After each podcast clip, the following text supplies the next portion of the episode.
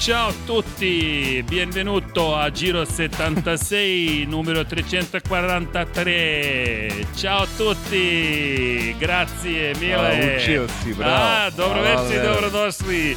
Pre nego što se kadar promeni, Da, ja sam u crvenoj majici, primoran sam pre nego što smo krenuli, dobrodošli inače za one koji ne pričaju italijanski, mada cela planeta Formula 1 priča italijanski posle velike pobede Carlosa Sainca i Ferrarija u Singapuru, međutim, pre nego što krenemo, ja moram, ja, ovaj kadar zahteva posebnu najavu. Sve je u crvenom, kao što ste navikli, verovatno, kada su ovakve situacije u pitanju, nisu česte, ali se dešavaju.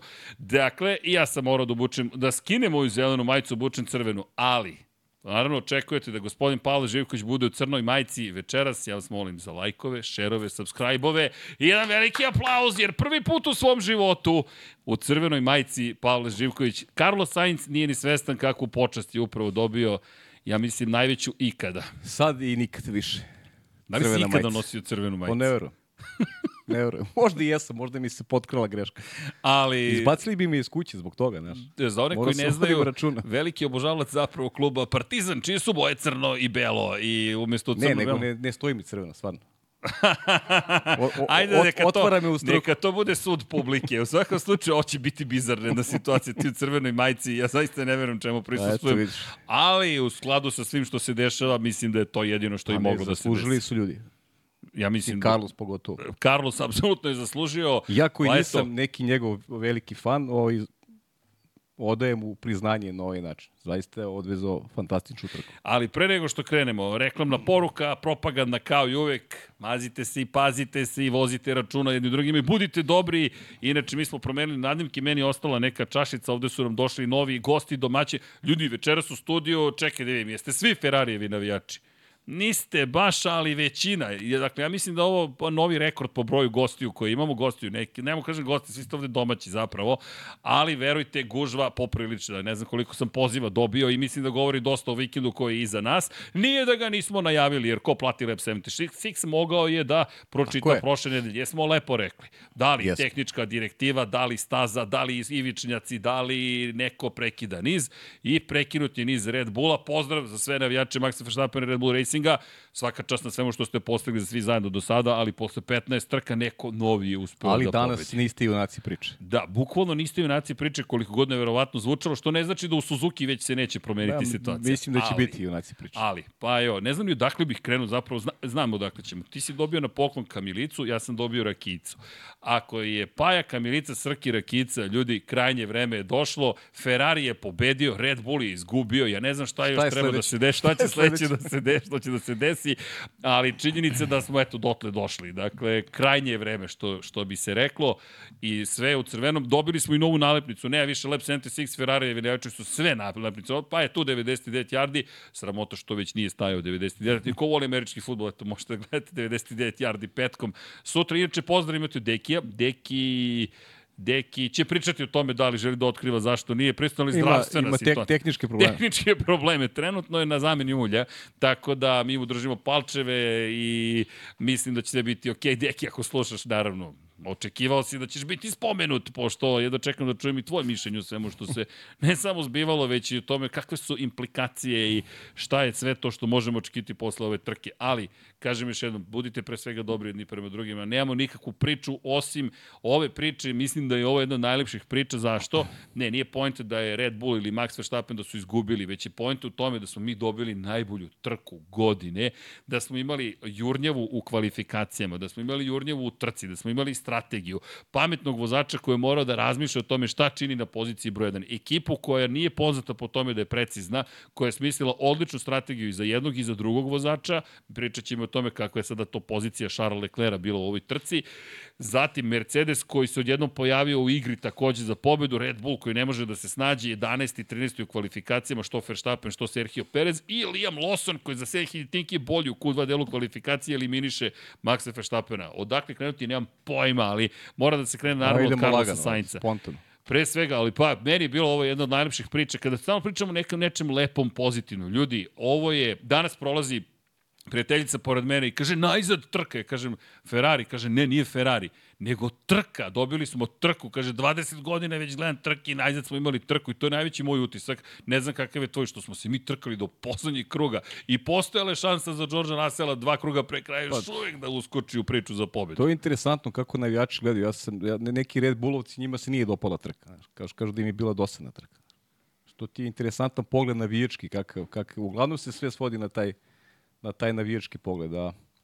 Meni jeste bila zanimljiva i, i ima, i ima ovaj, i toga što, iskreno, što, što Red Bull nije pobedio. Jer prosto, znaš, moj stav, ja ne volim, ne volim tu dominaciju, mene to nervira. Ovaj, da je neko toliko, toliko nadmoćan i uh, više se radujem trkama gde, gde vlada neka veća neizvesnost. A, a znali smo posle kvalifikacije da će i biti jer imaš četiri pevca u prva dva reda, četiri vozača koji nemaju ovaj, neke velike rezultate u karijeri i znali smo će se kidaju do kraja. To, je, to, je, to su bilo očekivanja i, i dobili smo trku do kraja. A sad, znaš, razmišljam šta je bilo da su se na, našli na trkačkoj stazi uz lošu formu Red Bulla. Tu bi tek sevale varnici, ili ti ovde, ovde, ovde je presudila pamet Carlosa Sainca. Definitivno. Kar, pa, pamet Carlosa Sainca i strategije Ferrari. To je, to je dovelo Carlos i ekipu do, do, do, do pobede u trci i stvarno kapa dole za sve one, sve one kritike koje su zaslužili, oni su konačno upravljali trkom. To je možda moj najjači utisak, da je Ferrari upravljao trkom. Ono što ih pozivamo, pa i mi odavde, ajde, da, da ne budemo skromni, da preuzmu ovaj, kontrolu nad trkama, kontrolu nad vozačima i da se tu nametnu kao, kao ekipa koja, koja makar pokušava da nešto promeni. Pokušava da vozače dovede do konačnog cilja. E, oni su kao ekipa ovi to, to ove nedelje apsolutno uradili i prepoznali su da uh, Sainz se nametnu kao lider ove nedelje. Mislim da se to odmah na početku, pošto je mnogo pitanja, da se neće odraziti na budućnost Charles Leclerc, jer ne možemo na osnovu jednog uzorka sada da budemo svi, aha, ovo je fenomenalno, to je sad, vraćamo se na priču Niku De Vrisu. I on je bio fenomenalan prošle godine, kupio mesto u Formuli 1, pa mo- moraš u kontinuitetu da se dokazuješ da bi da bi mogao da preuzmeš neku, neku vodeću rolu u ekipi. Tako da ja ne vidim da će se promeniti ovaj nešto u relacijama između Sainca i Leclera u korist eh, Sainca, jer ovo je samo jedan uzorak, o, ne, jedan, dva uzorka, ok, ali ti moraš, ili Monce bila fenomenalna, ali moraš u kontinuitetu da pokazuješ da si ti kadar da praviš ovaj da praviš velike ne pobede nužno, već da izvlačiš maksimum iz trka u zavisi od toga šta imaš na raspolaganju, kakav ti je bolid, kakve su performanse bolida i sve što ide uz uz ovo današnje moderno trke. Ja, se, ja moram da ti priznam da sam ja tu skeptičniji od tebe. Da ja mislim da je Leclerc dobio jedan od najtežih udaraca u svojoj karijeri, koliko god da su osmesi veliki, koliko god da je sve super, jer za razliku od njega, Carlos Sainz je ponovo dobio podršku, ne sećam se ovakve podrške da je dobio Charles Leclerc kada je bila kontrapozicija i kada je traženo od Carlosa Sainza da učini nešto slično, Carlos je uvijek bio taj koji je govorio ne, nemojte to da mi radite. Tako da mislim da ne, ne, ne na nivou vozača, već na nivou toga da, da li ćeš ti sutra zaista poverovati ako se obrne situacija, a bila je slična u Monci da su mogli Charles Leclercu da daju šansu, to se nije desilo. Ali to nije glavna tema da ne pobegnem okay, na ali, tu stranu. ali postoji sad drugi problem. Carlos Sainz treba u kontinuitetu bude bolji od Charles Činjenica. Leclerca da bi dobio tu vrstu poverenja. Nisam siguran da je u stanju da tako nešto radi u, u nekom dužem vremenskom intervalu. ali intrigantno svakako će iz te perspektive biti šta će se sada dešavati sa dvojicem Ferrarija, no, Dajmo da krenemo, kažem, ne- znam ni odakle da krenemo. Možemo da krenemo od toj, toj tehničke direktive za koju i ti ja verujemo da nije zapravo ono što je Ja uticalo sam na sad Red Bull. ubeđen da nije na osnovu, na osnovu završnice ove trke u, u, u Singapuru. Max Verstappen je završio na petoj poziciji inače i tempo je sam je rekao, mnogo je bio bolji tempo na srednje tvrdim gumama Jest. na kraju trke Jest. i zapravo, kaže, bilo je zabavno, je šteta što se neke stvari nisu desile dva perioda iza vozila bezbednosti, jednom klasično vozilo bezbednosti, jednom virtualno vozilo bezbednosti. Rekao bukvalno u najgorim situacijama po nas su se desile, ali to je Ima priča o Red. Bullu, ali ajde da, da ih ostavimo za kraj. da Možda, možda početak trke i izbor strategije nije bio Ali, dobar. znaš šta, znaš šta je meni, zašto sam krenuo od tehničke direktive? Jer smo to najavili prošle nedelje. Ja samo mislim da ona nije bila ključna. Kvalifikacije smo najavljivali kao nešto što će biti najuzbudljivija. Pazi, pogrešili smo. Na kraju trka je bila najuzbudljivija. Samo bih krenuo od kvalifikacija brzo. Kvalifikacije, videlo se da tu moraju da budu na poziciji broj 1. I meni je ona završnica bila fenomen, pri čemu imamo tri elementa u, i u Q1, i u Q2, i u Q3. Prvo gužva u Q1, ogroman incident Lensa Strola, dobro je Lens Stroll, ne bih ga sada komentarisao, ostavit ćemo to za kasnije, možda i za kraj, ali nešto što je uticalo na kvalifikacije. Ja i... hoću da znaš. Hoćeš odmah ili Neću kasnije? odmah, ali hoću. Ok, jesi me, jesi me zato terao da skinem zelenu majicu? Pa između ostalih. da. ok, dobro, pošto Fernando ti, nije ti, pobedio ti kako radiš, ti radiš ove, ove, ove fanatike na dva točka koji voze polomljeni kostiju i ili Da. tako? Pa sve, Okej, sve sam rekao. okej, sve, sam si rekao. da. Dobro, dobro, da, radim. Odmori ti sine 7 dana, nećemo da se trkamo, znaš, ima definitivno najbolji posao na svetu. Ne mora nikom da se dokazuje, on ima ugovor, znaš, on ne vozi trku ako je malo ugruvan.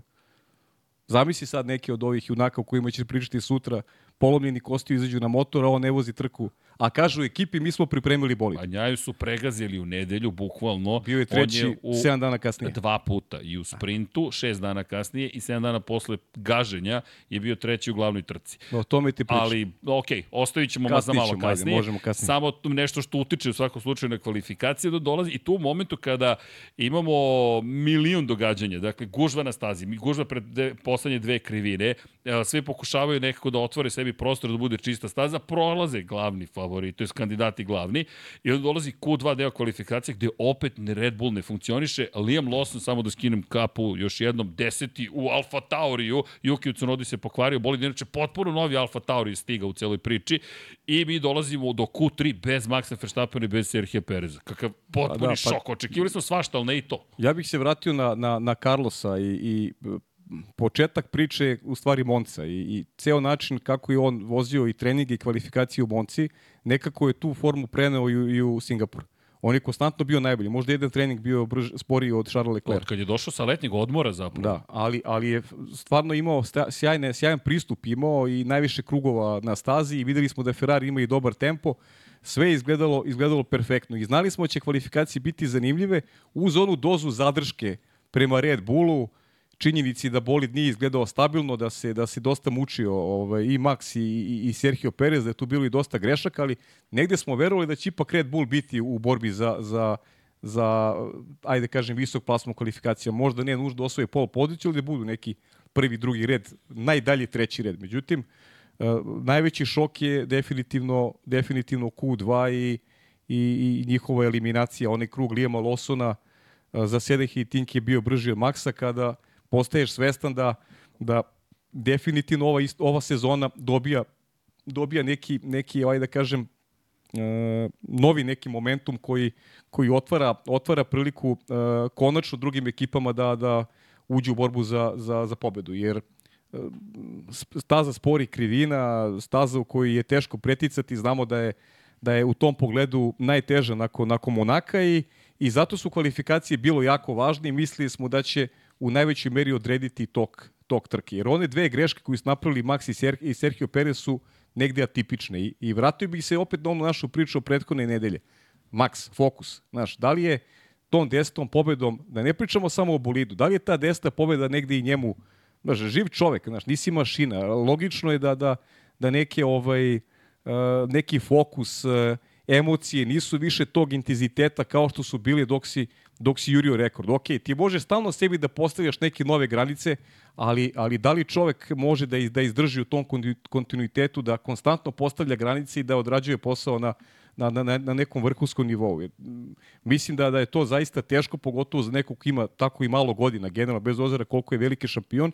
I iz mog ugla ovo je neki logičan sled. Morao jedno da se desi da i njemu da i njemu popusti fokus na stranu i direktiva i sve ostalo, rekao bih da je njemu malo i popustio fokus. To je moj neki utisak i, i da je to negde i normalno za, za, za, za čoveka da ovaj da, da nema taj intenzitet eh, koji ga je pratio u momentima kada je sav pritisak ovog sveta bio na njegovim leđima i svi su negde želeli tih 10 pobeda eh, pomeranje granice te, tog rezultata koji imao Sebastian Vettel. Tako da bih rekao da, da negde te greške idu i pod idu i ovaj i na teret onoga što što su bila ajde da kažem neka dodatna očekivanja i pritisak s kojim se on konstantno suočava jer pogleda onaj drugi deo trke srednje tvrde gume. E, Mi pričamo sada o Saincu. Taj drugi deo trke Max odvezao fantastično na srednje tvrde gume.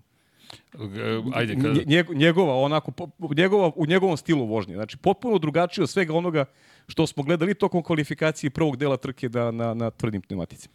kada pričamo o, o drugom delu, dakle, inače, ajde, imamo mnogo toga Pa da, da, skačemo raspletemo. malo, ali nema veze, Ne, ne, ne, imamo- sve okej. Ja, se, ja, evo, ja ne pamtim kada smo bili obojicu uzbuđeni toliko pre, posle, tokom trke, pa i sada. Jest, Pazi, e, obično sam ja taj koji, da kažeš, priči, sve smo zamenili uloge. Ja sa čašicom, ti sa šoljicom.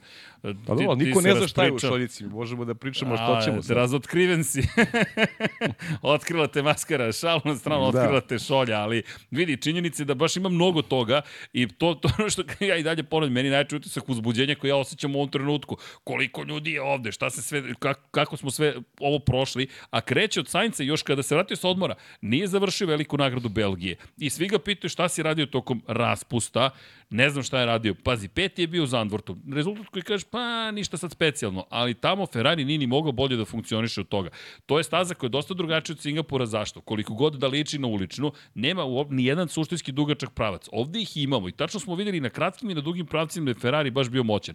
Ali, da se vratimo na Sainca, kada je bilo najpotrebnije, bio je dovoljno precizniji od Charles Leclerca. I kada pogledaš, čovjek je potpuno priseban i zašto ga zovemo doktor, profesor, maestro, majstor, ne znam šta, koje sve komplimente nije pokupio, upravljao je on trkom. To je ono što je fenomenalno bilo. Dakle, ti u momentu kada treba da daš DRS, Landu Norrisu, ti to činiš. Ti, ti, pazi ti sad ovo, neko je to izjavio, nisam ja, da citiram nekog od brojnih ljudi s kojima sam pričao, o, nije ni dva dana prošlo, dakle dan i po, gde, kakva genijalnost, voziš dovoljno sporo da pobediš. Pazi, voziš dovoljno sporo da pobediš, a dovoljno brzo da te ne opet ne pobede. Bravo. Mislim, Znaš, o Ajde- čemu sve ti Ajde razmišljaš u malo, datom ma, trenutku? ma, malo da se hvalimo. Rekli smo u prenosu da, da je to jedina šansa, da, da ne dozvoli da ne dozvoli Land, da ne pobegne od Landa, da mu da mu da DRS. Podsjetila me malo trka na, na onu čuvenu Mađarsku i Kimi Räikköna i Sebastina Vettel. Ali oni su bili timski kolege. Ovo je- a- ovo je, ovo- ovo je Sainz radio sa bivšim ali, timskim kolegom. a ovo je Carlando, ovo je posebna Okej, romansa dobro, pa između ne, njih dvojice. Nije sporno, ali, Carlando, ali, legende. ali način, znaš, ti si pod, sva četvorica iz, iz, iz prva dva reda su bila pod pritiskom. Objasnili smo zbog čega i to je realno. I ti si pod pritiskom blizu pobede, a tebi mozak tako funkcioniše da, da uh, u tim trenucima da znaš šta mora da uradiš kako bi pobedio. Možda se desilo samo, seti se onaj finiš trke da u jednom momentu Carlos pobegao tako da je Lando ostao bez Ali to je George Russell izazvao. Jeste, George a- Russell kada je napao ali, Landa ali Norrisa. brzo, ali brzo je Carlos i to skapirao, brzo Jeste. je on, brzo je on pustio ovaj papučicu gasa, papučicu gasa Pazi, i, i omogućio Landu da se vrati u DRS. Iskreno, tu me, tu me kupio, po tu me za kraj, to je, to je konačna kupovina. To je onih 105% da kupiš nekoga. Zašto? U tom momentu sam, ja sećam se te rečenice. George Russell koji napada Landa Norrisa, Lando koji gubi odjednom DRS koji mu je davao Sainz, ostaje praktično na milost i nemilost Mercedesima, međutim, iako na startnom ciljnom pravcu nema DRS, zadržava prvu poziciju, to je drugu poziciju, ali Sainz koji to shvata i pušta gas u prvoj, drugoj i trećoj Da, krivini. a pritom Ti moraš da budeš Pritom mi, genijalan u mi tom pričamo o trenutku. ulasku u posljednji krug, kada mu možda više zaista, ali to ne znaš Ale. opet, možda mu i ne treba više. Aj bacimo ovaj, pogled na strategiju. Lando. E, Čekaj, ali ajmo, ajmo to da ne zaboravim. Zašto strategiju? Ne toliko kao strategija sama po sebi. Pogledaj, to je 43 kruga praktično, ti 42 voziš na istim gumama. U, na šta liči ti pneumatici u tom Da. trenutku? A ti moraš da budeš dovoljno spor, dovoljno brz, dovoljno svestan i da kažeš, e, uvešću ja ipak Landa u DRS, i, a imaš još jedan rizik. Šta ako to ne upali? Šta ako ga Russell pretekne? Ti si žrtvovao potencijalne sekunde prednosti u odnosu na Russella, nadajući se da će Norris da ga Pa dobro, ali zadrži. znaš, ce- cela, cela dinamike trke je bila takva od strane Ferrarija da oni da oni usporavaju, da, da ne daju tu prednost rivalima, da možda odu ranije na zamenu guma, da, da na taj način nadoknađu. Oni su, oni su celu strategiju imali Uh, to i one poruke Charlesu Leclercu, znaš, treba nam da budeš 3 sekunde iza. Uh, stalno, oni upravljali su trkom i to je ono što, što je bilo lepo konačno začuti od strane Ferrarije nevezano. Sada uh, da se ne vraćamo u prošlost, zašto on ranije nisu radili. Potpuno je nebitno. Uradili su sada kada su dobili priliku da pobede u trci, oni su, oni su uradili najbolji mogući posao da to i urade.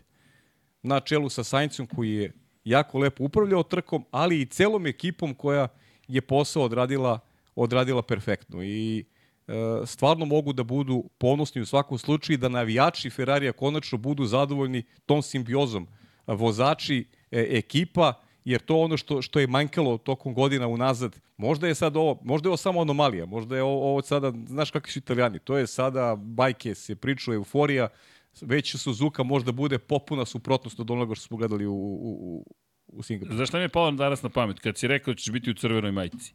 Da. Hoćeš da je obučeš, a kada Ferrari osvoji titulu?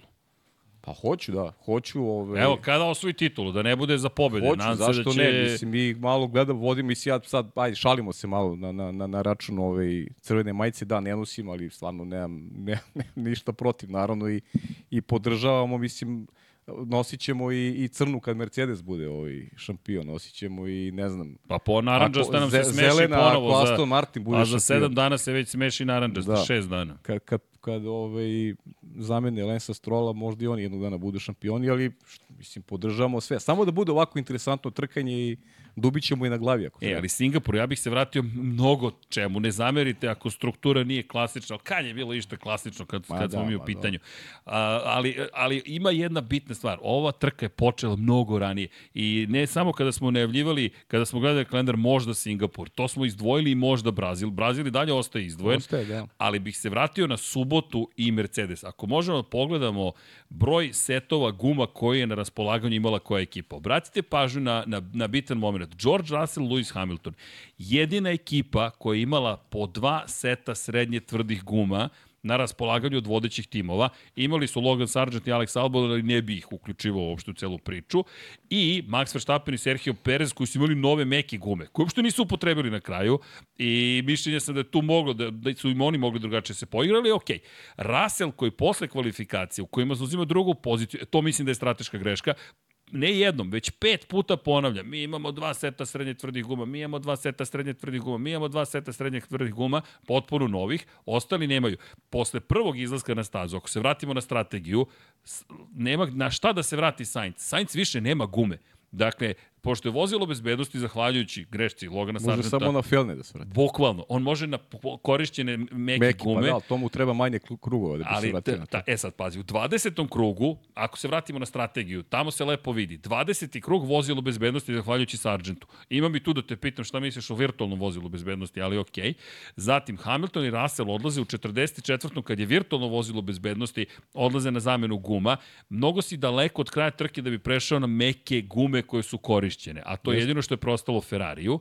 Makar je to naš utisak da se da ne bi baš pomoglo. Mada, znaš, kad zavisi koliko su stare bile te meke gume. Znaš, Lecler je počeo trku na, na tri kruga starim E, gumama. ajmo to da I, i pohvalimo. Lecler, da, i Lecler je izdržao, Lecler je izdržao neki tih 20 krugova. I imam utisak, Tačno 20. kakav je tempo bio u trci, oni su mogli do 30 da guraju sa tim gumom. I da nije bilo vozila bezbednosti, ko zna kako bi se trka dalje odvijela, znaš. Ali to hoću, pazi, to hoću da kažem, dva, dve stvari. Dakle, vozilo bezbednosti nije baš bilo povoljno za Ferrari. Nije, jer ono je nije. prerano se pojavilo na stazi. To je Pa rekao da, ali, Sainz. ali je zato virtualno vozilo bilo povoljno za Ferrari. E, e, ali, izvini, samo jedna bitna stvar. Vratio bih se na Sainca i Ferrari iz perspektive onoga što su smislili u subotu, kada je moje buđenje, je Russell jasno svima rekao šta je plan za sledeći, za sledeći dan. Mi imamo dva seta srednje tvrdih guma, imamo, to će biti naš napad. Čekaj, ti si upravo rekao Ferrariju, potrudite se da usporite tempo u ovoj trci, jer Šta se desilo? To je ono što smo pratili. Time što je Sainz usporio sve, nije cilj bio da se oni skupe svi zajedno, to- nije poenta. Nego da ako Russell ode na zamenu guma, završi toliko iza svih ostalih, Pa da, da, je da zapravo sporije situaciji da nema, tako je, da nema slobodnu stazu ispred Da, sebe. logično. Pa to ono što, su Bravo. čak, što su čak i u, i u radio poruci ovaj, sugerisali ovaj, svojim vozačima. I pritom taj izbor da, da podele strategiju da, da Leclerc krene na, na meki gumama, na me, potrošeni meki guma, pritom Leclerc koji je staj, sjajno startovao, Sa obišao, treće pozicije odmah otišao na drugu. odmah prestigao Leclerc, otišao na drugo mesto i i Leclerc, Ferrari imao 1 i 2. Imao je tu stratešku prednost. Kada si 1 i 2, imaš stratešku prednost, pogotovo na tim sporim stazama, možeš da upravljaš ti trkom kako želiš. I rano smo spoznali, i to je, to je i Mercedes poručio Russellu, oni će žrtvovati Leclerc. Pa da, jednog mora da žrtvuješ. Logično je da žrtvuješ ono koji se nalazi, pritom je na mekim gumama. On mora brže da reaguje. Logično je da žrtvuješ ono koji je drugi. To, to se tako i radi inače. Pazi, u jednom trenutku je Leclerc na radiju, kasnije smo slušali radio šta, poruke, rekao šta ćemo da radimo. D- kao da je želeo da dobije on mogućnost da povede u trci. Ali Ferrari je rekao, ne, ovo je strategija, drži se 3 sekunde iza Sainca, 5 sekundi iza Sainca, ali Leclerc kasnije to objasnio i sledećim, sledećom situacijom. plašili su se da će neko ipak uspeti da izvede taj čuveni undercut, da će prvi otići i izaći dovoljno ispred njih. I onda su pravili luft prosto jedan drugome, no. da mogu zapravo šta da urade? Da odu na double stack, da odu na dvostruku zamenu guma u istom krugu, što su na kraju radili čak i iza vozila bezbednosti. Yes, yes. Ali, toliko su ostali pa, bili da, blizu saobraćaja ga sa ustavljen. Koliko god je Leclerc usporavao vozači iza sebe, neki 9 sekundi je bilo razlike između Sainca i njega, ali nije bilo to dovoljno vremena da se da se obavi ovaj zamena tako da se Leclerc vrati na drugo mesto. Ali znaš šta, šta mu je odmoglo? Šta je bila poenta? Ono što su hteli da urade, da Leclerc dovoljno odvoji karavan, ali u momentu kada treba da ode na zamenu guma, da dovoljno bude ispred onih koji dolaze za njim, da zameni gume i vrati se ispred Pazi, Leclerc je pomogao, ali dobro, bi se to ne bi suštinski uticalo na trku, videli smo kako je Max gubio lagano pozicije, da, da Leclerc nije zaustavio grupu, Sainz bi izašao iza Maxa Verstappena. Međutim, Max je lagano gubio pozicije na tvrdi guma, nije bio u priči uopšte. Čak ni tu nije bilo šanse ne, da se odbrane. Ne, nikakve drame. Ja sam pomislio da tu možda bude drame, da će Max braniti, s obzirom kakva je staza, da će i dalje braniti na tim tvrdim gumama pozicije, međutim on je vrlo lako gubio iste, tako da Red Bull nije bio u priči apsolutno ovog vikenda i to peto mesto je neki, neki maksimum. To ono što, eto, što, što Max uspeva da uradi, ovaj, čak i kada je loša trka prosečna, on je na kraju bio peti to u trci u kojoj nije bilo odustajanja. Ali malo je njima nedostajalo da budu mnogo više plasirani. Dakle, dve, par stvari. Ni jedno ni drugo vozilo bezbednosti im nisu pomogli. Ali ono, pogotovo drugo, to ono što smo mi rekli, da su, da zašto ne ostanu na stazi i čekaju možda do poslednjeg trenutka, delo je da više nisu imali strpljenja ili mogućnosti, četiri kruga pošto su zamenili gume, dolazi vozilo bezbednosti. Da su tada zamenili gume, Max je na visokoj poziciji, na novim srednje tvrdim, verujem da bi bio mnogo čudi brzo. Me, čudi me onako ovaj, što nisu makar ovaj, dali različite strategije vozačima. Znaš, u situaciji kad si 11. i 13. Zašto to mi malo bi izneđenje. Znaš, ti krećeš na tvrdim gumama na stazi gde se inače teško pretiče, na tvrdi gumama krećeš. Mislim, to je, ne znam, evo, prvi put možemo da, volo bi da neko, da, da neko pa objasni mislim... iz Red Bulla šta je. I, i pre, mislim, to je prepostavka da su oni upravo čekali vozilo bezbednosti da im se oto, da ostanu što duže na stazi i da i možda vozilo bezbednosti pomogne da se da se vrate na stazu na, na mekšim pneumaticima. Prepostavljam da je to bila neka strategija, ali, ali čini mi se da su mogli da je podele da urade nešto drugačije ovaj, iz pozicije dva vozača kada su već bili toliko, toliko loši u kvalifikacijama. To je opis, sad već njihov vidi, problem. Opis situacije Adriana Nju je bio da je ona čuvena perfect storm, savršeno oluje. Sve što je moglo da pođe po zlu, pošlo je po zlu po njihovu ekipu, to je njegova izjava. S druge strane, Max je rekao da jednostavno u, u, u datim okolnostima ono što su oni isplanirali je podrazumevalo da se sve desi baš onako kako im je potrebno da bi zabeležili neku zbiljniju poziciju, to je da bi došli do nekog boljeg rezultata. Ne može Nije se da, desilo. Ne može uvijek. Prosto se nije desilo, a drugo, zaista pohvale za, za Ferrari, posebno pohvala što nije uprskao. Pa, Možda grozno zvuči, pa ali... Pa jeste, ali to, to ali su i poruke bile. Znaš, niste uračunali faktor da će Ferrari nešto uprskati. Oni nisu radili sada ništa pogrešno. Čak ni ono kroz trku, ja, znaš da često imamo kroz prenos da govorimo zašto ne puste ovog, zašto ne probaju. Sada nisu, sve je bilo kako treba. Možda jedna stvar, i to ne bih kritikovao, ali u momentu kada je bilo virtualno vozilo bezbednosti, ti si to rekao, možda da Leclera staviš ponovo na korišćene meke gume. Da. Zašto? Da. pokušaš i dalje da držiš neku vrstu kontrole nad situacijom. Jer ovako Lecler pao na četvrtu poziciju, nije na pobedničkom postolju, onako bi imao neku šansu. On pa, bi dalje bio ispred pa Russella da, i Hamiltona. Ali opet ne znamo šta je ostalo od tih mekih gume Ferrari. Znaš, to je veliko pitanje koliko su te gume Slažem bile stare. Znaš, to je, ali... znaš, imaš uzorak od 20 krugova Znaš, to je jedino što mi je ostalo u glavi, da. da možda su tu mogli opet da podele strategiju i da pokušaju dodatno i da zaštite Sainca, da uspore Mercedese, i s druge strane, da Lecleru daju neku šansu da se popne na pa, pobedničku to je, znaš šta, to, to ti je ko priča o McLarenu. McLaren uh, nikad nema neku, neku strategiju koja je, koja je ovaj, ajde da kažem malo energičnija, hrabrija. Evo, on, to su oni mogli da uradi sa Landom isto. Znaš, opet je pitanje šta ima od guma i Lando. Ovaj, u finišu. Lando da je prešao, ovaj, ko zna šta bi se, znaš, ti sad imaš, pazi da, je, da su krenuli u poteru za, za, za Saincom i Lando, i Russell, i, i, i Hamilton. Kako bi se Sainz branio u finišu trke? I da li ne bi znam. se odbranio? Pa teško bi se odbranio. E, ali pitanje je kako bi vozio. Da li bi tad imao potrebu da usporava? Da li bi tad forsirao gume više pa, Pa- pa pa pokušao da znam. stekne dovoljno veliku prednost? Tako je, da li bi, ali da li bi mogao, znaš, znaš Ne kako je znam. ljubav Ferrari i tvrde gume, Ne kako znam. to izgleda. znaš. Slažem se, ali i to To pohvale. je teška utakmica. Ne, ne, ne, pa nije ništa, ništa sporno. Sada, sada analiziramo, prosto imamo više vremena u odnosu na... Palo mi to na pameti i kroz, znaš, u, u direktnom prenosu, jer, jer Landova, po- McLaren da je reagovao kao i Mercedes, ti sad imaš poteru trojce vozača za, za Saincom. Nema tu više pomoći DRS-a. Ti si u čistom trkanju protiv momaka koji imaju nove pneumatike. Kako se ti braniš u toj poziciji? Trojice ili četvorice, dodajemo Leklera u tu celu priču Pa ili dobro, ne? ali ako, ako, ako, ako je da je menjao gume i Lecler, ali pošto nije menjao gume, Lecler nije u priči sa Saincom. I Lecler vidio si kako je lako izgubio pozicije protiv Mercedes. pa nije da se brani. Pa ne može da se brani, znaš, prijanjanje, jer ti, ti, A pitanje je Sainz da li bi mogao da se o brani. tome ti pričam. Zna, pitanje je šta o bi se tu ti desilo. pričam. Šta E, bi bilo, znači to je ključno ali- pitanje, šta bi bilo da je Lando menjao gume? Ali vidi, ajmo, ajmo, ajmo, nismo uradili prvu školsku stvar, ne zamerite uzbuđenje. Carlos Sainz je pobedio. Lando Norris je bio u McLarenu na poziciji broj 2. Lewis Hamilton se popeo na pobjedničko postolje. Leclerc je bio četvrti, Max Verstappen je bio peti, šesti je bio Pierre Gasly, na sedmoj poziciji Oscar Piastri. Čuj kako nadoknadi 10 pozicija, toliko je bilo uzbeđenje napred, Radio je nismo za ni stigli za da ga moje spomenemo. fantazije radio. za fantazije. Za. Ima ovde nekih koji su izbacili ceo Red Bull. Aplauz, molim vas. Pre, pre A, ove je, trke. To je. Muhamed, Muhamed Hajdari. Da, i Muhamed je izbacio, Muhamed je, to, to da, izbacio, spomenuo. izbacio ceo Red Bull. Svaka da. čast, dakle, respekt što kažu mladi, jel te? Ali svaka čast, u fantaziju prvi put da je bolje bilo da nemaš Red Bull, neki su to uradili. Iza Pjastrija, pozicija 8, Sergio Perez, Liam Lawson, čekaj, dva poena za Liama Lawsona, Yuki Tsunoda za celu sezonu 3 poena, Liam Lawson posle tri trke 2 poena, ok, šta god da je trebalo da učini, mislim da je učinio. I Kevin Magnussen poen, ali svi da kažu hvala i uplate svoje bonuse kome Georgeu Russellu. George Russell koji zaista imao peh u poslednjem krugu, pri čemu kakav zanimljiv peh, zanimljiv, njemu ne svakako. Pa ne, ozbiljno, pratio La- Lando, Lando Norris. je zanimljiv. Lando je zanimljiv. Lando je pipnuo zid i nastavio. George je pratio Landa i malo je jače pipnuo zid i samo je nastavio pravo i nije završio trku. uz- Bukvalno udario u da, je, zaštitnu da je od jačeg materijala Lando. Lando može da ovaj, igra sa zidovima, Russell ne može. A znaš šta mi je palo upravo na pamet? To mi je brat poslao pre neki dan. Digresija, ali mislim da će vam se dopasti. Ne mogu setim ko je, ko je pričao o tome. Sena je imao incident tokom trke gde je udario u zid. I dolazi nazad u garažu i kaže ne razumem kako je moguće, ali zid se pomerio. I Aha, sad da, pa- gledaju Senu i kako, kako, šta mi, kako misliš, zid se pomerio? Pogrešio si. Ne, ne, zid se pomerio.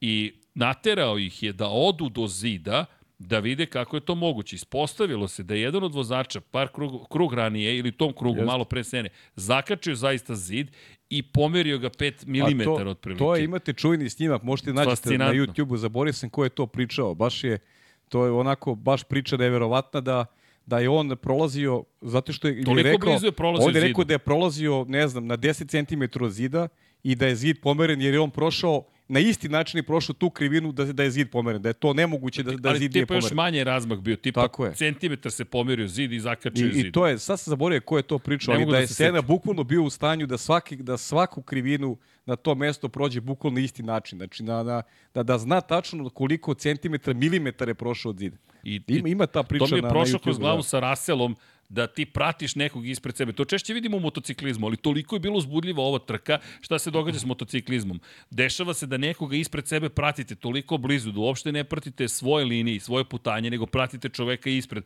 Kada on pogreši, ode preširoko, vi za njim idete preširoko. Kasnije kočite jer taj neko ispred vas kasnije koči. Lando je ovde zakačio zid, George malo više i samo nastavio u pravu zid. Ostao bez treće pozicije, ali apropo strategije, apropo da tu smo. Dakle, šta je uradio?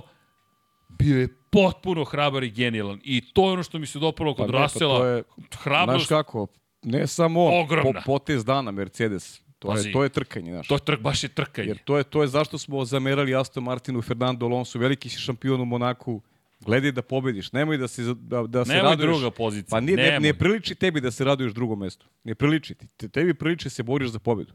I to je, kad ti se ukaže šansa, pa budi, budi Napadaj, peti, budi peti napadaj. na kraju, ali daj, daj, znaš, uzmi to što možeš da uzmeš da bi, da ih pobedio. E, to je Mercedes uradio. I jedan i drugi vozač, agresivno, i pa da je bilo vozilo bezbednosti, a pre je to Pobedili lično na vozilo bezbednosti, nego na prva Pazi, situacija. parkiran bolid na izlazu oni bi, oni bi sigurno pobedili da je bilo I, vozilo I bezbednosti. još jedno pitanje, Nemanja Bračko, naš dragi prijatelj, Patreon, pokrovitelj, drugar, šta god hoćete, čovek koji nam pomaže u studiju, je pitao tokom trke, nisam stigao da mu odgovorim, a zašto je uopšte otvoren ulaz u pit lane? Što je odlično pitanje, kako možeš uopšte da otvoriš pit lane ako je tebi na izlasku iz pit lane redar gura bolid pod, voz, pod virtualnim vozilom bezbednosti. Pa na je, to liči? Pričamo o bezbednosti non stop, A to smo a isto, onda kažemo ma u konstatovali redu je. Konstatovali smo u prenosu, Esteban Okon je bukvalno bio parkiran na, na ulazku pit lane. Meni je neverovatno da nije Ne, on je- vozilo bezbednosti. Dakle, ti a- izlaziš a iz ona, pit lane i ne laziš na njega i redara. Ona prva situacija, to je pre bilo za virtualno vozilo bezbednosti, a ne za vozilo bezbednosti. Znaš, imaš neke delove na stazi koje treba da očistiš i, i ovaj, Ok,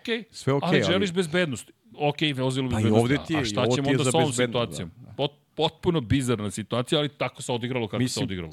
pazi, ne bismo nosili danas crvene majice da, da, da je bilo vozilo bezbednosti, ali ovaj, svakako je onako prilično intrigantna da ta bila odluka sudija, ali opet potez Mercedesa, e, e to su šampioni. A, oni su za mene pobednici. Znaš, Ali kao šta? i Ferrari. Oni su imali tu strategija. strategiju spremnu i rekli, Jes, a idemo pa do kraja okej, sa ovom ali, strategijom. ali Svaka čast. super, bravo za Svaka izbor. čast. Čak bih, ja bih možda bio malo konzervativniji, ostavio bi jednog vozača da, da, da štitim ovaj podijum koji imam, ali Mercedes, znaš, ne zanima ih, ne zanima ih ni pobjed, podijum, nas zanima pobjeda. Idemo agresivno do kraja. I okej, okay, Russell je izgubio, ali dobio je Hamilton. Ali Znači, koliko je- Jedan puta- vozač je došao na E, podijum. izvini, tokom trke rekao George Russell, hoću ovu pobedu, Da, da. hoću Šta ovu da uradim? pobedu. Šta da uradim da bi pobedio? E, se sećaš, o tome smo pričali, to je Max pričao 2020. Kada nije bilo šanse možda da pobede, pa je govorio Red Bullu, dajte ljudi da se trkamo. Pa šta sad, sedimo na trećoj poziciji u Britaniji, pa, da. pa na kraju pukle gume i Hamiltonu i Bottasu i da je bio malo bliži, pobedio bi Lewis Hamilton, koji je s tri gume prošao zašto kroz cilj i često triumfovao. kritikujemo Ferrari, ono konkretno ona Monca? I posle se otvorila ona priča zašto nisu pustili Leclera sa novim gumama da pokuša da prati Verstappena. Ti mora da upravljaš smo. trkom jer ti se pripremaš, ako ne za ovo, pripremaš se i za sledeću godinu. Da nađeš način kako možeš da pobeđuješ Red Bull. A ti možeš najviše kroz trke da, da, da spoznaš koji su ti manjkavosti, kako da upravljaš u buduće trkama da bi bio, da bi bio ovaj, na nekom nivou koji zahteva borba za šampionsku titulu. I oni su propustili mnogo prilika u, u, u tom nekom segmentu i jedva čekam da vidim kakav će odnos snaga opet biti na trkačkoj stazi. Mislim da se neće dramatično promeniti, da će Red Bull opet imati prednost u Suzuki, ali svakako da je ovo jedan onako dobra, onaka dobra injekcija samopouzdanja za kompletnu ekipu Ferrarija da da probaju malo više timski da rade, jer to je ono što, što im je neophodno. Ferrari najslabije timski radi od svih, od svih velikih ekipa. Najslabije. Ali Pavle, sve to lepo, ali evo moje pitanje. Ko je vozač broj 1 u Ferrari? Kome će sutra da podredi strategiju? Ne u jednoj trci. Ti to onda moraš da uradiš u celoj sezoni. Pa, ti moraš da kažeš tokom cele sezone ovo će biti naš izabrani vozač za koga ćemo Šta, stati. ti znaš moje mišljenje i nije, nije se promenilo u odnosu na nedelju. Iako je prethodna dva vikenda Carlos bio fenomenalan, mislim da potrebno vreme da, da, da ovaj, neki kontinuitet mu je potreban da, da ubedi ovaj, neku širu javnost da je on taj koji, koji može to ovaj, da, da, da bude lider ekipe. Smatram da nije, iskreno ali što je samo moje mišljenje. Vidjet ćemo kako razmišljaju Ferrari i kako će Carlos, sjeti se posle Silverstona te pobede za koju sam kaže da nije bila da nije bila prava, jer je u nekoj specifičnim okolnostima. Ovo je baš Ovo je njegov prava pečat. pobeda je. Ovo je njegov pečat. E da vidimo kakva će reakcija biti nakon pobede u Suzuki. Znaš zašto? Zato što mene zanima pobeda u Suzuki. Opa, čekaj, Pa ne, ne, ne, ne, ne, po, izvini, pobeda, O, po, ne, reakcija na pobedu. Slutiš. Šta će biti u Suzuki nakon pobede ovde? To se teo kaže. Ali vidi, moje pitanje stoji. Dakle, razumem te, Charles Leclerc, svi ga smatramo talentovanim, ali dve stvari, me, meni, šta, ost, šta se urezalo sada? Prvo, ono što smo gledali do sada, Carlos Sainz je svaki put manje više. Imao je par situacija gde je prihvatio da Nije, igra. nije svaki put. Ali, Pale, kada je bilo baš bitno za pobedu, kada je bilo kritično, on nije hteo da igra na timski način. Dakle, kada su niže uloge u pitanju, ok, ali ako ćemo za pobedu, svaki put je neki A izgovor meni je imao. veći problem što ekipa nije ni pokušala da bude, da bude timski nastrojena. Jer ti si stalno imao neke informacije koje možda tumačiš pola-pola. O ekipa je sada prvi put bila odlučna u tome šta žele. Hoću da budeš 3 sekunde iza. Hoću da budeš za 5 krugova 5 Jeste, sekundi iza. Ali, ali pa i kada je bila odlučna i tražila Saincu, Sainc je rekao nemojte da mi radite. Sainz je bio taj koji je odbijao u tim situacijama da podoje poslušan. E, šta hoću da kažem? Problem meni je da vidim uopšte da će se Lecleru ikada da pojaviti ovakva situacija. Ja sam sve ubeđeniji da će na silu Sainz sebe da nametne, jer Lecler je bukvalno sada prihvatio jednu ulogu koju nisam ni sanjao da će odigrati. Ne kažem da je to loše za Ferrari bilo što su radili u Singapuru, ali baš me zanima koje će posledice biti. Jer ako ti pokažeš Sainzu ovu vrstu slabosti i da si spreman ovo da uradiš, pa Sainz zna, šta, zna šta treba da uradi, da se namete dovoljno u Ferrari da kaže ne, ne, ja sam ovde taj koji Znaš toga kako, morate da podržite. Pričali bismo drugačije da nije bilo greške, one Leclerovu pre posljednje krivine kvalifikacije. E, ali bilo je. Bilo je, ali vidjet ćemo kako, ali kažem ti, ovaj, mnogo više pozitivnih strana od, jeste, od, jeste. od momenta kad su tan, tandem postali je na, na, na Leclerovoj strani. Tandem su bili i kada su jurili treće mesto u šampionatu konstruktora okay, baš me zanima. Pozicije. Ti misliš da će nešto dramatično se promeni, ja mislim da neće. Ja mislim da je Lecler izgubio svoju poziciju. Evo iskreno, mislim da je ovo jedan od onih momenta koje će se pamtiti i gde ćemo se vratiti, je seti se Singapura 2023. Prihvatio si tu ulogu, jer ja mislim da je Carlos Sainz veoma, to nije kritika, samo konstatacija, agresivan i da će se on nametnuti i će reći, ok, evo vidite šta ja mogu kad me podržite. Da će to biti politika koju će voditi. Ok, ja ne mislim. Ja mislim da će Leclerc da ga pobedi već u Suzuki. Ajmo, ajmo ali, ali počinje za mene, ja mislim da počinje sad ozbiljna bitka za Leclerca pre svega. Carlos Sainz zna šta hoće, zna kako da dođe do toga i to je svima pokazao. Da li će biti dovoljno brz? Ok, to je ono konačno pitanje i to ono što Vidjet ti upravo postaviš. Sviđa mi se što razmišljamo drugačije. To, to, to, ali biće, Volim to. biće zanimljivo. Zaista, ja jedva čekam, moram ti priznati. Ali vratio bih se samo kratko ponovo na Ferrari na početak trke. Charles Leclerc nije planirano bilo da krene uopšte na making gumama. To su, to je Leclerc rekao na kraju. Pred početak same trke smo rekli, ajmo da rizikujemo. Što isto super, dakle, ajmo na meke gume sa ciljem da dođe do pozicije broj 2, da pobede Georgea Russella.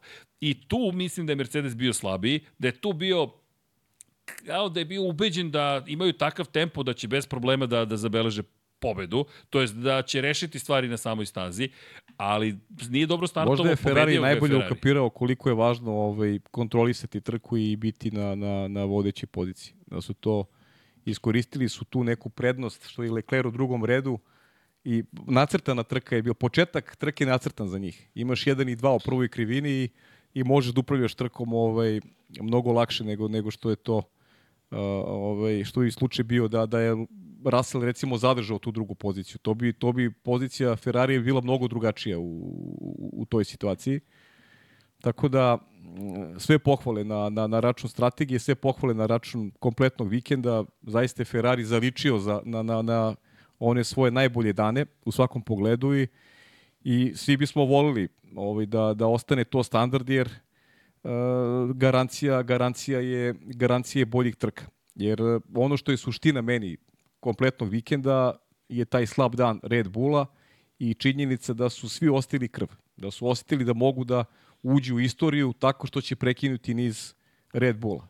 Ono što je Ferrari radio 88. godine, često pravimo tu paralelu, što su uradili Gerke Berger i, i pokojni Michele Alboreto, to su uradili sada zajedno Carlos Sainz i Charles Leclerc, iako Leclerc na kraju nije bio drugi, ali su sarađivali i doveli do toga da Ferrariju omoguće Izvini, veliki trijumf. Mislim da su čak postigli i više od toga. Zašto? Zato što je tada McLaren ostao bez oba vozača. završili su tako je. A ovde su oba Red Bulla vozača završila trku. Jest. Jednostavno je Ferrari i ne samo to. Veće dostignuće svakako. Da. Veće dostignuće. Ajde što su pobedili Red Bull, pobedili su i sve ostale. Red Bull je bio ranjen, bio u svojim problemima, ali su uspeli da pobede bržu ekipu. Imamo jedan super grafikon zato što imamo najgenijalniju publiku na planeti Zemlji. Aleksa Vučej, hvala.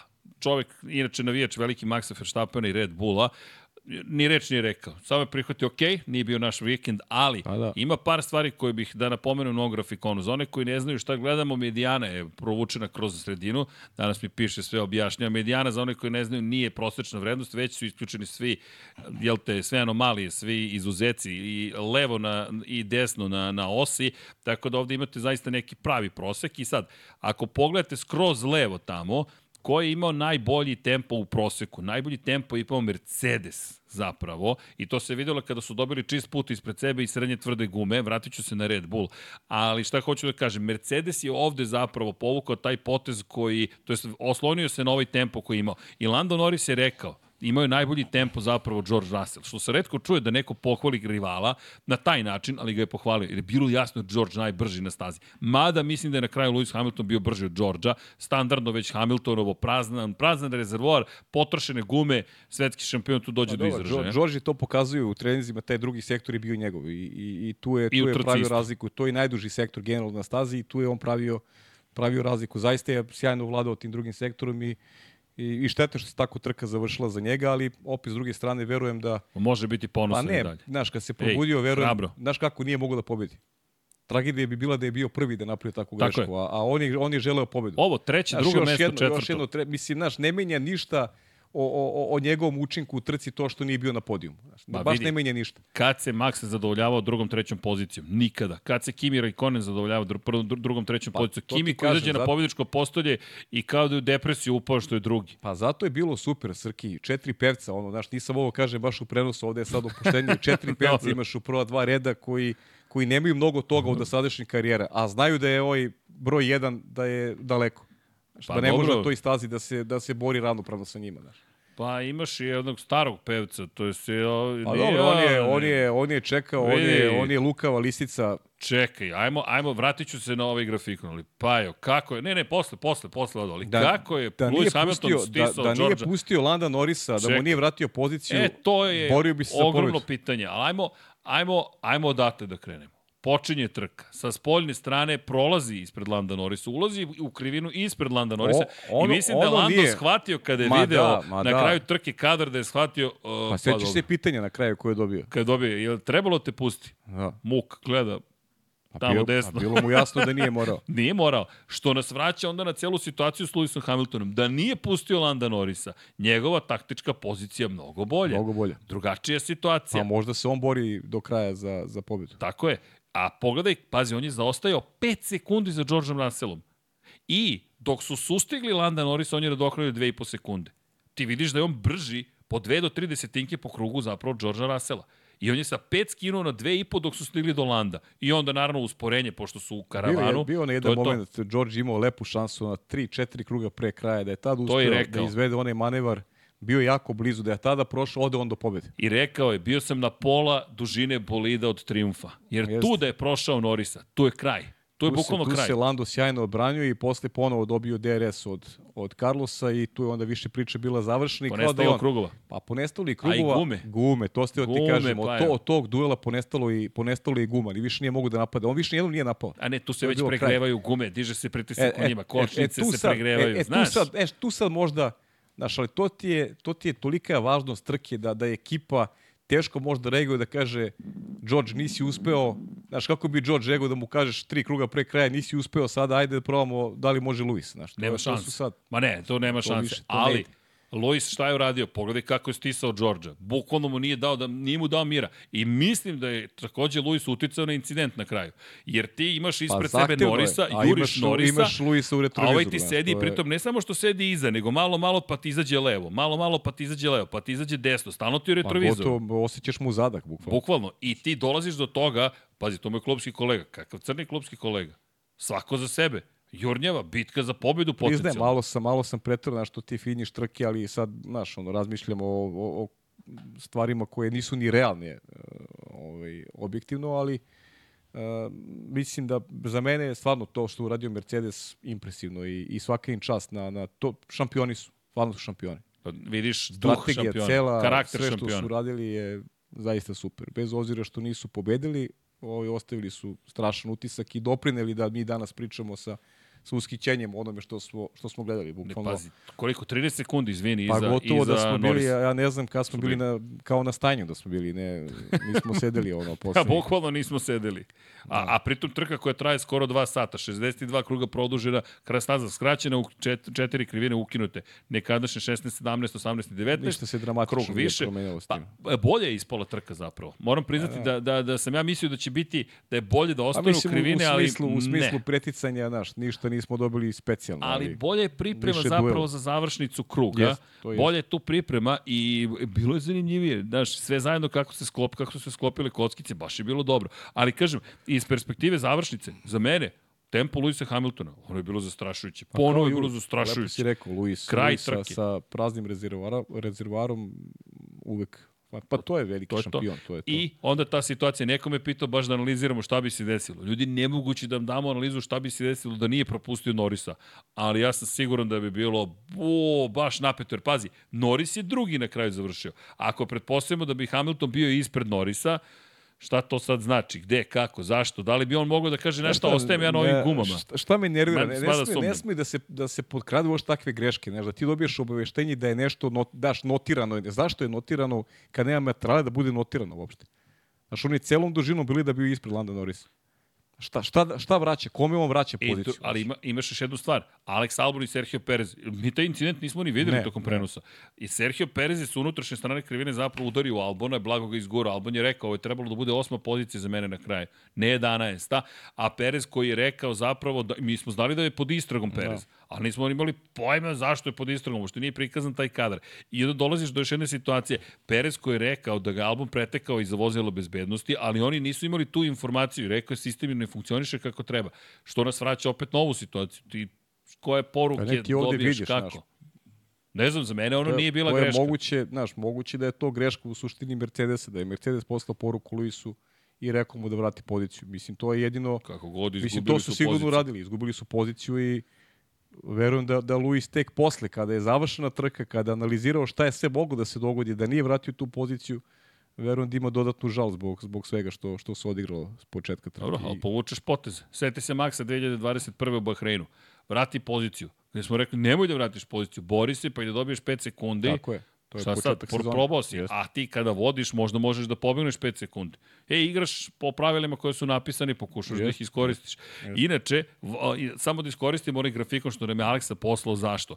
Zato što ima jedna bitna ovde stvar. Obratite pažnju, dakle, osa Y, jel te, vertikalna, su, je broj sekundi. Obratite pažnju na poveći pravougovnik u sredini, ispod koga piše Red Bull Racing. Ljudi, tempo koji je Max Verstappen imao u završnici na srednje tvrdim gumama je bio mnogo bolji od tempa koji je imao Mercedes. Čisto da se zna, Tako da uopšte ne morate da brinete, iako Ma da. Ferrarijevi tehni, neki inženjeri kažu da je ipak ta direktiva pogodila Red Bull. Ako ih je pogodila, mislim da ih je pogodila na nivou toga kako da pripreme bolid.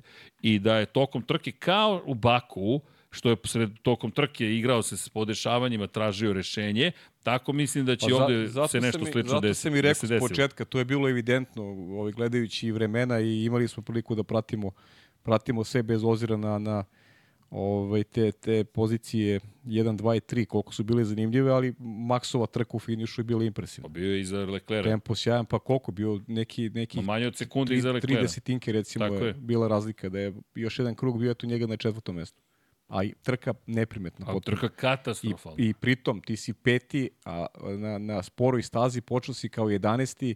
mnogo problema i nije bilo mnogo odustajanja zbog kojih je on kao nadokleđivao te pozicije. Ne, nego je došao jednom onako sjajnom vožnjom u toj, u toj drugoj fazi. Ne možemo da, da ne kažemo jer jer mnogo ima tih poruka, ljudi očekuju da se sad nešto dramatično menja. Ne, ne menja se ništa dramatično, opet je Red Bull je favorit u, u Suzuki sigurno. Sigurno je favorit u Suzuki. E, izvini, moram samo blagu digresiju da napravim. Prvo, hvala vam svima za svu podršku koju, koju nam prošli godinama sada već. Hvala svima koji su ovde sa nama fizički. Pozdrav za Sadama Mehmedovića. Čovjek je donirao 10 evra i pre nego što smo počeli live. Dakle, hvala, kaže, dobro večer, dobri ljudi, spektakularno trka. Nadam se da u Suzuki neće da bude Red Bull na podijumu.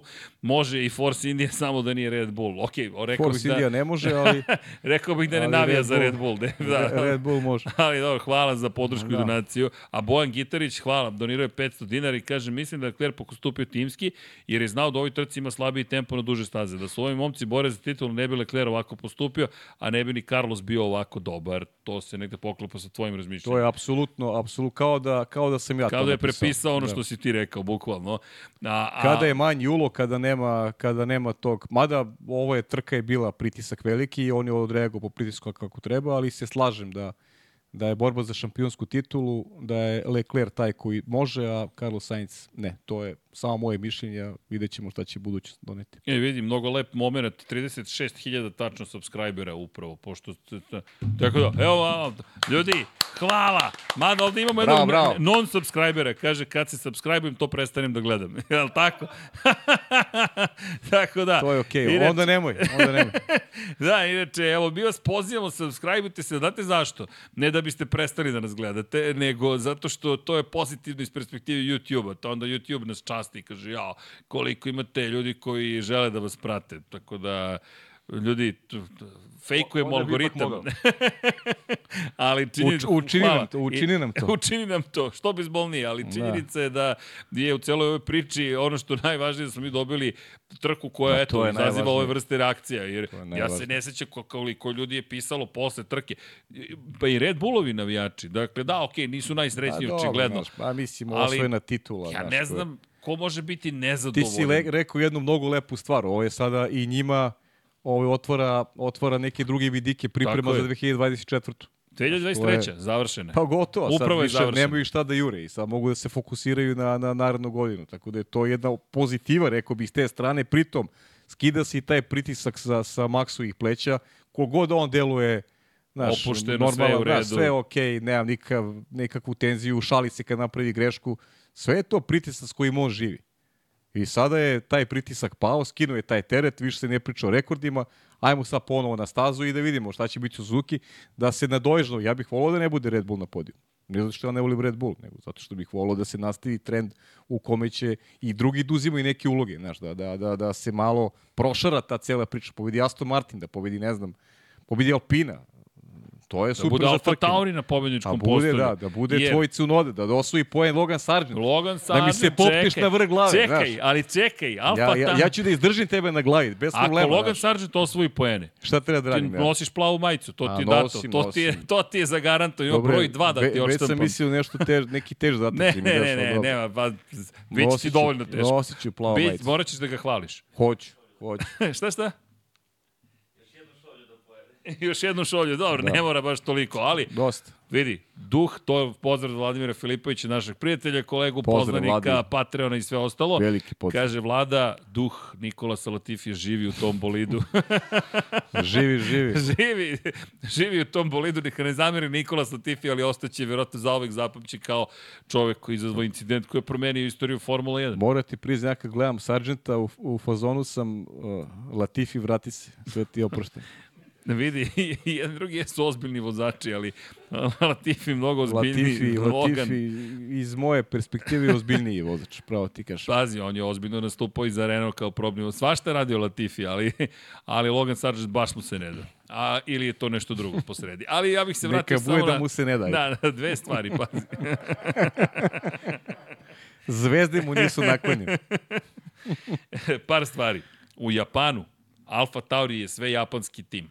Ima Hondin motor, ima japanskog vozača i ima čoveka koji u super formuli ove godine nastupao u Japanu ili ti Lijama Lawsona. Ako ostane, ali vidim da sve vesti govore u prilog tome da će biti dalje u ekipi. Dakle, Zamolit će Ricardo da bude povređen i dalje. pa vidi, dešavalo se u motociklizmu to, ne znam da li znaš za, to, za taj slučaj. Pa ne, ne ne Sean Dylan Kelly je dobio poruku ekipe, iako je otišao na pregled pre, u Moto2 šampionatu, poslao informacije da je sve u redu, da je povreda sanirana i ekipa, pošto je bila zadovoljna njegovom zamenom, je rekla, neka, neka, ti još uvijek nisi dovoljno fizički spreman da voziš i bukvalno su ga odbili da vozi. To se isto desilo i nije Romanov Fenatio, ne znam još kome, bukvalno neće da ih vrate u ekipu i govorim, ti si dalje bolestan, ti si dalje povređen i na kraju su morali da ih tuže da, mu, da ga pusti da se vrati na motocikl. Ali dobro, Daniel Teško- Ricardo, Teško je reći ne, nemoj da voziš, jer Nemoj neko sad, drugi. znaš nego... ko će se sad javiti? Najveći obožatelj Daniel Ricardo ikada. Daniel, pohvale, kažu da je uticao na razvoj bolida, da su da je povratna informacija koju on dao ekipi, direktno zapravo su je ekipa iskoristila da stvori praktično novi bolid. Ni ne stižu da se bavimo tehničkim unapređenjima jer su totalno irelevantne kad Pa dobiješ ne, ovakvu ko, trku. znaš kako, misli, ko Ali- ima nešto protiv Daniela Ricarda, nemamo ništa, to je Mada što te provalio da, da si ti razočaran, a ne Pa nisu ljut. razočan, znaš, to je razočaranje, mislim, to je baš teška reč. Mnogo mi treba da se razočaram. Dobro, ali si ovo je- očekivao više. Pa tako je, ve- velika su bila očekivanja, stvarno sam veliko poštovanje ima Daniel, ali sad ti na uštrb reci ovakvog talenta, Lijama Losona, ti da izgubiš Lijana Losona zbog toga da vratiš Pa- čoveka koji je izašao iz Formule 1 i šta ti daje on? Liam Lawson, ja ga ne bih izgubio. Nikako. Ali šta A što ti je... Znaš, Će da ti, se desi ti, dobiješ, ti dobiješ neko svoje vreme. Ricardo ga je dobio i nije iskoristio onako kako je morao da ga iskoristi. I ti sad treba da neku karijeru da ovaj, relativizuješ, da, da, ovaj, da, ga, da, da je ponovo negde vraćaš na uštrb momka koji je pokazao ove tri trke da je, da je strašan, da je, da je sjajan. Jedna greška koju je napravio za tri vikenda. Jedna greška koja nije bila kobna. Nije, nije ovaj, bolid uh, pokvario, nije ga slupao, nego je napravio Okrenuo prosto grešku, okrenuo se na stazi, osvojio poene, Ali Pajo, Znaš, mnogo bolji utisak recimo od, od, od nikade, nigde vris neko ima, ko ima iskustvo već kada je prošle godine ovaj, skrenuo pažnju pa na sebe. dobro, Niki imao svoj trenutak, mi Liam Monca, Williams prošle godine. Pokupili ga sa plaže nakon ovog incidenta. Dobro, nije baš. Pa dobro, aj karikiram, nema veze, lepše zvuči, znaš. dobro, to da. Pokupili ga sa plaže, doveli ga i on, momak pokazao da, da, je, da je pravi vozač. Znaš šta je rekao Lawson? Lawson je fantastičan. Rekao je, naša greška je bila što smo st- stvarno verovali da možemo da se borimo protiv McLarena. Nismo imali tempo da se odupremo McLarenu, a ja sam napravio ponovo grešku drugi put za redom na startu trke i rekao to je nešto na čemu ja moram da poradim.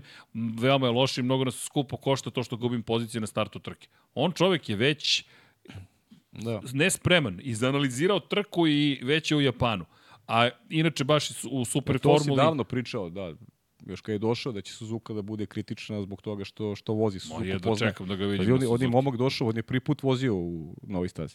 ni jedan od Novajlija, ni Logan Sargent, je, ni Liam Lawson, ni. Oscar Koliko, Piastri. koliko pričamo o tome u Formuli 2, Formuli 3, koliko je bitno za, za neki menadžment kad znaš da neki klinac u dvojici, trojici prvi put postaje neku stazu i da ispratiš kako se, kako se snalazi u novim uslovima.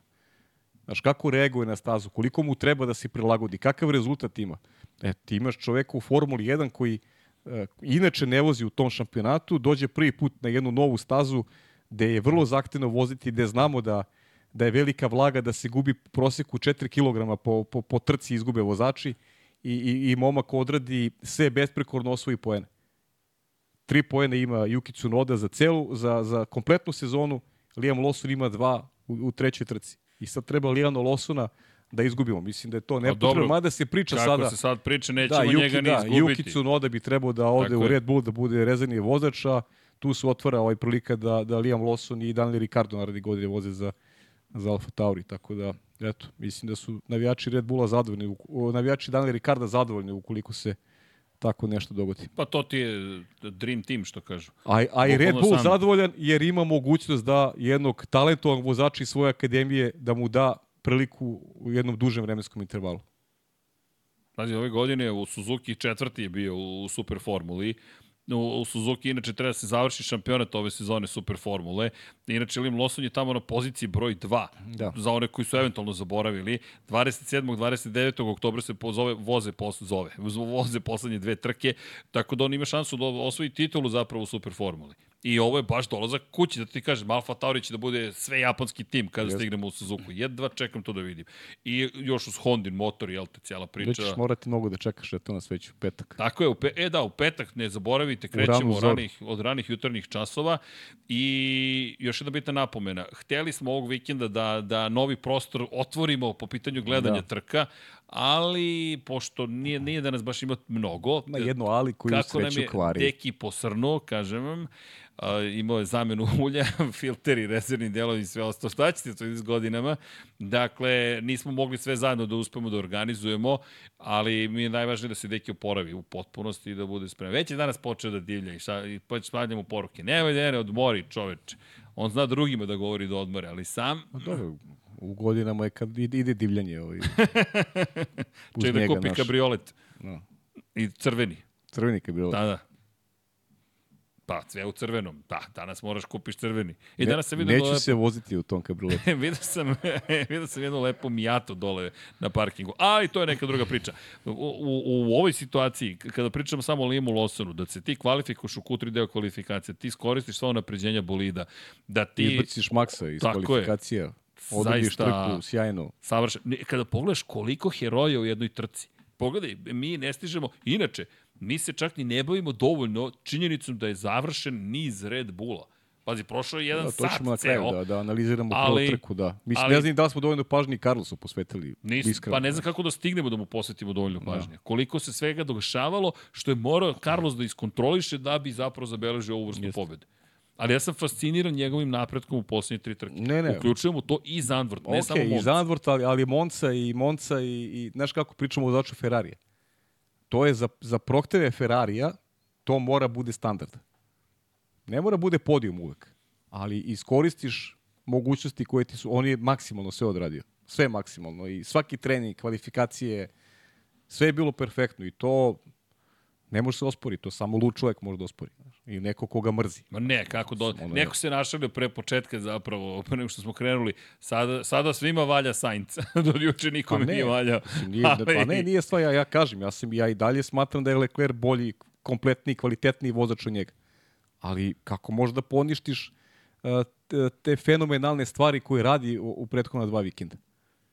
U svakom pogledu, a pogotovo taj, taj njegov, naš, intelekt, kako je upravljao trkom moza, kako mu je radio ti pri tim brzinama, Pa u, u- tom naš ovaj magnovenju koji imaš iz, iz kruga u krug gde, gde ti je potrebna maksimalna koncentracija za svaki detalj, za svaku krivinu, ti, ti mudro ti mudro ovaj vodiš trku i dolaziš do, do, do situacije da da sebe ekipu dovedeš do konačnog cilja i to je to je nešto što što ćemo pamtiti sigurno ovaj kada se kaže ime Carlos Sainz i kad završi karijeru ovo će biti jedna od asocijacija. Nadam se da će biti neke neke ozbiljnije ovaj kada govorimo o njegovim rezultatima, ali ovo je svakako jedna onako uh, asocijacija koja koja ide uz uz jedan uh, evidentan napredak mladog vozača i pazi i on je i on je ovaj naš često nas spore tu kritiku na Lensa Strola pa pa i Carlos Sainz imao od tih malih dana ovaj jasno spoznaju šta će biti s njegovom karijerom. Govorili smo o tome, karting staza Carlosa Sainza senior, nadomak Madrida, da je on odrastao, on je bio predodređen da bude ovaj vozač. I ovo sad nema veze sa Carlosom Sainzom senior, on je već izgradio ime i potvrdu da je zaslužen u Formuli 1. Znaš, to je, to je već jedno veliko priznanje za, za, za njega. Pa je par stvari. Stalno hvalimo Maxa Verstappena za konzistentnost i velike šampioni i Jeste. velike vozače. Ko ove godine ima dve uzastopne pol pozicije? Max Verstappen, Carlos Sainz. Charles Leclerc je dva puta bio na pol pozicije, ali nije imao trku za trkom. I to na različitim stazama. Jeste. Zatim, ko je ove godine imao uzastopne plasmane na pobjednička postolja? Ok, Max Verstappen. Sergio Perez, Red Bullovi vozači, to je gotovo neminovnost. Lewis. Hamilton, dakle, sedmostruki šampion sveta, koji inače preuzeo treće mesto u prvenstvu, samo to da napomenemo, Fernando Alonso, dvostruki šampion sveta, Carlos Sainz i Lando Norris, koji je dva puta za redom bio drugi u Velikoj Britaniji i Mađarskoj. Dakle, za Lando tek isto imat ćemo posebne pohvale. Treći, dru, treći put da je na pobedničkom postoju, treći put drugo plasirano ove godine. Ali Sainz na različitim stazama, pol pozicije, treći, prvi, kontrola nad trkom, razmišljanje o tome kakvu strategiju primeniti, kakav tempo imati, kako Norisu pokloniti DRS-a opet da ne dozvoliš da te pretekne. Sve to kad spakuješ i, i, i rekao je, nije da nisam osjećao pritisak, ovde je lako pogrešiti. Ali, ono što je mene oduševilo, što mi nije delovalo kada je ovo nešto što je zahtevalo neke posebne pripreme i da su njega da je, da je nategao svoje Pa nije, mogućnosti. Nije bio, nije bio ni u panici, što je jako važno. Znaš, Ne, ovo je u okviru svojih mogućnosti. kad nemaš naviku pobeđivanja tebe, znaš, logično te osjetiš malo i nekad i nalet panike i ovaj, da nisi baš siguran šta treba da uradiš. Jer to smo recimo kod Landa imali u onoj Rusiji 2000 i ko je to beše 21. ili Tako ne, koje godine beše? 21. 21. Ona, znaš, ti si, vidiš da treba da pobediš, a onda nisi siguran, znaš, pada kiša, šta da uradiš, ekipa koja ne reaguje, ti koji ne reaguješ, čekaš ekipu u tom nekom magnovenju, ostaje bez prilike da ostaje bez prilike pobedi. Ok, Sainz ima, ima jednu pobedu, ali ovo danas je baš onako nastup jednog jedne zrele osobe, znaš, čoveka koji koji upravlja svojim mislima, koji ovaj je je je fokusiran, ti- koji ima ima mirnu glavu u trenucima kada bi mnogima ono misli bi mu ono mozak bi mu poludeo i izgoreo ovaj od od, od tog silnog očekivanja i želje da da napravi neki veliki rezultat. On je sve to pomirio i doveo sebe do, do, do konačnog cilja, da. Pa to je ono što je meni fascinantno, da on zapravo nije morao da, da, da, da, da ruši granice svojih dosadašnjih sposobnosti. On je bio u okvirima nečega što je za njega norma gotovo. Dakle, delovalo je kao da ovo je uobičajena stvar. Jeste. To je ono što je meni fascinantno. Mene podsjeća ovo što si sada spomenuo na Moncu 2020. kada je Pierre Gasly pobedio. Tada je imao šansu Sainz da zabeleži prvu pobedu u McLarenu i nije bio dovoljno nametljiv na ulazku u prvu krivinu. Gasly je bio agresivniji i moram ti priznati, ne znam tebe, mene iznenađuje Sainz. Sainz. Ovo mene iznenađuje što trenutno vidimo kod Carlosa okay, Sainza. ali znaš šta, s obzirom na Ta, iskustvo... to, na, to, taj napredak me iznenađuje. Jeste, ali s obzirom na iskustvo, ono gledanja Carlosa Sainca, za razliku od momaka koje vidimo kao potencijalne šampione, njemu je uvek manjkala ta, ta uh, konstantnost. Znaš, to je nešto Pa i brzina, nešto nije imao nije imao. taj, nešto što nije imao. taj delić. E da vidimo sada koliko je spreman, znaš, ovo je sada, ti pobediš negde na ovakav način, sada su mnogo veće očekivanja. Ogromna ne, ne će sam, biti. Ne samo od samog Zamisli sebe. Italiji. Ne samo od samog Španiji. sebe. To je posebno. Da, najgore je da se izboriš samim sobom. Ali, znaš, ti čitaš novine, pa italijani, pazi, italijani pišu bajke, kao da se nije dogodilo ništa. Kao da je prva trka kao- sezone. to su italijani, znaš, to su ti te amplitude od, od ono, ovaj, od, od, eh, ne znam, kritika konstantnih, nekad i, i preteranih, sada bajke. Znaš, Ferrari je svuda glavna vest. E, I onda je pritisak samim tim Ali, je Pavle, na njima mnogo, mnogo veći. Ne samo u Italiji, i u Španiji. U Španiji on je kralj trenutno univerzuma. Isto kao i Italija, ali sad dodaj i Španiju na to celu tu što- priču. Znaš da smo ti ja pričali nakon, nakon trke, znaš, šta je to sa tim, ovaj, kako sam, kakav sam izraz upotrebio, sa, sa italijanskom ovaj, histerijom. Znaš, da ta histerija italijana se prenela bukvalno na sve navijače Ferrarija. Ja ne znam koliko sam poruka dobio. To je, to je kao, kao, da, kao da su postali Nova svetski godina, šampioni. Znaš, kraj, sve je završeno. Ono jedna pobjeda od 15. Sve, kao da je sve stalo, kao da se pre toga ništa nije odigralo. Kao Red Bull? Pa kakav Red da, Bull? kako Šta? O, kao Ma 15 gotovo. pobjeda za redom. Idemo, Ma, sad kreće. Njih smo počistili. Ma da, je- Završili smo s njima. Neverovatno. Sledeći. Neverovatno. Ali vidi, zato, zato je ova Suzuka isto ogromna. Zaista ogromna.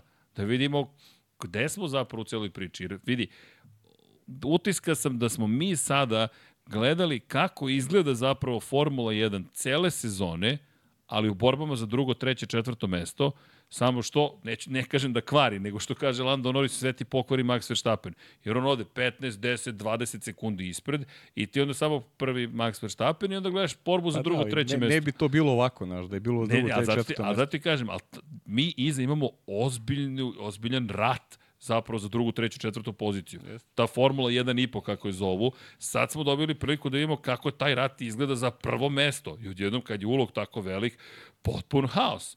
Ti imaš bukvalno potpun haos. Šta hoću da kažem? Red Bull i Max su toliko daleko da mi zapravo pola ovih bitaka ni ne možemo da tretiramo na adekvatan način. Sad smo dobili najzad sliku toga kako može da izgleda Formula 1. I neko mi je rekao najzad Formula 1. Ne treba ti nikakva posebna najava, Ja ne treba ti nikakva specijalna vest. Iskreno mislio da će biti incidenata, da će biti nezavršenih trka. Da će biti tu kontakata na stazi, da neće biti Pa vidi. popuštanja, naš. I zato sam mi rekao s početka, na pravoj trkačkoj stazi, uz ovakav ovaj, epilog kvalifikacija, A, ajmo realno, Pavle, na pravi trkačkoj stazi da li bi pobedio iko osim Maxa?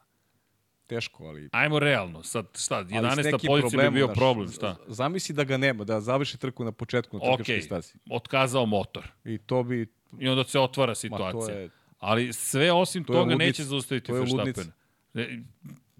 Ali okej, ajmo tu hipotezu kako postavljaš, da, to je ludnica. I sad smo dobili ludnicu. Pa ne, u Suzuki, kažem ti, vraćamo se na fabrička podešanja, to je moj utisak. Na osnovu onoga što smo videli u završnici prethodne trke. Ne, u svakom slučaju ovo je bilo... Ovo, Dobar ovo input, je, naš, do, inekcija, inekcija dobra samopouzdanja za, za sve ove rivale Red Bulla, ali Red Bull je svoj na svome u Suzuki i E, ali vidi, mene bi iznenadilo da, da ne pobedi da ne pobedi Max Verstappen. Ali vidi, ono što će sada biti zanimljivo jeste ono, malo pre si spomenuo tu priču koju, koju smo načeli, fokus, naš, gde, ti, gde ti sada prelazi fokus? Da li sad kažeš, ajmo, završili smo 2023. ajmo sada da krećemo da razvijemo boli za 2024.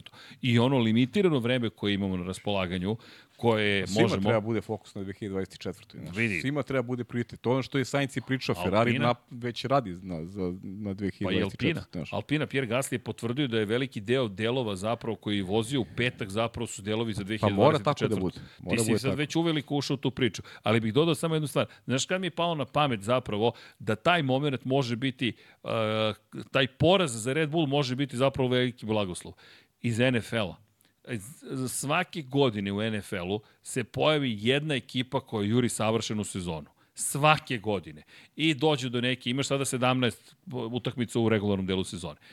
I obično ako pobediš u 17 puta i preskačeš prvu nedelju play-offa, imaš divizijnu rundu, finale konferencije i odlaziš u Super Bowl. Dakle, ukupno sada 20 imaš mogućih pobjeda.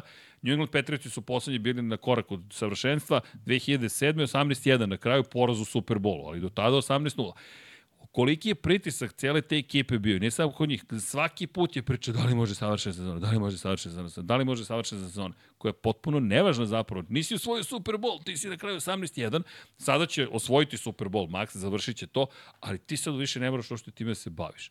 To je završeno, ad acta, rekordi su postavljeni. Pazi, pitanje kada će se iko, pa čak i Max Verstappen naći u situaciji da ima 10 pa pobjeda za redom. Ti se sećaš da smo na tu temu pričali u ovom podcastu, ja ne pratim NFL, ali pratim NHL. I ovih Prošle godine smo imali situaciju sa Boston Bruinsima koji su poobarali sve rekorde, apsolutni rekorderi u svim statističkim ovaj, tabelama, najviše bodova, najviše pobeda u sezoni, najviše, najviše, najviše. I on dođe prva runda play-offa ispodno od Floride, u prvo, prvoj rundi play-offa. I ti ne dođeš do onoga što treba da bude cilj. Znači ti si zapostavio konačan cilj zarad toga da pričaš priču o rekordima. Rekordi su popularno nevažni. Najvažnije je i navijačima Red Bulla je najvažnije svakog epiloga, to je osvajanje konstruktorske titule i titule Maxa Verstappena. Odavno sam bio skeptičan prema tome da oni nešto juri. Ti si više insistirao na tome. E, smatrao sam tokom godine da je njima najvažnije da se pripreme adekvatno za 2024. da nastave tu dominaciju. Jer je to u suštini važnije, da budeš bolji od konkurencije u godini koji sledi. Ova godina zaboravit će se, znaš, zaboravit će početak sledećeg godina, ti zaboravljaš šta je bilo u 2023. I verujem da im ovo, ukoliko su i razmišljali o tome da pobede 22 puta, ja verujem da je ovo za njih neko, naš, teret koji je, oslobodili su se jednog tereta. Laganiji su sad, lakše se kreću, lakše razmišljaju. Lak... Znaš, nema više te priče koji im možda je nameću i sebi, ali im nameće i javnost. Znaš, jer javnost Formula 1 nema o čemu drugom da priča nego njihovim rekordima. Oni su nas doveli do toga da mi imamo malo tema objektivnih osim te njihove bitke za rekord. I mi i dalje pričamo o rekordima. Evo, na šta je prekinuto? Još jedan niz je prekinut. Maksov na pobjedičkom Ma, postolju. Max 15 puta, 19 ima Schumacher, dakle, zaustavni i taj niz. Max nije bio na podijumu. I, i, i, tu je prekinuto ono što je možda je posvesno, ma ne, razmišljuje sigurno.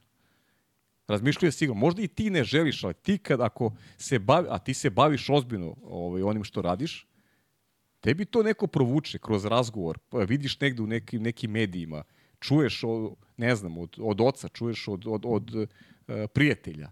Znaš, tebi se to posvjesno negde ureže u mozak i ti tome, ti tome težiš i pravi ti neki dodatni pritisak. Oni su se sada svih tih pritisaka rešili. Više ne postoje priča o rekordima. Gotovo, stalo. Amin. Idemo dalje. I sad pričamo o titulama. Pričamo, Budućim, pa titula je već u džepu. U džepu je. Titula u džepu. Pa vidite, teoretski je Red Bull mogao sada već da osvoji titulu. Da su imali dvostruku Tako pobedu, je. Mercedes da nije osvojio ni jedan poen.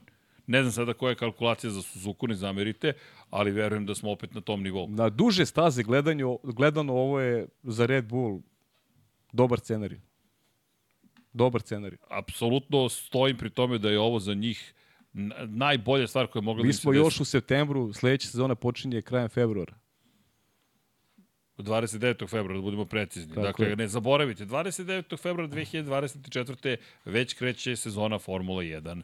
Dakle, velika nagrada Bahreina, četvrtak. I pobedit će do kraja godine još neko, ovaj, a da nije Red Bull. Pa George Russell Siguran u Brazilu, to postaje... Siguran sam da će pobediti još neko. Možda čak i više. Singapur, Možda Brazil. Čak i više. Nisam siguran. Zna, ne, ne vidim kako će da, da, da, da, da stvore...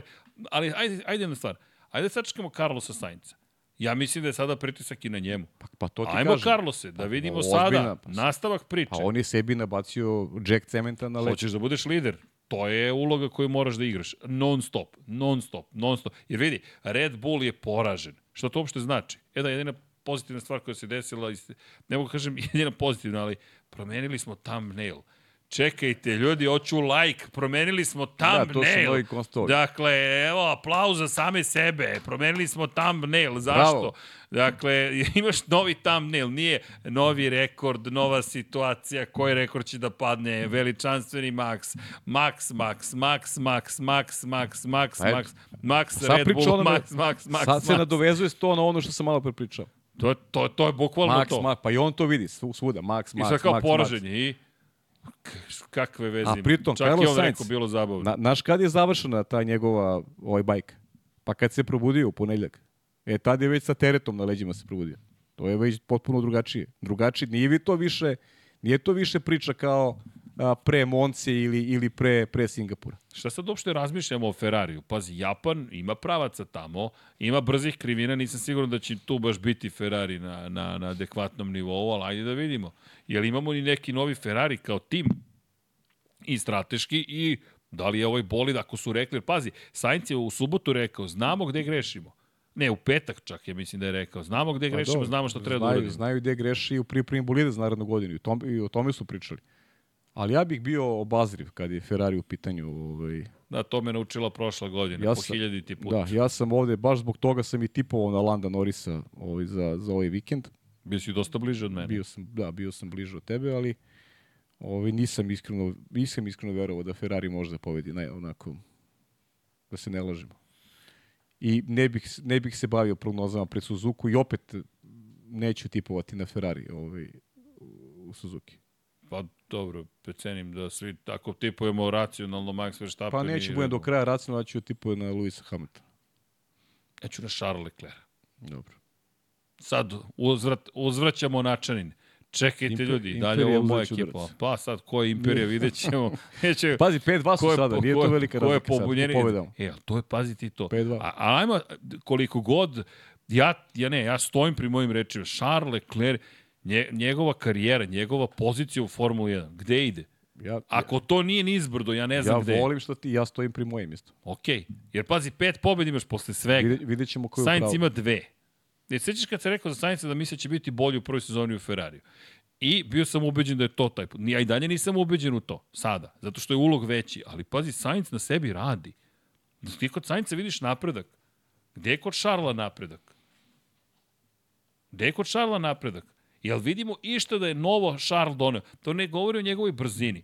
Ajmo da pričamo o ekipi. Ja, ja i dalje se pitam, ako je ekipa njega podržala, mi to nismo videli Pa na ovaj pazi, da način. ti kažem, Charlie je iz mog ugla na istom nivou. Znaš, ništa se nije promenilo, Ali ali to visok nivo. Da li, da li je to dovoljno? Da li, e, to je sad pitanje, znaš, da li je dovoljno za Ferrari?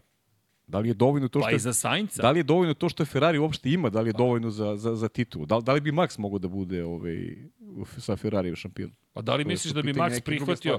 Ne, ali čekaj, čekaj, imam ja drugo pitanje. Kada je Sainz prvi put odbio i rekao Ferrari, nemoj to da mi radite.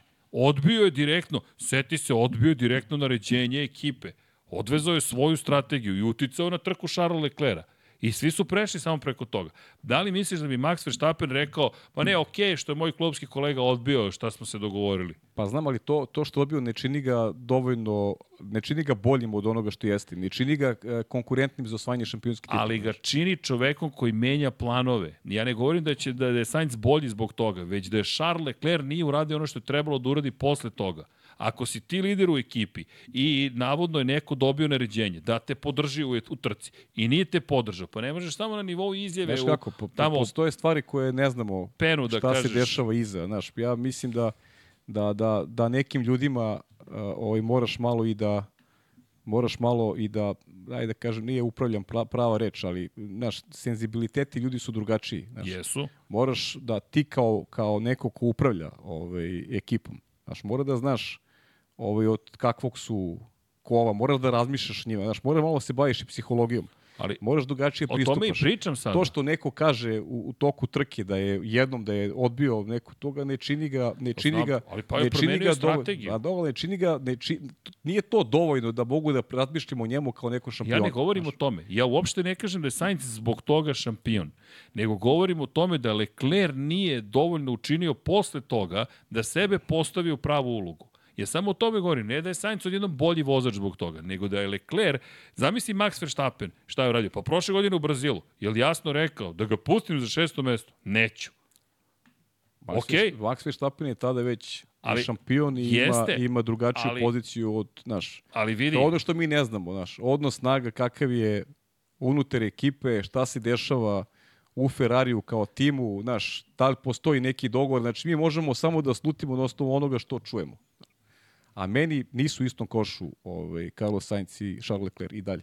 ali ja mislim da to je relevantno. To ono što hoću da kažem. Mislim da Charles Leclerc će sebe dovesti u poziciju da čak ni njegova brzina, niti vozački kvaliteti neće biti, nisu dovoljni, nego da mora nešto To drugo moguće, da završi. To smo, to smo pričali, ja, znaš, ja, da li je, Stav, stav. pitanje, pitanje je da li su uopšte oni vozači koji Ferrarije mogu da, da vrate ovaj, na neki prestoj, da li su oni vozači koji uopšte mogu da budu šampioni.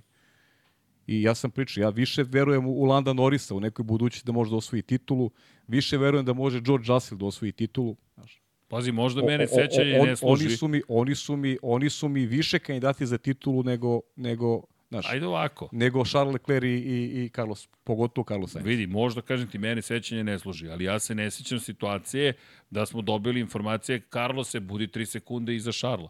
Ne, pa to smo pričali toko prenosa, to se nije dogodilo. Nik- Nije se To dogodilo. se nije dogodilo. Znaš, i kada se dogodilo to par puta da traži nešto od Sainca, on je to odbijao uglavnom, u tim kritičnim situacijama za pobede. I ajmo Monako prošle godine. Šta bi? Pa svako za sebe. Svako za sebe. Pa onda ćete dobiti Serhije Pereza na poziciji broj 1.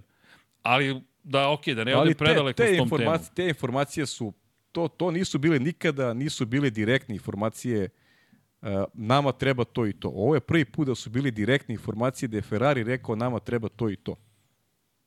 I Charles Leclerc, Činjenica. Charles Leclerc je ispoštovao to što mu rekla ekipa. Ono su onako bile, ti ne znaš kako da tumačiš njihove informacije u, u Monaku. Ja bih volao da možda sada čujemo to. To nije bilo direktna poruka. Moraš Nije da uradiš to i to. Nego to su bile poluinformacije iz kojih ti ne možeš da zaključiš bukvalno ništa. Upravljanje ekipom, katastrofa. I to je, to je greška Jedva Ferrari. čekam da vidim obrnutu situaciju. Samo da, da razumem Okay. kakav će biti stav. Mislim da, ćeš, da ćemo brzo to svi zajedno da, da dočekamo. Baš- I mene, I mene to zanima. Baš me zanima. Jer me vraća isto tako na Moncu. Pa to nas vraća i na priču Zorana Živkova ovde. Misli, sad to je široka tema, Jeste, ja ne bih da ulazim Ne, u ne, to, jer, okej, ali- jer dobija i neku političku konotaciju, meša se i crkva i cela priča je ono, zvuči malo kao teorija zavere, ali stvarno ne bih volio da pokrećemo tu temu, jer zaslužuje, zaslužuje pre svega Carlos Sainz da govorimo o superlativima u njegovoj Da, trci. da, slažem se. Da zabeležimo negdje samo da Singapur 2023. ima mnogo, mislim da je to neksus kosmički, da se tu grana mnogo stvari. Odavde će da bude mnogo priča Vidjet ispričano. vidjet Ali ja mislim da ovo je jedna od bitnijih trka, zaista istorijski gledano da ćemo ovu trku spominjati često. Ne kao 2008. Singapur, ali vidi, čak smo i to zaboravili. Felipe Amasu nijedno nismo spomenuli Pa večeras. kako nismo, smo, Briatorija smo se setili u... A dobro, u direktnom prenosu, Direktnom dobro, to prenosu, ne možeš da. da. ne spomeneš prva noćna trka u Šta istoriji. bi radio Flavio da vodi Mercedes? Pa šta bi radio već u Monci? šta bi Da. radio već u Monci da vodi Ferrari? Ko bi, Ali morao, čekaj, ko bi čekaj. morao na zid, Luis ili, ili Russell? Ne, ne, vidi, ko, kako bi se ta Monca završila. Da. Ali dobro, pa dobro, Russell je završio u I jeste zidu. Završio, tako bravo, gledaš. Russell je završio. Ali mu niko nije Možda rekao. mu je Toto rekao, treba nam treći rekao. za Luisa. Šalimo Da. se, naravno, ljudi, šalimo se, nije, nije, nije, nije zbilje, niko ne razmišlja o tome, niti da Toto off tako razmišlja, ali smo zaista imali čoveka ko vodio tim i tako je razmišljao. I, i tako. E, im- ima par stvari koje nismo spomenuli. Ima i timova koji ne zaslužuju pohvale. Aston Martin. Biraj, hoćeš Fernando Alonso, hoćeš Lance Stroll. Neću Lance Stroll, to je... Ni Fernando Alonso ne zaslužuje Pa do, pohvale. tako je, ali, znaš, to je... Pazi, Znaš kako gledam na, na Fernanda? To je odraz stanja u ekipi. Fernando je taj koji ono što može, To je to. voli, to je to, znaš. Tako da nemam tu nikakvu dilemu. Ali videlo se, ti Ako si sam, lepo rekao ako sam i imao, ako sam i imao pre, ovaj, u toj njegovoj povratničkoj sezoni nakon penzionirskih dana, nemam je uopšte. On je zadržao taj, ima taj nerv. Jedino što mu zameram to je Monako ove godine, ništa više. Dobro, ali sedmi je bio u kvalifikacijama ovde. Pa da, to prosto... Videlo se u nije- Q2 već Pa da, da- videlo se da, da, da ne može. to nije A to. Lance Stroll, rekao sam ti, to mi je ono, ne znam, sine moj. odmori ti malo. Mislim, to je meni, kad, mislim, ja, ja, da, ja da vozim, da se mogu, pa ja bih, ja bih zbog cele priče, ja bih seo taj bolid, ne bi mi ništa zadržalo da ne vozim. Ako je već spreman, kao što su rekli iz Aston Martin. Propustim trku. Kako da propustim trku? To ti ona priča o, o MotoGP-u i ovi momci sa, sa on, šipka u ruci, on sutradan vozi, mislim. Šta je, šta je s njima? Ili Banjaja, ili ti primjeri. A ti ne voziš trku ovaj, jer si doživeo stres. Time se baviš. Da, ali... Nestvarno mi je da, da ga nije bilo u trci. Ali znaš šta je izjavio Aston Martin za njegov incident? Za oni koji nisu gledali trku kvalifikacije pre svega, u poslednjoj krivini, ne, izgubio pretposlednjoj krivini kontrolu nad bolidom i samo je nastavio da kliza pod punim gasom ka poslednjoj krivini, podigao se bolid na ivičnjak, izgubio kontrolu potpunosti nad bolidom i udario stravičnom, stravičnom visokom brzinom u zid. Srećom, on nepovređen izašao iz bolida, ali Aston Martin u svom saopštenju rekao da ta njegova greška zapravo pokazuje ne da je on nesmotren, nego da je posvećen. To znači da je Mick Schumacher najposvećeniji vozač prošle godine da. bio u Formuli 1 i da Haas treba da mu se zahvali za sve uništene treba, bolide. Treba tuži Gina Haasa, treba traži ošto. da, kaže, ja sam bio najposvećeniji vozač, a vi me otpustiste. Stvarno nema smisla. ne, smešta su obrazloženja. Ne, ali pazi, ovo meni postoje cirkus I Mike Krak šta je pričao isto, ono, naš, mi dobijamo, pa, mislim, mi pričao više ga hvale nego Alonsa, ono, stvarno je... Bukvalno. Stvarno, mislim, to je ono što smeta, generalno. Ne, ne, ok, znamo postoje... svi da si tatin sin, sve ok, i, i, i, i vozi, nije sporno, ali stvarno su neke, neke stvari su, ovaj, baš su smešne. I, i mislim da taj dečko, na kraju će verovatno i mama da, da odluči da on više ne vozi možda. O, ili će, jer on je pod sve većim pritiskom i mama neće moći da ovaj gleda sina koji je pod takve pritiske. Vidi, sad grozno zvuči, ali... Pa ne, ali stvarno, mislim. Ali, da, znaš, ti sad stvarno dolaziš u situaciju da, da ovo postaje opasno. Znaš, ovo stvarno postaje opasno po njega pre svega. Inače, on je prošao, dakle, sve fine testove. Međunarodna plovska federacija je rekla da je i primarne i sekundarne testove prošao, Međutim, da su ujutro odručili da... Ti si trkač ti, pa ti se time baviš, pa ti mora budiš u trci. Boli spreman, moraš da si u trci. Mislim, znaš, kako ne voziš trku, ne razumem. E, vidi, ne, ne, ja ne smijem, izvinite što se smijem, nije lepo, zato što zaista pokušam sa dozom dostojanstva da sve to ispratim. Ali kada neko izjavi, Krak, inače, šef, Mike Krak je izjavio, to vam je kao da ste proveli dan u teretani, ne osjećate se dobro posle tog dana i da je dobra odluka da zapravo nastupi u Singapuru i da bude spreman za Japan. Ja zaista ne mogu da uopšte to spojim sa pa, tome ti trkačem i trkanjem. To ne ide. Ne ti si upravo rekao, ha, bio sam u teretani, šta imam, zapalenje mišiće. Pa i otići ću sutra u teretanu ako hoću nešto. I ne samo to, mi pričamo o duhu trkanja. I ja se slovom slažem, ako pa šta, dobro šta, razumem. Šta je trebao... Duh trkanja je ovde potpuno izgubljen. Šta je trebao Kej Magnussen da kaže kad su ga zvali u Haas? Da traži dva meseca da se pripremi da bi ušao u bolid. Nađite drugog vozača, mene boli vrat. Znate, ja ne vozim već neko vreme. Kako Formula da vozim? Fizički nisam spreman za Formulu 1. Ne, čovjek dobio i odmah došao i vozio i uz bolove i trebalo mu vreme da dođe do neke fizičke, do neke optimalne fizičke pripreme, ali, ali vozio je konstantno, mislim, znaš, stvarno objašnjenje mi je smešno. Niste, Mišići su mu teo, bili pod stresom. A, direktno prenosu stvarno nepotrebno da se bavimo time. Znaš, Naravno, sad je prilika. Ne vozi, ali ovo je prilika, kažem ti, ja, ja to ne razumem i da, da, da ne idem sad od tih priča i Nika Rosberga i svi su ovaj, manje više neki relevantni faktori kada govorimo o ljudima i ovaj, koji su prošli kroz, kroz, kroz trkanje, znaš ti, Aston Martin hoće napravi neko vrhunsko dostignuće. Kako možeš da praviš dostignuće sa nekim ko nema, ne može da prati Fernando Alonso ni po čemu. Ti, ti, ti imaš, Alonso, imaš tu a, a, priliku da učiš uz nekog ko je veliki šampion. I ti si sve dalje od rezultata, kako se se on odbije, ti si sve dalje od, od njegovih e, rezultata. Pa čekaj, ko je to, čemu se radi ovde? Pri čemu? Znamo o čemu se radi, ali ajde da ne bude da nas poštedite te patetike i, ovaj, Nešto, i meni, tih izjava nažalost, kao da gledam Monty Python. Ali zaista, iz, to ono što mi se ne dopada, nemojte nas praviti zaista neinteligentnim, jer to je Bukvalno. uvreda već postalo uvredljivo slušati kako je on posvećen, kako je ovo nešto fenomenalno, kako je dokaz svima nama da zapravo je on bolji nego što mislimo i jači nego što mislimo, pri čemu u, šta, u avgustu se pričalo o tome da će napustiti Formulu 1 da bi se posvetio teniskoj karijeri. Ne, ozbiljno, to je priča. To, to da će se, pa da, da, da će se posvetiti tenisu. Evo, Novak je osvojio 24. to Grand Slam Pa nije, titulu, taman može se posveti no- tom izazovu. Ali vidi, to su No, sad... Novak, Novak je u strahu sad, nisam znao da... da, pa ne, ali ozbiljno, plan je da postane teniser. Ne, šta kažete? Nisam čuo. Da, pa ne, ne, ali vidi, e, da, Novak, no, Novak kreće, kao i Rossi što je planirao Da. prelazak u Formule, ali zašto smo posvetili ovome toliko pažnje? Ljudi, mi sada imamo u Formuli 1 čoveka koji zaista nije dorastao ovome. Više nije dorastao, meni žal, ja vidim regresiju u, njego, u, njego, u njegovoj vožnji. Od čoveka koji je svojio pol poziciju u Turskoj 2020. po kiši do čoveka koji je dva puta za redom na poslednjoj poziciji u kvalifikacijama u Aston To Martinu. ti je, to ti je psihologija, znaš, to ti je neki ljudi, što, što su veće očekivanja, oni su ovaj, sve gori. I što se više priča o, o tome da je tatin sin, da, da zbog toga i vozi, znaš, on taj teret očigledno ne može da nosi. Momak kad se pojavio, sve to drugačije izgledalo. Pa Znam, ja mislim Ali da kako mu... prolazi vreme, kako prolazi vreme, mi dobijamo stvarno ovaj, Ni ekipa mu ne jasne- pomaže, ne, ovo je besmisleno. Pa Bolje da dobro, kažu, to je, pa znaš stojimo kako- iza svog vozača, tačka, i ti, to je to. To ti govori i o načinu kako upravlja ovaj Lorenz Stroll, znaš. Očigledno, Ne znam, meni je- očigledno da ljudi, očigledno da ljudi imaju potrebu da malo podilaze i da ne znam, mislim to je ne, ne, ne dopada mi se cela priča, iskreno ti kažem. Dobro.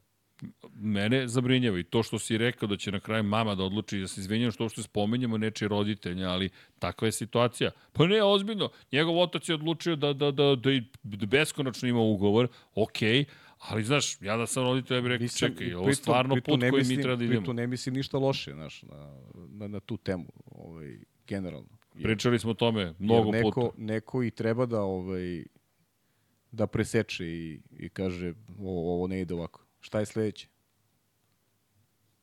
Pa ne znam, šta je sledeće? A ako, Znaš, ružan a ako bio ulažeš incident. novac, kao što je bila priča, pritom ideš u ozbiljnu saradnju od 2026. Imaš Hondu kao, kao poslovnog partnera, ako želiš stvarno da, da se popneš na krov sveta, ako je to konačni cilj, pa nije, znaš, nije Lens taj koji možete dovede dotle. Def, to je svima jasno. Držim o, svakako palčeve i to sam izjavio ponovo, evo boc, da, da, će, da će pre svega on biti okej. To je jedino što je bitno. Sve ostalo će se rešiti, ali ako Aston Martin ima ozbiljne planove, mislim da, da će na kraju 2024. morati ozbiljno da razmisli o, o tome koju Moraju, ekipi. moraju. Već sada bi morali da razmislim. Meni, kažete, mnogo se ne dopada, menjaju duh cele priče, bave se izjava koje su potpuno nepotrebne, po- pokušavaju da, da, da, da, da, da, da zamene stvarnost. Ti, ti nama govoriš da greška zapravo nije greška, nego je to posvećenost. To je baš jedan već sada ciničan stav koji je Krek zauzeo. Što men, mislim da nije njegovo delo, njegovo delo već da dolazi sa, sa vrha. Tako i mi, da, tako mi poznato to zvuči. ti zvuči poznato. A, tako mi poznato zvuči. Ja ću ti kažem šta si video. Tako je, tako je. To što si ti video. Ne, ma ja, ne, ja ću ti kažem šta si video, da. Sad ću vidiš šta si ti i da, Da, čuješ da. šta si video. I ponovit ću ti još nekoliko puta čisto A, budeš tako siguran. poznata priča. Da, da, da. A vidiš, proširila se i na Formula 1. I zato a čekaj, kritikujemo. šta, šta smo rekli, odakle je poreklo? Poreklo? Čega, koga? Pa Strolovića. Stro... ne diraj mi Balkan. e da, neko je prokomentarisao u komentarima, nisam stigao da odgovorim na izjavu Helmuta Marka da su južnoamerikanci ne mogu da se skoncentrišu dovoljno, pa je komentar bio svi evropljani to kažu za sve južnoamerikance. Huh, ajmo ovako, generalizacija mislim da je pogrešna uvek. Svi ti evropljani koji su to rekli, pojma nemaju, evo ja odmah da im kažem, i ne verujem da je svaki evropljanin to izjavio za južne Amerikance, a samo ću izneti jedan čvršći malo argument po pitanju koncentracije južnoamerikanaca.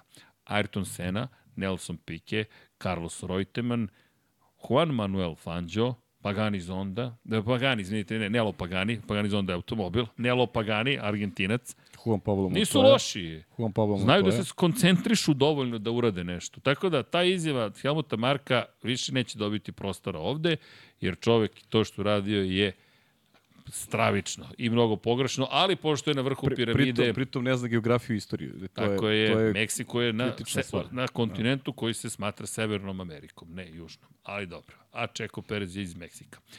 I idemo dalje po tom pitanju. Možemo, Inače, da, Fernando Alonso, jednostavno loša trka na kraju i loša zamena guma i to ti isto nešto govori kakva panika je uhvatila Aston Martinu. Jednom Pa pada da. prednja dizalica, zadnja dizalica, točkovi se ne stavljaju. Šta je bilo? Ako se ismevamo Ferrari, hoćemo da ismevamo Aston Pa Martin. da, da, ali, ali suštinski trka ne bi promenila ništa i da su menjali za 1,8 sekundi. Aj, dobro, znaš, ali ali neku ceo šansu, ce, ce, ne, nešto ceo, da uradiš. ceo vikend, ceo vikend je ovaj bio takav da da jednostavno i, i to moralo da se dogodi očigledno. Mislim, kažem ti, ne bih nešto Alonsa posebno stavljao na ne, neku onako... Pa više je cijela ekipa delovala kritiku. prosečno. Meni, meni je samo žao što i Nando nije učestvovao u, u tim bitkama, jer, jer Zamisli njega još u Asto, cijeloj Aston priči. Martinu generalno odgovaraju staze sa sporijim krivinama i to je ono što znamo od početka sezone. Šta Ali- se dogodilo, sad, znaš, Pa, desio se Ferrari. Ja mislim da je Da. Ferrari napredovao mnogo ako više je nego Nando Aston Martin. pričao da će, o, kad je ono rekao, sad ćemo biti stalno na podijumu, ja nešto ne vidim da će, da će, me- će Aston Martin To je biti do kraja Kanade sezone bilo. na podijumu. Mislim da, da njima ovaj, Ferrari ih je već prestigao. Ali vidi se kod Ferrari ozbiljan napredak. Pazi, tri pobjednička ti postade u četiri Ne trke. bi me čulo da do kraja sezone i McLaren prestigne Aston Martin. Sad, to je malo na petije. Na petije 139 jeste, poena ima McLaren, ali kad pogledaš- 217 Kad Aston Martin. pogledaš formu, Znaš, kad pogledaš formu u kojoj je Lens ili ti nema formu i kad vidiš na šta liči Aston Martin generalno, ova je staza gdje smo, pa, i ti si njega tipao za pobedu, tako? jesam. Pa to je, to je, to je negdje trebala bude neka, neka realna prognoza da se Alonso bori za triumf na, na ovakvoj stazi. Na kraju prva trka ove sezone u kojoj nije osvojio poene. Ovo je prva trka, da ne zaboravimo i taj moment, i taj niz je presečen. A to nije kratak niz. On od kad je stigao Aston Martin, u svakoj trci je osvojio poene. Najgori plasman bio u Italiji, deveta pozicija. I inače deveti je bio i u Mađarskoj. I sad dolazimo u Singapur, prvi put ove godine nema bodove. A Lewis Hamilton ide na pobjedičko postojanje i pridi ima najbrži krug, dodatni poen za najbrži krug i Hamilton sada ima 10 poena više od Fernanda Alonso. Da, tako je. i na poziciji je broj 3, a ko je na poziciji broj 5 i ko je sve bliži bliži, Carlos Sainz. Tako da Fernando nema šanse da bude treći do kraja sezone. Pričemo Charles Leclerc teško, dva četvrta mesta i odustajanje u, u Holandiji u poslednje tri trke. Carlos Sainz u tom periodu peti, treći, prvi, tako da je iz perspektive bitaka za, za treće mesto, mislim da tu Hamilton Ko dobije će biti bitku. ispred, Sainz ili Leclerc? Sainz ili Leclerc? A, nastav... rekao si da to ostavimo za neki drugi put, a onda me vratio. O- o- Hoćemo, Bom. hoćemo u ručak. Ovog puta ja da častim, a? Ne da častiš, nego ko, kako, šta da častiš? Ako bude Sainz ispred, A ne, častiš ti, ako bude Leclerc, častim ja.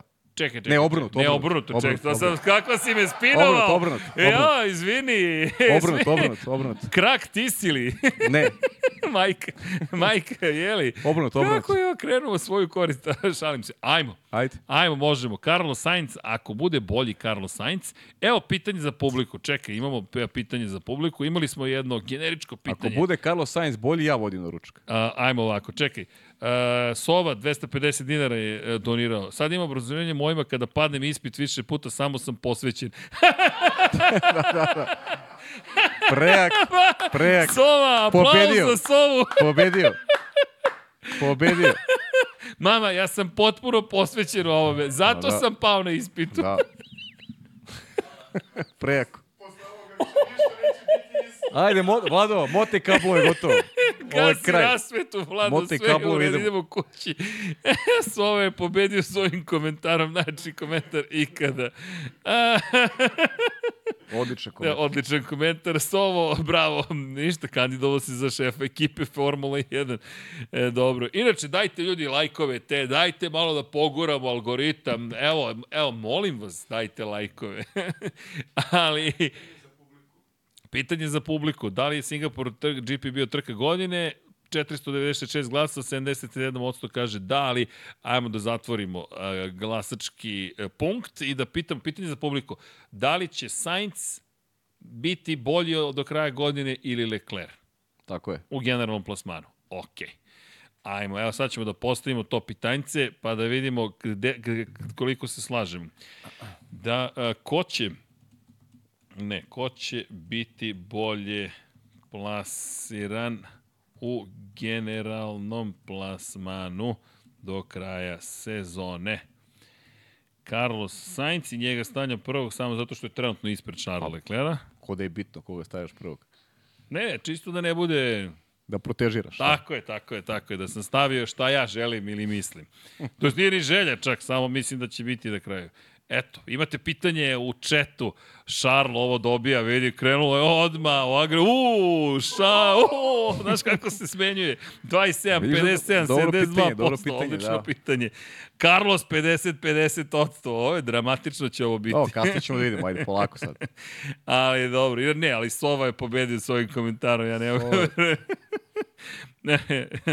dakle, i da, imamo, uh, neko je još pisao, samo nisam uhvatio viewer activity, neko je donirao novac, ali nisam odgovorio. Uh, ne, izvinjam se sad, sad ćemo da probamo da vidim gde je to staro pitanje. Viewer activity. Uh, kaže, Damjan, 5, evo, 5 dolara je donirao. Ćao svima, hvala. Da li ste pričali pre, ali da li mislite da je Drive to Soraya isto male, malo prste u ovoj trci i sami ishod koje... Umešao malo prste u ovoj trci i sami ishod kvalifikacije i trke. A, da, to je teorija koja se pojavila da je Red Bull zapravo namjerno dozvolio i tako dalje i tako dalje. Ma, mislim. Znate kako, citirat ću Toma Brady-a kada su ga pitali da li je NFL namešten. Ako zaista mislite da bih dva Superbola izgubio protiv mlađeg brata Peytona Manninga, mislim da ste dobili odgovor da li je namešteno ili nije. Ne, e, Ljudi, namestiti ovo i sve izvesti i naterati Serhija Pereza da čukne malo Jukija Tsunodu, pa malo da čukne Aleksa Albona, ne ide to baš, ne, ne ide to baš tako. To, to, to je, Flavio bi pozavideo Netflixu na, na, na, na tim sposobnostima i dalje sam ubeđen prosto da je ovo jedna od onih trka kad se stvari prosto nisu desile. Ako su namestili svakim čast, onda posao koji obavljaju je neverovatan. Ba, ne želim uopšte da pričamo, ne, Ne. ne. želim da prihvatim uopšte tu. Tako da ne, naše mišljenje Znaš kako, da, možda da su nije. ti, ono, svi imamo neke, naš, verujemo, verujući smo svi, verujemo u nešto i ako, uh, ja radim od, ono što verujem, dakle, ja u ovo verujem, u ovaj sport, u Formu 1 verujem da je to nešto što je, ajde da kažem, čisto koliko to možda bude, a Nije savršeno postoje ništa, stvari, ali postoje stvari koje ne gledam zato što u njih ne verujem. I to je vrlo, vrlo jednostavno. Tako da mislim da sve ovde okupljamo svi koji, koji ovo verujemo i totalno je onako bespotrebno i da pričamo ovaj, na, na tu temu, makar, makar tako, tako razmišljamo. Hvala, Pavle. Miloš Jeftić, pozdrav momci, 250 dinara čovjek donirao, hvala. Ko od aktualnih vozača je po vama najbolji vozač, a da nije osvajao titulu? I još jednog kog vozača biste volili da vidite u Formuli 1? Ko je najbolji od vozača koji... A da nije a osvojio da nije osvojio šampionsku titulu? Od ovih aktualnih vozača? Da. Pa ne znam, više je kandidata koji... Ne znam, ja sam neko ko... Pa rekao sam tu opkladu za šolju Charles Leclerc? Pa ne, Landa Ne, Norrisa. Landa ja, Norris. Da, Landa Norrisa ovaj, nekako preferiram, ali eto, izdvojio bih Landa. Ja ću George. Ali mislim da su to samo nijanse, zaista. Charles, do, pre, da ste me pre dve godine pitali, rekao bih da keca Charles Leclerc. Sad već bojim se da se se stvari promenile. To je samo opet moje mišljenje. Ne, Da, pa da, ma da, nemam naravno. predstavu da li sam u pravu Prosto odgovorili pravu. smo na pitanje. Tako je. Tako je. Sve su to nijanse. Kaže, Felipe... Koga biste volili da vidimo u A, Formuli? u Formu 1, koga bismo volili da vidimo u Formu 1? Evo jedan odgovor Uf. Felipe Amasu. Da. A, ovaj, a što preposljedno to važi za ove pa momke. za nove momke, da. iz, iz, pa ja jedva čekam Olivera Bermana, iskreno. On je moj favorit od ovih klinaca. Pa da, on je toj grupi. S tim što ja ću dva da izdvojim. Ali, ali i treba vreme još, očigledno. Treba Jedan. vreme. je na emotivnoj, na emotivnom nivou cenim da to i ti ja imamo mišljenje. Dino Beganović, volao bih da ga vidim iskreno, Pa to je dobro, samo emotivno. Da, to je, to je baš emotivno. A s druge strane, Zane Maloney, bi ja bih volao njega da vidim. Jesu, ima. Mnogo je agresivan Ima i mnogo je, ima, ima tu neku oštrinu koja se meni dopada. Ali baš je, to je ono što i oni brz. Berman nemaju tu konstantnost još. Da, ne, ne, ne prosto su samo brzi. to, ti, Sirov je- to, talent je ona, postoji. to ti je ona prema ove godine, prema. Uh, Berman i, i, i Vesti zajedno devet pobjeda, a Martins i Teo Puršer zajedno dve pobjede. To ti je, to ti je to. Ali zato kontinuitet neki rezultate imaju Puršer i, ove, i Martins. Ali to su opet godine. Znaš. Moram nešto ti kažem, nismo imali Formulu 2 i Formulu 3 ovog vikenda i, ni, i, i moram reći da ni, uopšte nismo ne. patili. Ne, ne, nismo patili. Ovako sebično krajnje. Penzioner mi je slava poruke u nedelju. Da, ovaj, kuka, ka, nema dovoljno trka nema pre dovoljno. podne, rekao, rekao, boli se... nisam, nisam odgovorio ono što sam ovde pomislio. žalbu znaš. nećeš dobiti nikako. Ne, ne. Kaže, baš mi nedostaju trke pre podne. Nama nedostaju, ali verujte, prijelo je, prijelo je, ne, prijelo mi Naj, je, najviše volim nedeljom da ustanem u 7 ujutru. da, da, Obožavam. obožavam, isto, Au, isto, Kako isto. se dobro osjećam tada. Pogotovo ako je neizvesna trka Formule 2, Jeste. gde ćemo imati četiri kruga bez vozila bezbednosti, ali, ali dobro, to je nešto drugo. Ali ne, šalom strano, obožavamo sve šampionate, međutim, ljudi, ovo, je, ovo vam je na jednom intimnom nivou, pa ja se razumemo. Dakle, kada smo počinjali, krenuli smo Formula 1, pa šta ćemo da pričamo i sat i po prvi, drugi trening, plus sat i po, pa sat, pa kvalifikacije itd. Sad smo došli do stadijuma da, da, da pamtimo sa setom te dane, kad dođeš, nedelja je, ustaneš polako, kafica, nađemo se oko keca, Tako sednemo, slušamo šta se zbiva, pa polako doći će trka, sve je okej. Lepo je kad, se, kad je fokus jedno Formuli vreme jedan, samo na formuli. verujte. Biće do kraja sezone, Jer do Abu ovako, Dhabija. i to nije kukanje, u pola osam krene, u pola devet krene prva trka, savršeno. Ok, kratka pauza, druga trka, pauza, treća trka, dok dođe Formula 1, mi smo već Šta imali to? jedno 5, 6 sati U prenosa. pola devet to trka gleda mene, ne ja nju. ali, ali, ali, i onda ovaj Ne znam gde mi je levo tada. E, ima se uopće kakav ujutru. lep vikend, moram da ti priznam. I onda na kraju, uveče, e, gledanje NFL-a. Znaš, nova situacija za mene, sad gledam. I kao, ovo tako loše, čekaj, sedim, grickam bademe i gledam i utakmice i tako, to je to. I komentarišem komentatore, to vam kažem. E, pozdrav svima koji su bili na otvaranju novog prostora i učestvovali u komentakokama. E, bravo, da. Bilo je, bilo je fascinantno. Bilo je, da. Bilo je, bilo je nekih ozbiljnih pokušaja, profesionalnih. Bilo je krajnje. super, onaj prvi momo, ne znam, ja nisam ni vidio, bio sam. Prvi Jeste, moj, baš, je baš bio, da. komentarisa. Je, I je Mihajlo. MotoGP.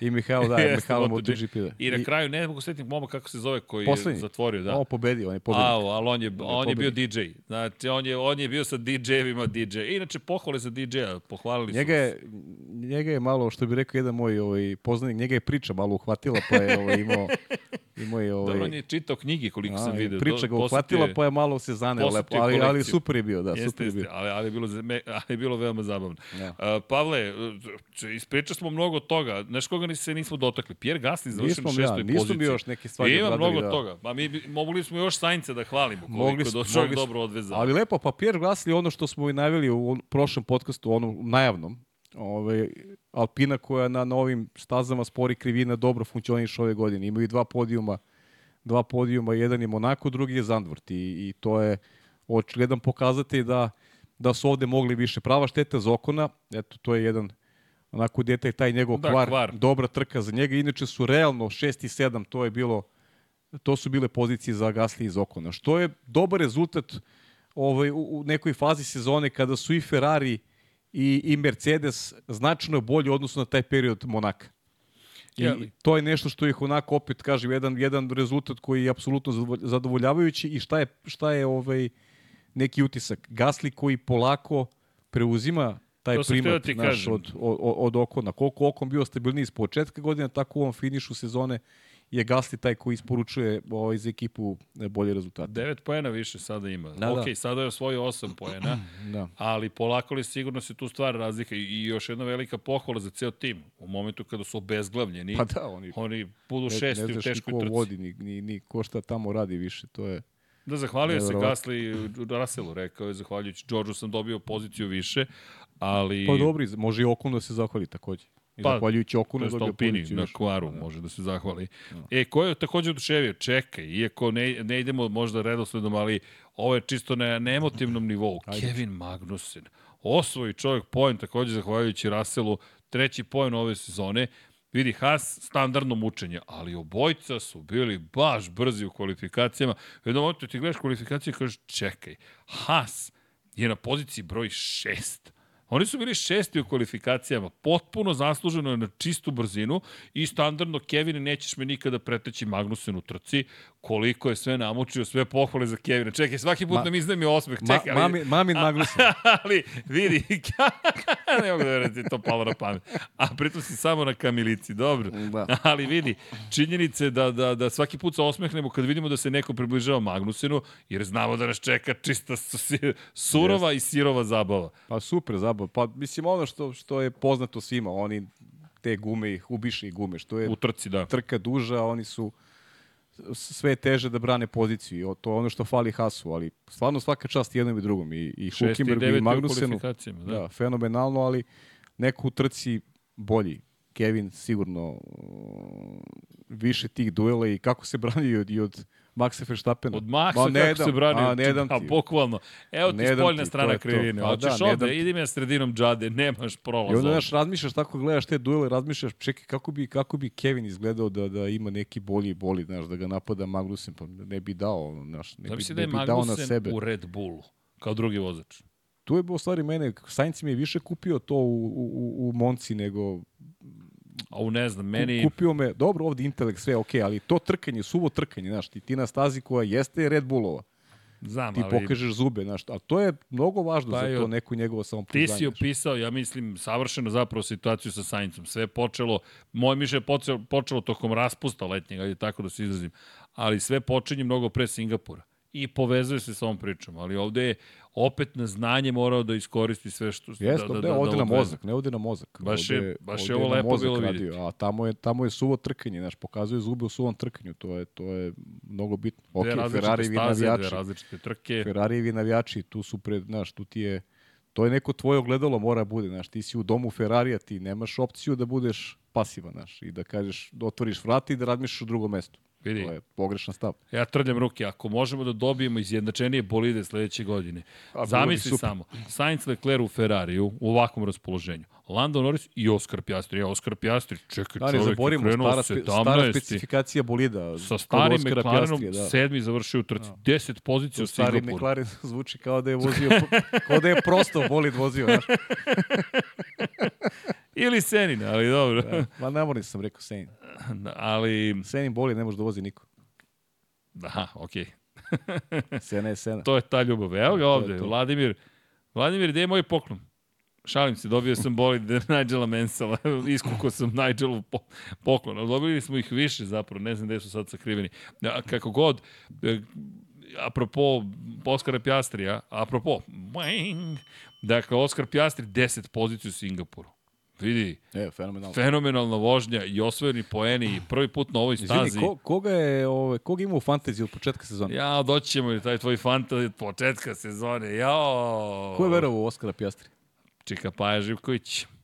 Čika Pavla je verovao u Oskara. I, i svaka čast. Oskar baš pokazuje kvalitete koje, koje nismo baš... Hajmo, Leclerc, da, to je pokazao negde, ali ovo je, neću reći za nijedan subot, ne, ne, moram da ga svrstam u tu grupu. Dakle, to je bukvalno taj, kao da pripada toj generaciji. Russell, Leclerc, Piastri, to su sve osvajači i u Grand Prix 2, Grand Prix Jeste, 3 ili. Formuli 2, Formuli 3 titula i baš nastavlja taj lep niz. I dodaću na sve to naravno Landa Norisa, pa i Alexa Albona. Albon koji je sad u Williamsu, pa ne može to da dođe do izražaja. To su ti baš brzi vozači. Max i Max, Max je sad već u drugom filmu. Pričali smo, ovaj, ne treba Formula 1 da brine za budućnost. Ne. Sići će sa scene ovi veterani, Pa otići će, ih sa otići će Hamilton, otići će Alonso i sve okej, smena generacija je tu, mislim nove Pa generacije već je se tu. desila, Pavle. Imamo neke klince koji čekaju, evo neke smo ti ja apostrofirali koji su nama dragi, ima tu još momaka koji zavređuju pažnju, Ma ima koliko hoćeš, ma ima ima baš možemo, dobrih ma vozača. da, baš dobrih vozača, tako da Formula 1 je u sigurnim rukama, to nema dileme. Biće, biće super trkanje i kad ovi asovi siđu sa scene. Ne, ne, to je sad- ono što ti kažeš apropo To ti ovaj, kažeš. da, tih ovaj, kao nekad je bilo bolje i to, mislim, to su take ovaj, glupe priče. Pa nije, samo smo mi ostarili. Ne, pa ne, ali ja to najviše mrzim kad mi neko priča to kao, znaš, u moje vreme bilo. Nova mrzeo sam. generacija je drugačija. Jao, Svako vreme je, je super i to je, to je neka univerzalna poruka, treba uživati. Ja uživat ćemo tek u, u ovoj sjajnoj generaciji. sretnem prijateljicu, ne znam čije je koncertu bila, naša generacija, to je ma, malo, Tvoja, tvoja. Moja, moja, tvoja nije. I počinje da mi kuka, kaže, jao, naš na koncertu, ova generacija samo TikTok, te ovo, te ono, te, ovako ti rekao, ja gledam, rekao, stigli godine, a? da, pa da, pa to ti kažem. Pa rekao, kako si ti izgledala je- tvojim roditeljima? Slušaj, to je, to je dokaz starenja, ovaj, da počneš da pričaš o onome šta Kukaš je bilo kao, nekad. vidi, oni su na je. TikToku umjesto da uživaju na koncertu, pa ćeš ti da im objasniš kako se uživa na koncertu. Rekao, se sećaš uopšte šta smo mi radili kad smo bili srednja škola? Bolje da se ne sećamo. Zahvalan sam što nije bilo TikToka, Instagrama, što nije, ne postoje dokazi. Ne Da. postoje dokazi, to je samo u nekim anegdotama. Kako se javio ovaj odmah Javio sa se odmah s dokazima. dokazima. Odmah s dokazima se javio. Ošišani. Znao sam da mi je sumnjiv. Ne da je sumnjiv, nego sve je jasno kao dan. Tako da, O- koje Od, god... od uvek, samo ti kažem, od uvek mi je bio sumnjiv. I simpatičan. ali vidi, ali dobro, Rizlu ima. Da, Rizli, da, Rizli. Ko pamti te sad izjave, to je sad. da. Da, I nije Rizla Suzuki, ali kada govorimo o, to, o tom momentu, deca, uživajte samo koliko god Ma da, da, imate vaše ma. vreme, kad napunite naše godine, Uživamo, uživamo i mi. očekujemo da kukate i vi kao mi, ne znam šta će tad da bude, ja vidi, ugradio je novi, ne znam, implant, pa sad ne znam, kosa mu se menja kao LED dioda, u ponoć mi je došao sa zelenom kosom, Po- a otišao je se. s crvenom, to, Pogrebio to, se, to, ovo. da, kao, Šta mu je pogrebio se? Znaš, bio je, ne znam, otišao na letovanje, ne znam, na tropsku neku plažu i vratio se večeras, pošto će se i transport vratno ubrzati. Pa sram ga bilo, ne znam šta mu Ne, je ne, palo glupe pamet. priče, stvarno, glupe priče. Ovaj. Ne, pa sa- samo znak starenja, bukvalno. Samo, Tako ne, da ne, svako, je- šta kao, lošiji su. Kao nekad je bilo, znaš. Ja ajmo, ispričam. ajmo nekad realno. Zamisli sada da ubaciš nekog vozača. Neću velikane, ali izvučeš ga iz 88 i ubaciš u ovaj bolid. Pa ne bi znali da ga upale. Pa ne bi znali šta će s kojim dugmićima da rade. A Da. Šta, da radim s ovim? Pa imam volan, gde je kvačilo? To, to bi bilo prvo pitanje. A gde mu je menjač? Nema menjač, nema kvačilo. Znaš, nemoguća misija, ljudi, tako da ne treba porediti. Samo uživajte u Formuli 1. Ova trka je podsjetnik zašto toliko volimo Formulu 1. Baš tako. Baš je bilo dobro. Baš je savršena bilo. reklama. Ja ne znam koliko ljudi zaista se s ushićenjem ovo sve ispratilo. A, a mi nismo još završili, jer haha, imamo koga još da spomenemo. Valterija Bottasa i Gvanju Joa, Alfa Romeo, čisto da ne zaboravimo Ništa da su bili u za trci. sledeću godinu i to, Da, je, Joe. to je jedino što treba da se priča o njima, da su potvrđeni za sledeću godinu. Znaš, Botas, Čika Brka je, ovaj, više mi liči na nekog rekreativca nego, znaš, nešto mi je... Vlada je furao njegov friz Da. do, do, do skora. Šteta što to nismo fotografisali. Samo pusti to do novembra i u novembru pusti brkove Da, Movember da. da promovišemo i slikamo te kao kućnu verziju Botasa. Dakle, u studiju na kraju univerzuma. Ja sam, ja TikTok, sam ubeđen, da, TikTok. ubeđen sam da od 2025. ekipa će imati novi sastav. Isto. Ja mislim da nemoguće da zadržiš poziciju sa ovim vrst, sa ovakvim vrstama Ma da, nastupa. ma da. Uz sva opravdanja loše bolid, loše bolid. Pa šta sad to znači? Čekat ćemo da bilo šta se desi. A loši bolid i Alfa Tauri, loši bolid i, i Hasu, pa ti vidiš nešto, znaš, vidiš neku Pazi. želju, neku strast vidiš. od- Gvanju Joe čak i nije loše odvezao. On je krenuo iz pit lane, završio 12. Kada pogledaš sve što se dešavalo sa Gvanju Joe, Vlado, možemo posle bacimo pogled na strategiju. Nisam obratio pažnju na, na, na Joe-u strategiju, na, Gva- na Gvanju šta je vozio. Da imamo Gvan Joe, pazi, Vozio na Alfa. mekim... ok, ali po, pazi, krenuo na mekim i u drugom krugu otišao na zamenu, na tvrde i u 20. prešao na srednje tvrde. Pazi, trebalo je odvesti najviše krugova zapravo Joe odvezao na srednje tvrdim gumama. Ok, pohvale. Ma Pazi. ne, ne, ne, 40. Ali dobro, ispred Hulka, ispred, dobro, Sargenta. Alonso, dobro, Russell nije završio. Kako ide Bottas. Sargenta ispred svog Da, dobro, bolje da Favorit. čutim. Bolje da, bolje da stanem. Hm? Bolje da stanem ovde. Staću. Staću. Bolje, bolje da sta, staću. Imaš granicu. Imam, da, ponekad. Postoji, ali dobro, ne, samo da ne, ne, ne spomenemo ljude. I Yukio Tsunodu da spomenemo, baš pehovi za Pa pehovi. jeste, da, peh.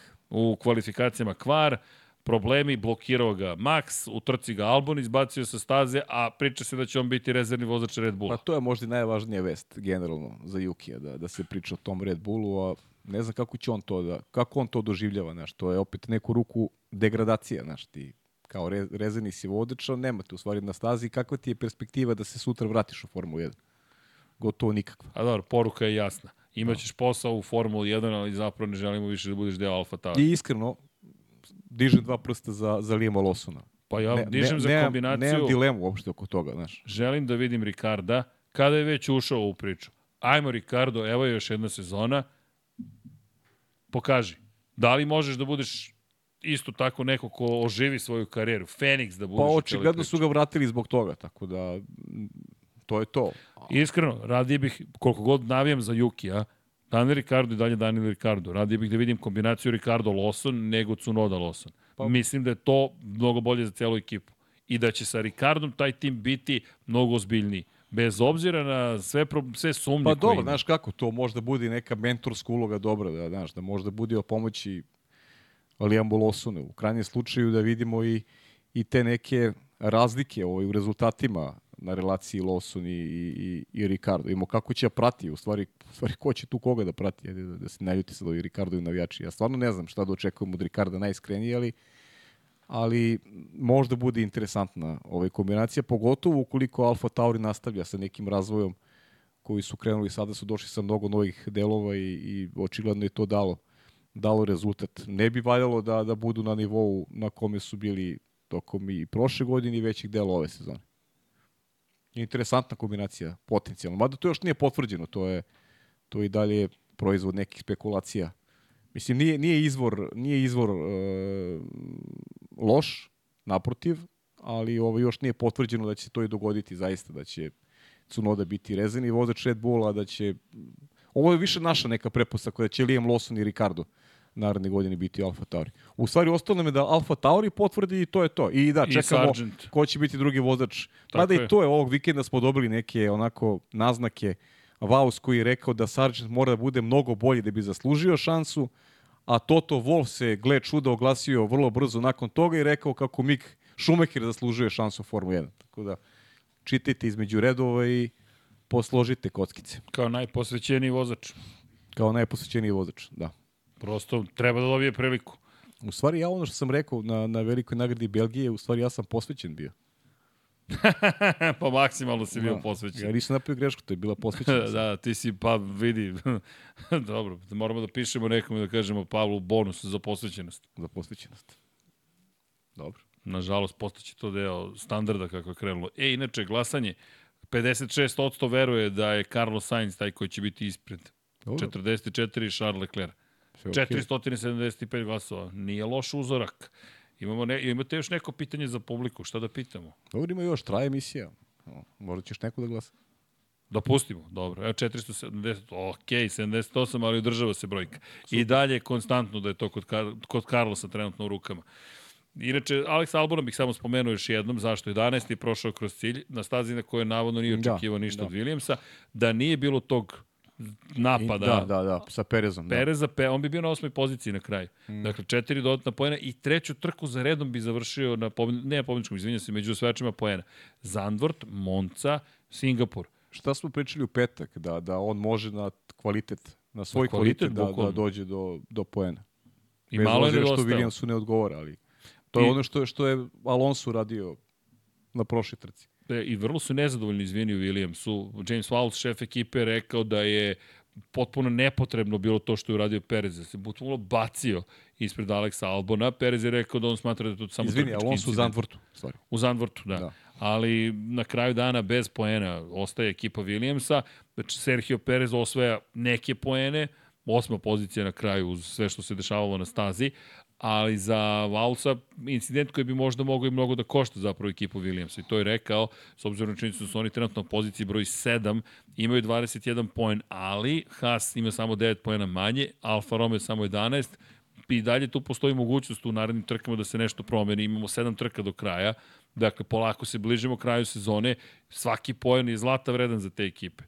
I izgubiti potencijalno četiri poena je baš velika stvar. Neće oni sustići Alpinu, neće sad za 60 poena to, Uzet će bodove u, u biti Japanu. bolji. Kako? Uzet će bodove u Japanu. Da, u Suzuki jedno čekam da ih vidim, iskreno. A realno, Albon. Mislim, Albon će uzeti. To ste joj kažem. Ovaj tvoj, Mada možda, ovaj možda, tvoj teško. možda dobro slutiš, ko zna. Možda dobro slutiš. Vidi, ko zna. Vidi, mnogo toga se lepog desilo tokom ove trke. I, apropo Sargenta, nema, nema šta, šalim se naravno. Nadam Šta se da će... A, da. Dakle, kada je reč o Sargentu, došli smo do toga da ko zna, možda nekada osvoji poen, ali mislim da će samo pitanje trenutka kada će reći ko dolazi zapravo u ekipu i da će to biti Mik Schumacher i želim da vidimo eto Mika Schumachera sada u sezoni u kojoj će imati već dve godine iza sebe, bit će mu to treća sezona ako se to desi u Formuli 1, imaće u sebe Alex Albona. Tu nema više opravdanja posle toga. Dakle, Pa nema to, ti je posljednja šansa. To je to. Ili si ili nisi. I nema više govora o tome, pa, loš bolid, loš klubski kolega, te nisam znao, te ovako, te onako. Ne. Dakle, ima, ako dobije tu sezonu, to je to. I ja se nadam da može nešto da učini, ali počinjem da sumnjam, mislim da je Miku prošao taj period u kojem je mogao zapravo dovoljno da napreduje da, da zadrži poziciju u Formuli 1. To je naravno samo mišljenje na osnovu onoga što smo do sada vidjeli. Ja se vidjet će. bojim, ne znam, šta, kako tebi to izgleda? Znam da je teško proceniti, nismo ga dugo Pa, videli teško, u bolidu. baš teško, zaista. Znaš, ne, ne, nesrećna je bila u startu ta kombinacija sa Mazepinom. To je, znaš, ta, taj, ta priča sa, sa dvojicom Novajlija, pritom Mazepin koji je onako priča loše izgledao u startu. Nije imao s kim da se poredi tu Mik Schumacher. Njemu je trebalo neka, neka jača figura, neki, neki mentor dobar u ekipi. Da je tad imao recimo ili Hulka ili Magnusena, to bi bilo malo drugačije za njega. A sa Mazepinom i ne- neko rivalstvo koje je koje ih je pratili u Formuli 2, a pritom nije ni bilo pravo rivalstvo s obzirom da se razumemo, Mazepin je Mazepin je brz vozač, ali Mazepin je neko ko ko definitivno nije pouzdan, neko ko je oscilirao i u tim nižnim serijama.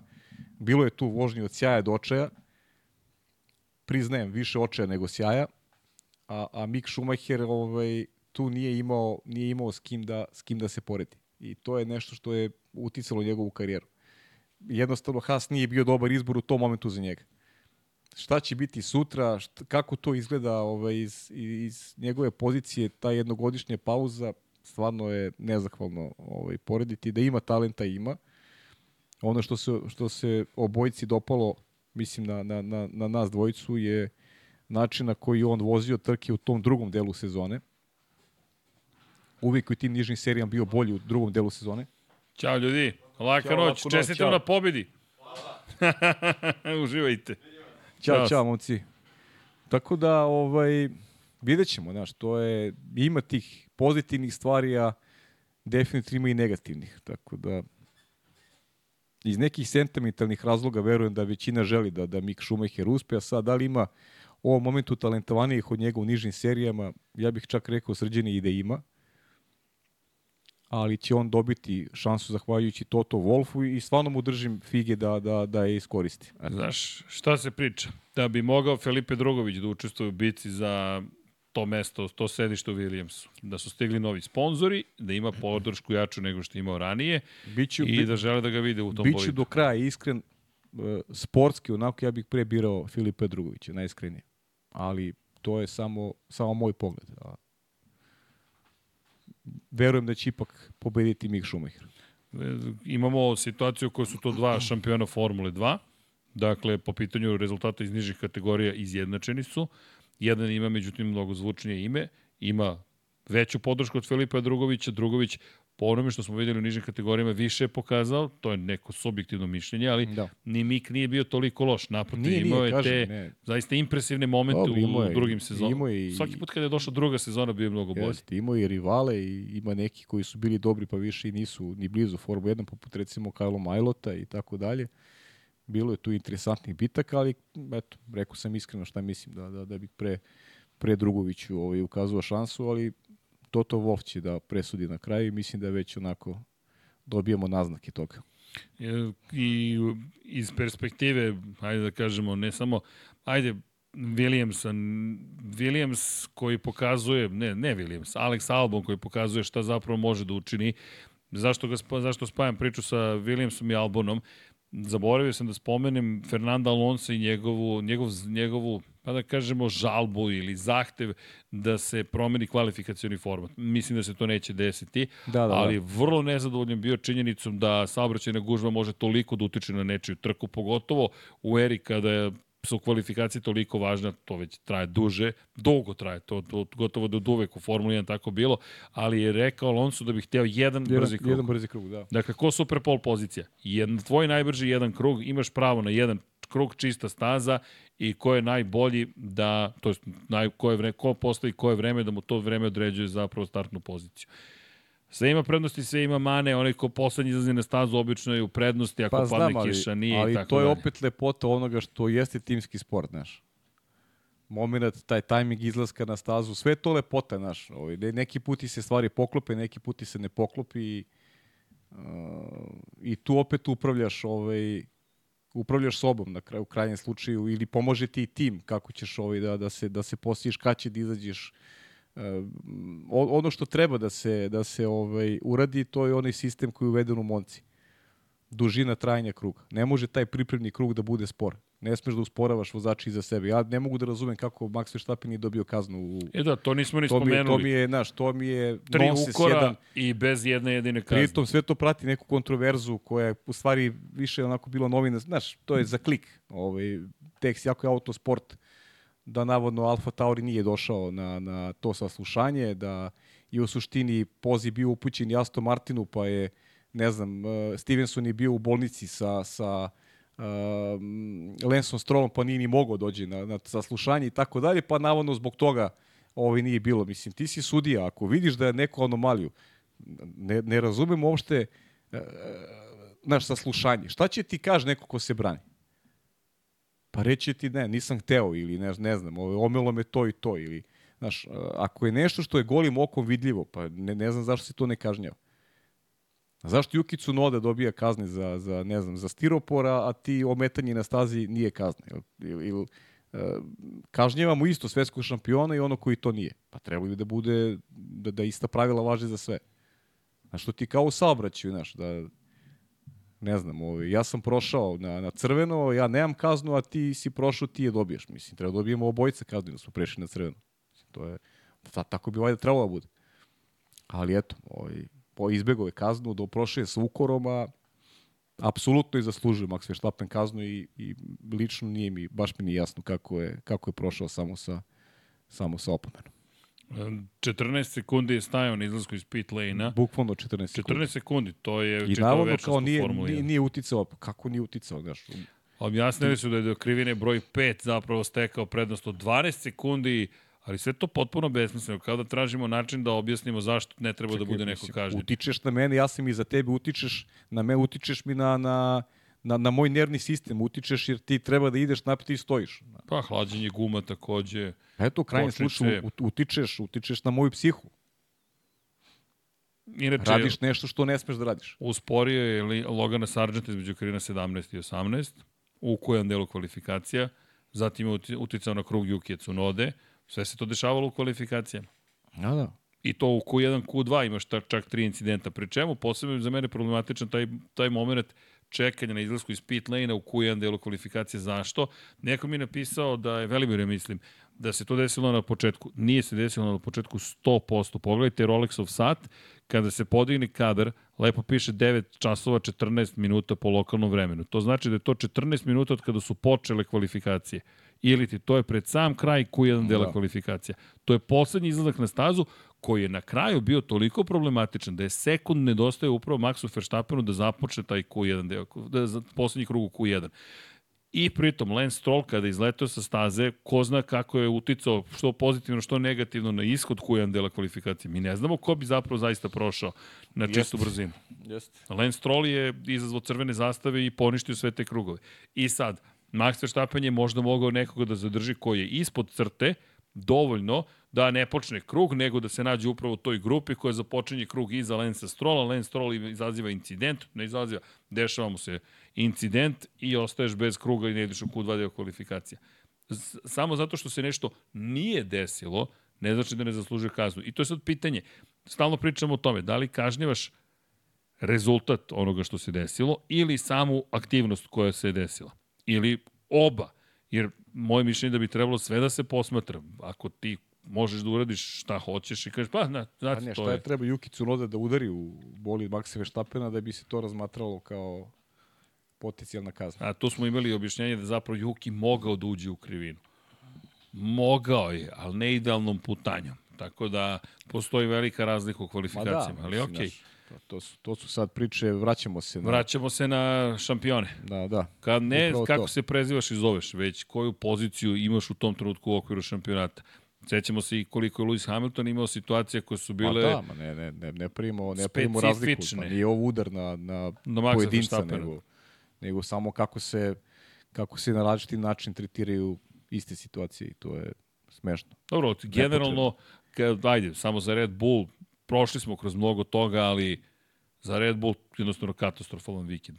Apsolutno ništa nisu mogli da urade nekako kako smo navikli da čine. Dešavaju se takve stvari Jeste, pa dobro. i to je manje više Težo to. bolid, imali su mnogo problema, nisu bili stabilni u krivinama, evidentno su se, evidentno su se mučili u kvalifikacijama, to, je- to je bilo jasno i, I okej, dođe taj dan, mislim, ljudi, to je takav dan u kancelariji, to je potpuno normalno. Prosto ti se nisu Potpuno poklopile. A, stvari, nisu to je to. poklopile kocki. Stigao novi pod, ne donosi rezultate koje želiš, vraćaš stari pod, ne možeš da podesiš balans, izgubiš balans na prednjem kraju, ne možeš da skrećeš, Da. pod upravljanje ti se A pojavi. vidjet ćemo koliko utiče ta direktiva o fleksibilnosti krila, to je A videli smo na A onom grafikonu se već vidi Del, tempo. delo je da to da to nema veze, ali ali ajde da da vidimo Suzuku. Zbog toga može da bude interesantna Suzuka. Možda je nekom drugom to pomoglo. Ne verujem da će da odmogne Red Bullu, ali možda nekom i pomogne. Vidjet ćemo. Da. Vidjet ćemo. Kome može da pomogne. Za sada ono što smo videli, da, pa. svi uživaju, u, u, to jest uživali su, ali znaš šta je problem? Nije problem, to je lepota Sainzove vožnje. Mi nemamo pojma ko je zapravo imao koji tempo. Mi nemamo predstavu zapravo koji tempo zapravo koja ekipa mogla da ima. Jer ti na kraju Pa, dana, pa mi, pa mi, U, čekaj, ima mi Aleksa još jedan o tempu, super. Naš, o tempu imamo iz drugog treninga u petak. To su neke, to smo pratili. Imao je Ferrari ok tempo. dobijemo ovde razne poruke, ali mislim, ne znam da li smemo. E, Kadar, ja smemo? Ne vide se lica. Onda smemo. Ajde, posle, ne, ovo moramo, šaljem ti ja još nešto, ali upravo smo dobili kadar, pošto se ne vide lica, onda smemo da prikažemo nešto. Čisto vidite, kada počinje da se gleda Formula 1, sa koliko godina, jel Da. te? E, tako se prati. I koliko To to. pit stop vremena izgubiš, 19 sekundi u proseku tokom vozila, virtualnog vozila bezbednosti. To Sjajno. Eto, to su budući komentatori, dakle, sad ću ti kažem, e, šta će da se desi i šta će ovdje da bude. E, ali poslao sam ti nešto drugo, što nam je Aleksa Vučić takođe prosledio i mislim da to treba pre, može prikazati.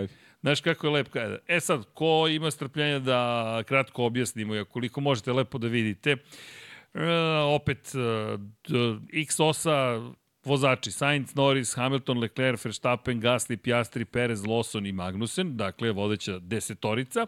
S druge strane, Y8 ili ti vertikalna, 96 sekundi, 7, 8, 9, 100, 101, 102 sekunde, vremena po krugovima u sekundama. I sad, šta je ovaj Bucko? To, to je dakle broj krugova koji imate, na primjer, kod Leclerc ili kod Sainca, čisto evo, kasnije ukoliko želite da analizirate kako je to izgledalo. Brate pažnju na Hamiltona i Verstappena. Sad, pošto nije među vodećih 10, nemate priliku da vidite Georgea Russella, ali to je ono što hoćemo da vam pokažemo. U momentu kada je Verstappen dobio čist, čist put ispred sebe ili Hamilton, vremena su se drastično promenila. Perez takođe se značajno ubrzo, čisto kao potvrda toga da Red Bull generalno funkcioniše, ali je point u tome da je Sainz ovom svojom vožnjom, da je grupisao ove krugove između 99 i 100 sekundi, pa ste dobili ovaj trbuh jer ih je tu najviše, žute tačkice, jel te, krugovi na srednje tvrdim gumama, bele tačkice na tvrdim gumama, samo pokazatelj kada pogledate Norris, kako je mora da vozi Leclerc, bih dodao tu priču Hamiltona, ne, pošto se promenio grafikom kada su otišli 20 krugova pre kraja, to je 18 krugova pre kraja na zamenu guma, ali taj tempo koji je diktirao Sainz nam zapravo nije dozvolio da vidimo ovo ono što si ti rekao, samo možemo se vratiti na rezultate treninga broj 2 Pa da. u petak. I mi zapravo ne znamo trenutno ko je bolji ili nije. Ovo je prosto posledica jedne pobedničke strategije i razmišljanja Carlosa Sainca, Tako da ostaje za Suzuku dosta toga otvorenog. I, i jedva čekam da je vidim, moram ti priznati. Malo kasnije ćemo samo proći brzo jedan krug. To, to znam. Pa to znam da vozim, tako da to nemojte da brinete. To ćemo ostaviti za sam kraj, dakle, Da, da, da. da ne bismo ušli u situaciju da, da vas gnjavim mojim ovim potragama za zidovima. Si ponao dozvolu, imaš dozvolu. Imam dozvolu, nemoj ništa da brineš. Da, pitam. Ne, nemoj ništa Da da, nas ne brineš. tuži. Nisam Ne, vežbao, znam da vozio je- sam Singapur malo Vlado, pre, nisam znam, vozio. sve znam, Vlado. Ne, ne, ne, ne, ne, vozio sam Singapur, nisam vozio Suzuku. Ej, ali ima još Ja kad mi vesti. se ne vine telefon kad ga zovem, ja znam da vežba. da, sam u studiju, da, da. Sad dok ja Mile snima, ja ovde vozim, sedim i, i, i, i uživaju. Neću da vam otkrijem, ali pogledajte epizode. I jedan na jedan pratiti 99 yardi i pod kapicom. Čestitam gospodine, ko, Hvala, ne, divni ko prati vaterpolo ovog gospodina treba da zapratite pod kapicom, čuveni sada već podcast koji je promenio na koji se posmatra biće i po čašicom, polako. Pa i po, pa vidi, mora, to mora da se desi. To će biti Samo da kult- mi se kultni- oporaviš. Kultni po- podcast. I ti na servis moraš, Deki je na servisu već, tako da to će Da, da. kultni podcast pod kapicom, pa pod čašicom. Ali to počinje u ponoć. Da znate, to je to je Karijan i Stoljnjak, 0001. Karijan i Stoljnjak i idemo. A čekaj, I koje vozimo. su, koje su nam teme? Pa, To je teme. tema, okej. A kojeg dana ide? Ni Gde- to se ne zna. Kad si ti video, kad si ti znao napred dogovorene teme? Pa, ja ne znam ni za Lab 76, a ne za nešto To drugo. Koje su kažem, nam tu- dogovorene tu teme. Nema teme, teme se nameću. E, pa videli ste kako smo se pripremili. To je standardna postava. Dakle, da nema laži, nema prevare. Kako nov, ko neko dođe, vidi pripremu. Priprema. Kao što ja vozim krugove. O, A, zaskočio Eskeze sam. a, A, Šta si mislio da ću da ćutim? Dobro. Kad se to desilo. E, E, da, da vidimo gde je Sainz. Pustio sam, evo. 56% Sainz i dalje. Ne vredi Pa pa. sve okej, pa šta ne vredi, pa ja... 600 skoro Super. glasova, Pajo. Sve tačno 600 glasova i Sainz i dalje pobeđuje. Srđan, ja najviše volim da funkcionišem u tim. Ja navijam za Partizan, znaš. Primetio sam. Pa ja sam u tih 44%.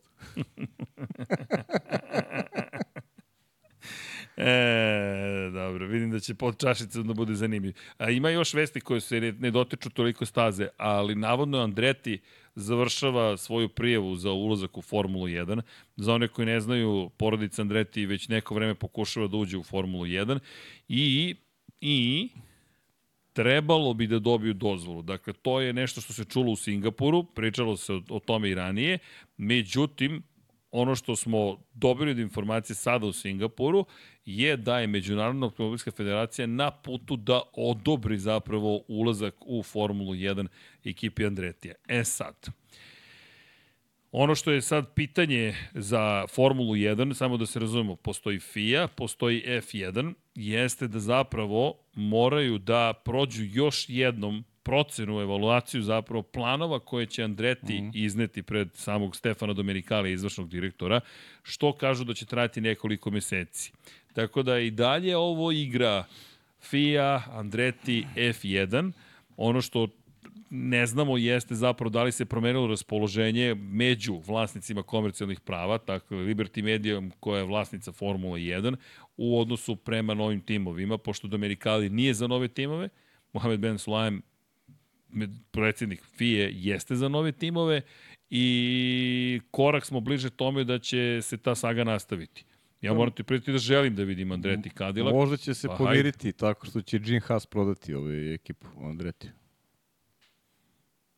Pazi, s obzirom na činjenicu da trenutni postojeći timovi uopšte nisu raspoloženi da se poveća broj timova i da su to takođe potvrdili u Singapuru, s obzirom na činjenicu da kada imaš 200 miliona dolara koje treba da podeliš i odjednom ti neko uzme komad, uzme 10% od onoga što dobijaš, naravno da želiš to da deliš. Ali, hajde da vidimo kako će izgledati konkordski sporazum koji treba da se ja, potpiše, ja šta moram će se ti tu priznam, promeniti. da, da li si ti za više timova?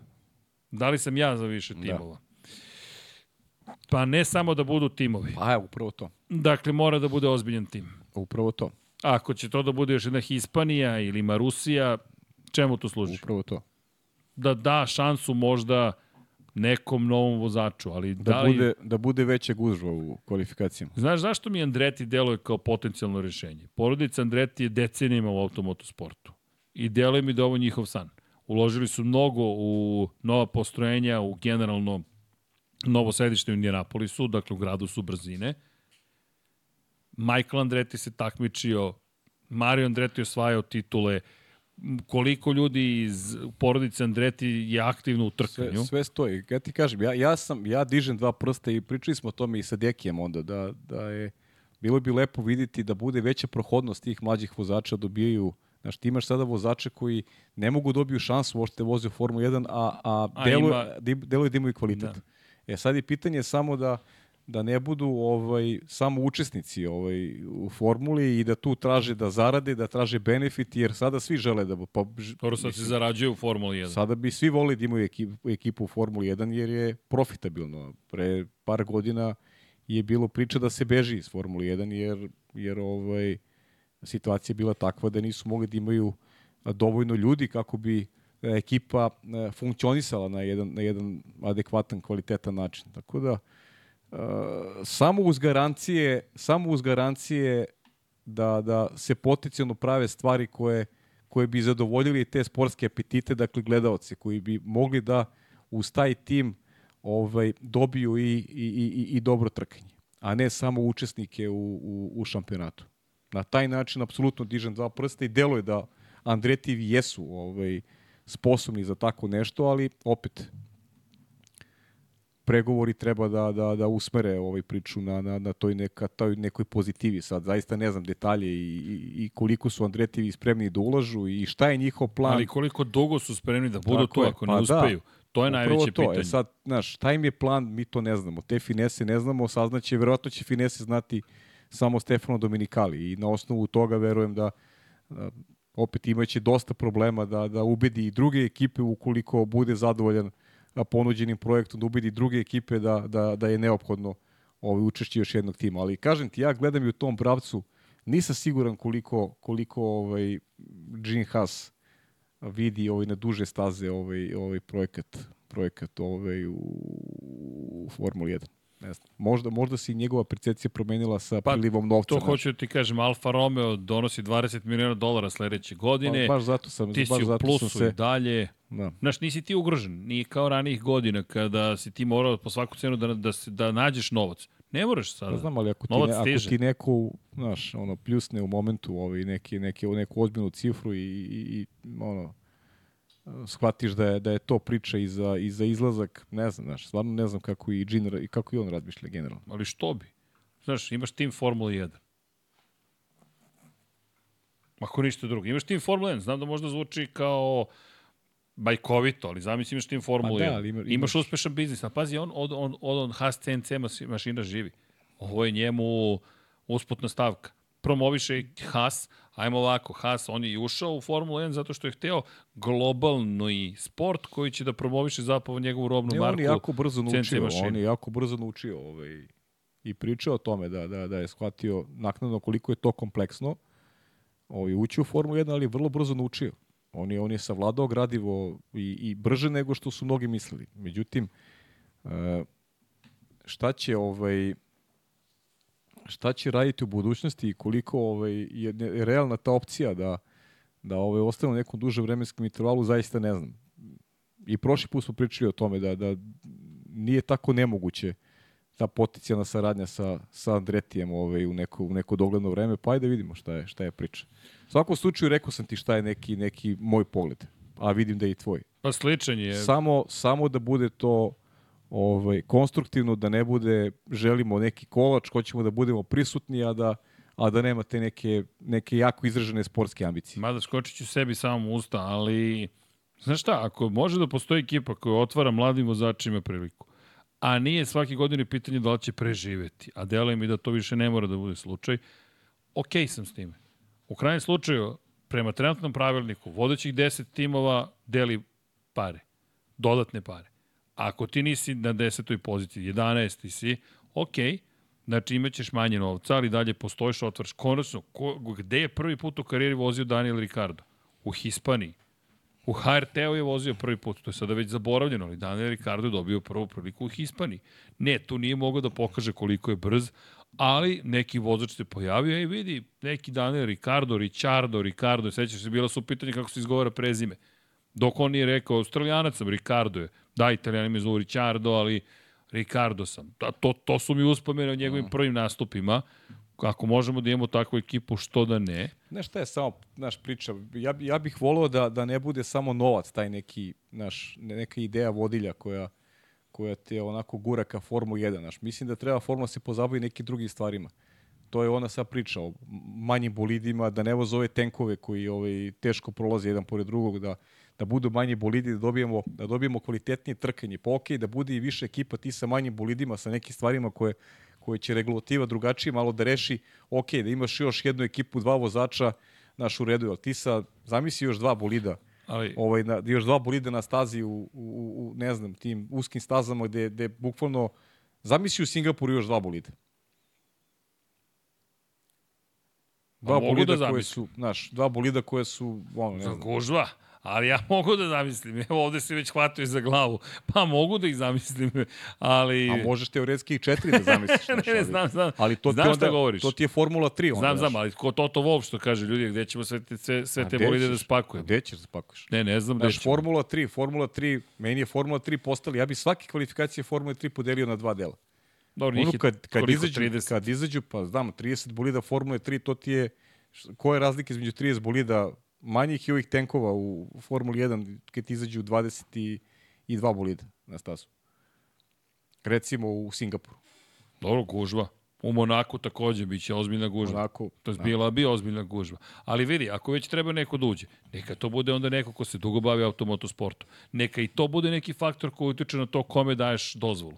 Ne samo novac, već, ali da ne bude elitistički, ne može niko više da uđe ovde. Čekaj, stani.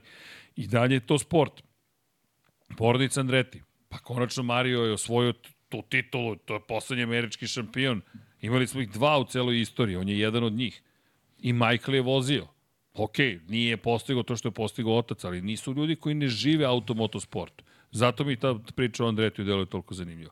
Koji smo posvetili zanimljivo mnogo delo. vremena. Da, zanimljivo svako jeste. Pa jo, Izvolite, kako ćemo da najavimo. Suzuku? Ja posle ovakve trke ne znam šta bih rekao osim Suzuka. Moja mala sad Pa je. Japanu. Znaš onu pesmu? Znam kako ne znam.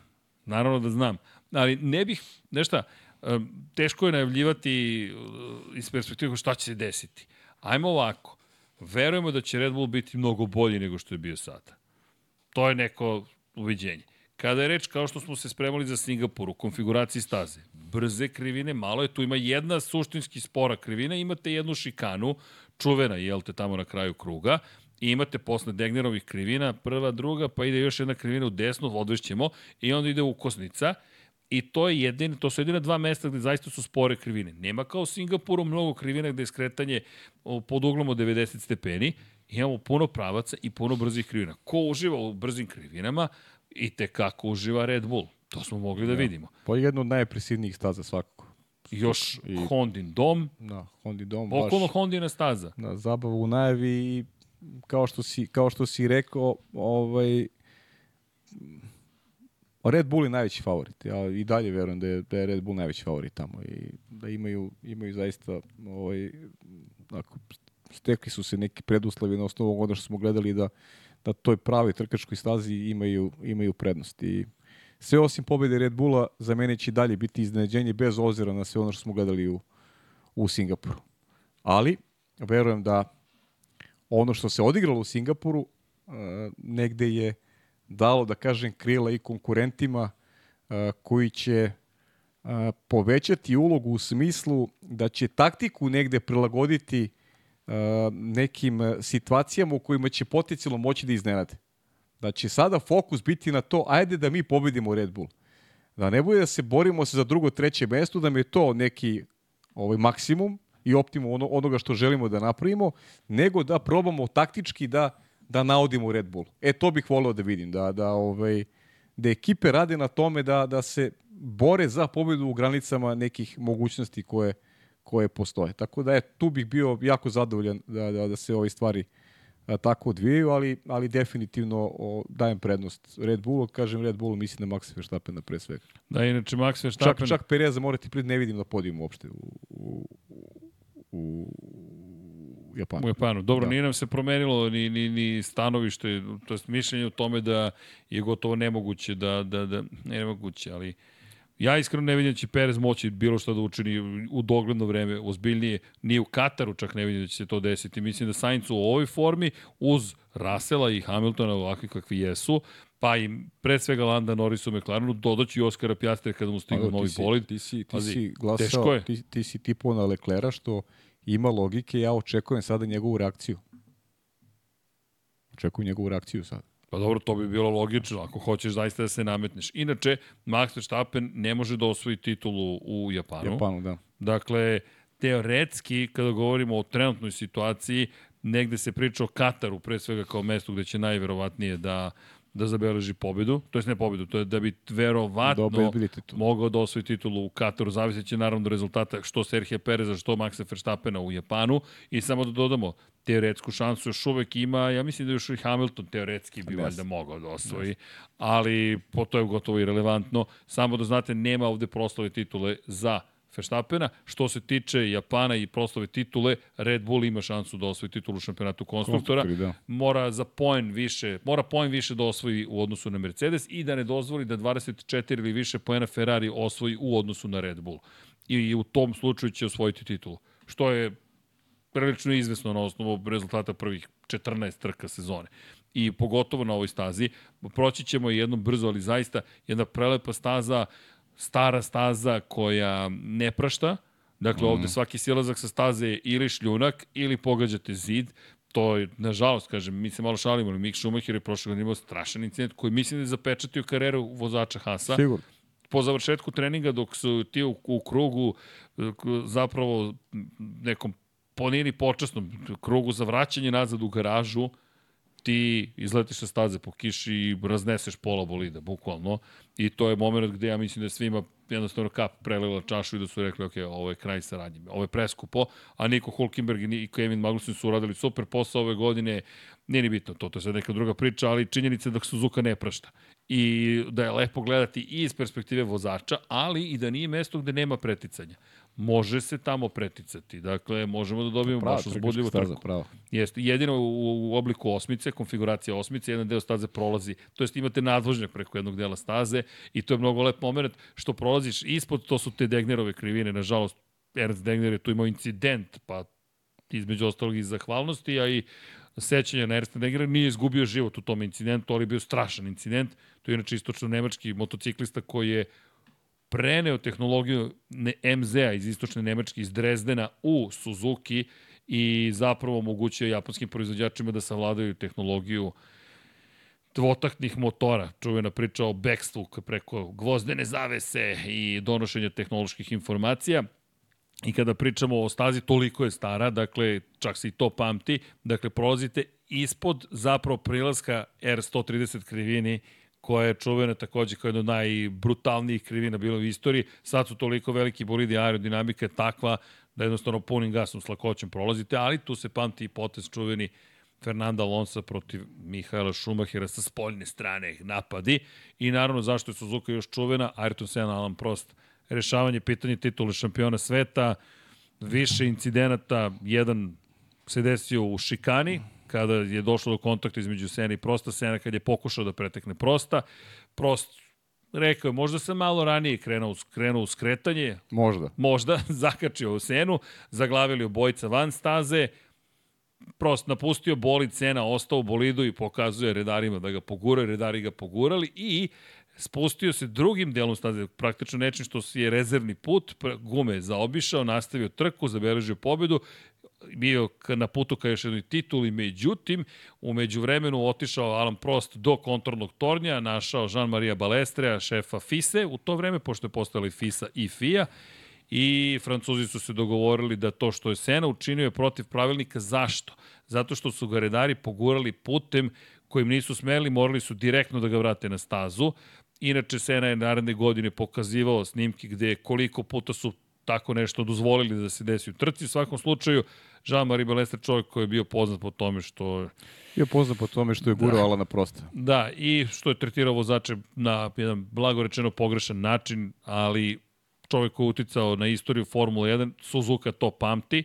Suzuka pamti i sledeće godine incident u prvoj krivini, kada Alan Prost zapravo pretekao Ayrtona Senu na ulazku u prvu krivinu, ali šta se desilo? Zamenili su startne pozicije. Startna pozicija nije bila više na čistoj strani staze, osvojio je pol poziciju Ayrton Sena, obrnuli su startni poredak. Zamislite da se to desi u 2023. Stavili su Senu na prljav deo staze i Sena je rekao, koliko me pretekne, nećemo završiti. Trku, ako se dobro sećam, ne mogu setim tačno izjave, pa, tako, ali da, tako. ulaz u prvu kribinu je bio takav da je samo uleteo u Ferrari Arlan Prosta, eliminisao ga i jasno svima ostavio do znanja, ne, ovako se završava borba za titulu, osvojio titulu, on održao jednu od najčuvenijih konferencija za medije, otišao kući, jedan od manje ponosnih momenta u karijeri Artona Sene, ali povukao je svoj potez, sve se to pamti. Zatim čuvena trka Kimira i Konena. Odmah ti kažem, isto, bi, isto bih uradio. Mislim da zato postoji ta jasna emocija pre, prema Ayrtonu Upravo Seni. to. Mesto gde koje je inače bilo i poprište prve titule, osvajanje prve titule Mihaela Schumachera za Ferrari, ne ukupno. To je ono, gaziš me onoliko koliko ti dozvolim. Sena nije baš dozvolio. Tu, tu mu je prekipelo i održao, kažem, tu čuvenu konferenciju kada je novinarima manje više rekao da ne, sledeće godine da začepe i da slušaju šta ima da kaže. Imao je šta da kaže. Ali eto, Suzuka pamti i prvu titulu u Ferrariju Mihaela Schumachera, pobedu čuvenu Kimira i Konena, pamti i gubitak titule Eddie Irvajna i proslavu Mihaela Schumachera. Pa da, da, Ferrari kasnije. prosto nije hteo da, da pomogne to večeri. Eddie Irvine. Ne, ne, kažu da nije Ferrari, već da Schumacher možda nije baš želao da se ta titula desi, ali eto. Pa dobro. Mislim, Čemu je razlika? Pa vidi da li je vozač ili ekipa. Šta je, ekipa je rekla ti radiš za Irvena, on nije hteo. Mislim da su svi zajedno htjeli da Mihael Šumacher bude, pa on je doveo ekipu. Ekipa je, ekipa je bila oko njega okupljena. Pa on je To je stvorio to. ekipu. Pa to je to, on je doveo ekipu. Ali kako god i to pamtimo. I te Pamtimo, momente. da, da, pamtimo. Ko je još osvojio titul tu? Sebastian Vettel 2011. Damon Hill Pa dobro, 1996. pogotovo u ono vreme, u ono vreme, Bila među to Sena prosta je bila među posljednjima i zato je bila i ranije taj period. Pa ne znam, tu su, mnogi su tu osvajali titulu u Suzuki. Legendarna staza. I Jeste. ne potražite na internetu, to je čuveni moment kada su je stara, rekreirali mislim da je čak i, i da je čak i ona priča čuvena, ona ona iz filma, ona je da je čak i Horton završio titulu svoju u Suzuki. Jel jeste? Moguće. Mislim Moguće da je, ne, da. ali A nisam... to je to je neka, nisam siguran do kraja, nisam mislim siguran da je... da Suzuka ili Suzuka ili ili možda Mislim da je ili to Meksiko, prerano za Suzuku. ili Meksiko možda. Pre će biti Meksiko. Mislim da je mnogo to rano za Suzuku. Ni mislim da nije bila sagrađena. Suzuka je sagrađena 60 neki. Hawthorne je poginuo Jeste, kada? bravo, jeste, jeste, 58. pravo si, pravo si. Pravo si. Ali, ali, ali Meksiko Suzuka, ali Suzuka, znaš šta, potražite na netu moment kada su rekreirali zapravo muzički su rekreirali kvalifikacioni krug Ayrtona Sena iz 1900, mislim 89. Šta su uradili? Postavili su zvučnike, to jest monitore, dakle imate i audio i vizualni aspekt, gde su postavili na svakih, ne znam tačno koliko metara, kao domine, monitore zvučne, dakle audio-vizualne, koji idu duž cele staze i koji se pale bukvalno brzinom kojim se kretala McLaren Honda kada zabeležio to vreme uz rekreiranje zvuka tačno na svakoj poziciji u momentu kada je prolazio tim delom staze Ayrton Sena. Tako da su na dan na trenutak oživeli zapravo duh Ayrtona Sene i jedno od najnežnijih, najromantičnijih stvari koje možete da zamislite. E, to je pravi trkački duh koji u Japanu zaista postoji, gde ti investiraš, ne znam, novac nije ni bitan u toj situaciji, ljudi potpuno je nevažan. Bitna je ideja, filozofija, vizija kosmosa u kojem ti napraviš muzičku postavku, audiovizualnu postavku, muzejsku, duž cele jedne staze trkačke, samo da bi imitirao kvalifikacioni krug Brazilca koji je u McLaren Hondi u nekom trenutku u prošlosti oduševio publiku tim krugom i ti to živiš. Pa dobro, to je naš Šta lepše od toga? pritom je Sena imao specifičan odnos i sa, i sa pokojnim Hondom, on, je- on ga je obožavao bukvalno i, i to su ovaj, ta posebna veza, on je sa Hondom i osvojio sva, sa Sve McLaren Hondom, sve svoje titule i, i baš je ovaj, Pa i kad je vozio Honda NSX, puh, da. Ali baš ima ti, ima ti snimci da se nađu ti, taš, Honda je baš uživao u, u, društvu Sene i on mu je bio omiljeni vozač, nije, nije nikada krio. Tako da i ta veza neka postoji Japana generalno, kada je prema Seni i obrnuto. Baš je ovaj, jaka veza. A da ne pričamo o tome koliko je sportski događaj u Japanu, koliko je, koliko je ovaj, specifičan i, i to ću vidjeti za vikend. Ta, ta naš pogled na, na tribine gde svaka ekipa ima nekog, ima svoje navijače. Ta kultura življenja je generalno specifična i i, i odnos, odnos prema sportu konkretno daje neki poseban štim kada, kada postimo Japan i baš se radujem. Jedva čeka zbog svega što se dešavalo u, na prethodnoj trci i zbog onoga što Japan sam po sebi sam po sebi daje uz tu fenomenalnu stazu i ceo ambijent i, i, i, Čekaj. i, i te ljude koji su zaista fantastični. kako su ispratili Sebastijana Fetela prošle godine? Ma da, ma da. Sa svećama, svi na tribinama u zelenoj odeći i obući i prate Sebastijana Fetela. Zašto? Zato što je on Sebastian Vettel. Ma da, ma ne, sjajno. Samo zato. stvarno. A mislim da ti kažem, da, da, da se opraštao i, i ne znam, Niko Hulkebreg, oni bi ga ispratili isto. Znaš, napravili bu neki štimog fenomenalan, jer svi oni imaju neke neke tamo fanove i vidjet ćemo sada. Mislim, ima, imaće, A znaš šta je? ja verujem da će Lawson imati nekog svog fana. na Kako ne, pa svi će Sigurno. imati, pa ne, Da. pa dobro, imaće opet prosjedbu To je Ginter Steiner. Kultura, da, prosječna Prosjedba Ginter Steinera. A znaš šta je još meni lepo? Što je nekako mir tišina dok radimo prenose. Grad je tih, noć je u Beogradu, nema nigde nikoga. Obično padne i kiša, to je početak oktobra. To, to, obično, je, znaš, kraj to i nama je štimog dobro. I onda da. dođeš i kao šta radiš, nema nigde nikoga, a ti radiš Suzuku. Velika nagrada Japana. I naravno veliki točak, razumeš, koji se vrti u pozadini i ti kažeš to je to. Nekada tu smo, nekada smo iz grada dolazili pravo u kabinu. Neki ste Može dolazili. direktor, neki smo, da. Može direktor sada čuje, nije problem nikakav. Kakve veze Pošto ima? sada to Jel ne radim. posao određen kako To- treba? tako je, Molim tako je. lepo. Tako je. Nije se zaplitalo, sve je bilo kako treba. Da. Bude se promuklo nekad, ali dobro, bože moj. To pevalo se. Pevalo se. Ko peva, zlo ne misli. Tako, Tako da je sve u redu. Da, da, ne, Suzuka, Suzuka je- nama budi Jeste, posebne emocije. specifično. Dobro, ti imaš i taj odnos prema Japanu i taj Japan malo ćeš, mogu bi na kraju malo da najviše trku na japanskom, a? Bi mogu? Pa znaš što, eventualno da poželim... A? Uf, čekaj. Ali nismo još na kraju, nego na kraju. Ajde, da poželim, ne, ne, sledeći Vežbaj. put, sledeće nedelje da, da Ćao svima bude na japanskom. Aha, dobro, ajde. I da tako počinjemo svaku novu emisiju sa jezikom Pa dobro, ne, ali japanski si pobedniku. studirao japanski, znaš, zato sam teo da... I znaš, šta mi se ljudi desilo? Šta mi se desilo? Skoro sam bio, ovaj, i sam ti pri, pričao sam ti to. ne znam šta, ne znam Ja, sada jako, što misliš. jako sestre na rođendanu i, ne znam, koleginica sa posla. I, Dobro. Ja, Pavle, čao, ti znaš Srđana Ercega? Pa rekao, radimo zajedno, naravno da ga znam. Pa kaže, ja, mi smo studirali zajedno japanski. rekao, de me, de me nađe sa Srđanom Ercegom i sa japanskim.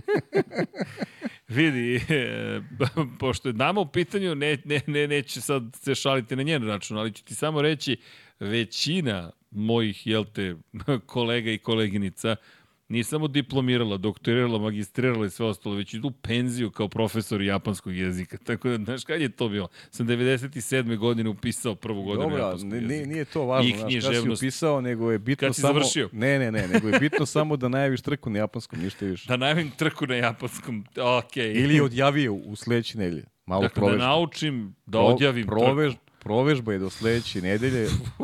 provežba je do sledeće nedelje. trku. No, pre, no preša, Tako je. ne, nema Kao što pritiska. si naučio na italijanskom da ovaj tako, Ah. lakše ti biti na Ciao japanskom. tutti, benvenuto, Giro, sei Giro tanta sei, kako biš, ne znam. Giro Italija, ovo. Da, vidi, ali ajde, ajde sledeće nedelje da poželim Ajde, ajde, Ćao sledeće svima, nedelje. dobrodošli u Lab 76. Rep, ej, pa če, reklame, pa daj reklamu za japanski duks. Pa Vlado, o Japanu pričamo već pola sata, E, imaš moj Nippon specijal. Pa gde će ti komercijalna duša? Pa Stvarno, čoveče, shop.infinitylighthouse.com Imate, pogledajte Ja sam- kakav je duks. Ja, pa, sam ne, ovaj duks moramo da Rekao nosimo. sam ti da mi Vladimir od uvijek bio sumnjiv, ti mi ne veraš. Kontraš? Ovaj, ovaj dug za Banderaš, da. Pa reci, zar nije predivno? Ne stoji, mi, ne stoji mi belo sa crvenim. A, kakav je dizajn? A top, vidi. Jeste, što dobar, bi rekli, dobar. Topić. To je čak i Deki počeo da priča, zabrinjava me. Šta? Topić, Topić, ja? da. Ne, napisao, na, da, nije ni bitno šta je napisao u grupi, ali dobro. Topić neka bude osnova te rečenice. Pa ja sam nešto propustio da spomenem, nemam pojma više. Ne, sve smo rekli. Davno smo nismo, počeli. Nismo rekli samo ovaj, da si me pobedio u jednom segmentu.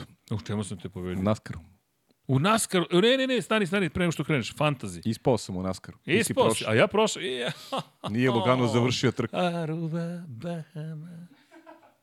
Prošao si zato što sam ja udario u zid. Nije da slavim, ba, Pa slaviš da slaviš. kako bih ti rekao. Znači, slaviš moju nesreću. Nije da slavim, ne, ne, slavim moju sreću. Aha, aha. Ne, ta, ne, tako pa, ja samo slavim moju radost. e, dobro, Ljudi, pišite mi koji sam u fantaziju, ja ne znam. e, ja sam 453. Ja sam dobro prošao, ovog vikenda padam, sam prošao super. Padam, ali Raven je i dalje na poziciji broj 1. Raven, Raven, šta to ima u ekipi? Max, Norris, Piastri, Sainz, Albon, Ferrari, McLaren, bravo. A stavio autopilot. Šta mu dođe autopilot? Pa mašina bira sama. A Raven je iskoristio autopilot. Kaiser F1 je na poziciji 2, Max, Carlos, Lando, Oscar, Cunoda, Red Bull, McLaren, lepo. Pa svi koji imaju ovu kombinaciju vidim da su napravili Milje F1, Opel Šnjevka, ali to su već uobičajeni, ovo je ozbiljna bitka. Vratolomac, Arija Nebeska, Out of Sync, Vladin omiljeni, svaki put pomisli da nam je sinhronizacija stradala, to nam je rekao, priznao je. Ninja ratnici su pali na osmo mesto, Gusio 1 se je pojavio, Gde sam te turo mala? Gde sam ti turao malo, ovo je neki, Dobro. neki za, Dobro. neki za počašicom podcast. Definitivno. Specijalni gost. Njega ću da zovem u emisiji. Gde sam te turo malo? Eto, dobro. I mi bismo volili da znamo gde ste turali, gospodine. Ali Sainca ima Norisa, Alonso, Leclerca, Piastrija, McLaren i Ferrari. Dobro, zanimljivo. Tarik 13. ispo iz vodećih 10. Crkat Colorado se drži zajedno sa Vozi Miško. Lapčević 76 malo popustio. BH Speed Monster čekaj. Mislim da stvarno nije budna više. Da, Šejla, ne znam da li da je prozivamo, ali javi se Šejla. Ako si tu, da vidimo koja ti je pozicija. Ja sam 453. Pajo, čekamo da te neko obavesti gde si. Ali, Ne, sad sam vjerojatno 3020 i neki. Ne, skočio si posle ovog vikenda, pa Da, pazi. ovo je bio moj vikend. Tako je, tako je. Moja ekipa... Oba McLarena, Lewis Hamilton, Ne, znaš ko, je, Leclerc. znaš ko je mene koštao? ko? Ko je mene koštao? Yuki Tsunoda, verovatno. A Cunodu su mi eliminisali. Pa da. Juki, minus 17 A što ti nemaš Sargenta u ekipi? Čisto, zanima me. Pitaš za druga? Pa ne, pitam da čuju ljudi ovaj, pošto okay. Ok, navijaš njega. jel tako? Igramo, tvrda igra. Dobro, pa evo, evo sad ćemo da imamo Sargenta. Tako je, pa to mi kaži, pa to je Tako pošteno. je, evo idemo na Sargenta. Dakle, koga da izbacim da bi bacio Sargenta? Ko će skupiti tolke pare? Pazi, Niko Hulkenberg je jeftiniji od Sargenta. Jeftiniji niko od Sargenta. Kako je ovo moguće? Pa možda, Iako- možda ga zbog godina.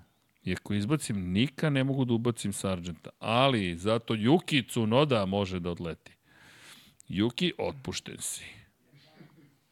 Logane, angažovan to je- si. Evo, To je ljubav. evo, nije ljubav. Stojim To iza je svojih ljubav, reči. bravo. Evo, Tako je. jesi rekao, Dosledan bajče. si. Jesam. Progutat ću knedlu, ali ću biti dosledan.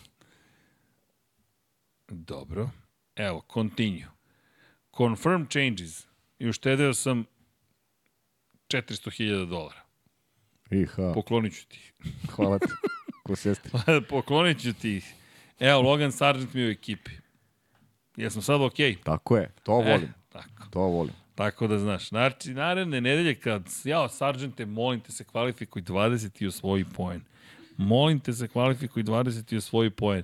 Da na preticanje dobijemo poene, da mogu ovde Na da... preticanje. Na pretica, a nisi, nisi školovao, dakle moraš da znaš kako se svajaju poeni. Ja ću da sad, Znači, Logan će da pretiče. tako. Jedva čekam to da vidim. Ok, pamti, za tebe. pamti šta se desilo ove večeri. Logane, nemoj me izneveriti. Logane, Sargente, od tebe očekujem mnogo. Ali, Loganiću, Poganiću. čekaj, čekaj, dakle, e da, ljudi, dođite po trofeje, stani, stani, stani, molim vas, stani. Stvarno, stvarno nema smisla, čekaj, donosim ih. Šejla, opravdano te čekamo Ko, jel, jel, kaži mi da niko nije uzeo trofej.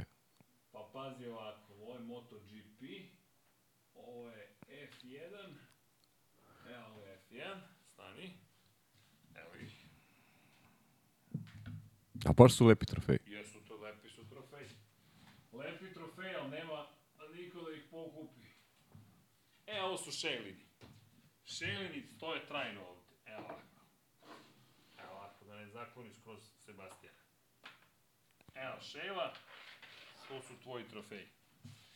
Šelini trofeji u kadru iza mene, a za pobedu i za drugo mesto, jedna iz 2021. i 2022. Team Det, Momčilo, osvojio je treće mesto u Lab 76 Formula 1 Ligi Fantasy, dakle dobijete trofejče, kao što smo obećali, da ne bude, da ne ispunjavamo obećanja, možda kasnimo, ali ispunjavamo. Ne, ne, trofeji su na vreme. Ovaj. Prancing Horse, Luka M, treće mesto u Lab 76 Formula 1 Fantasy Ligi.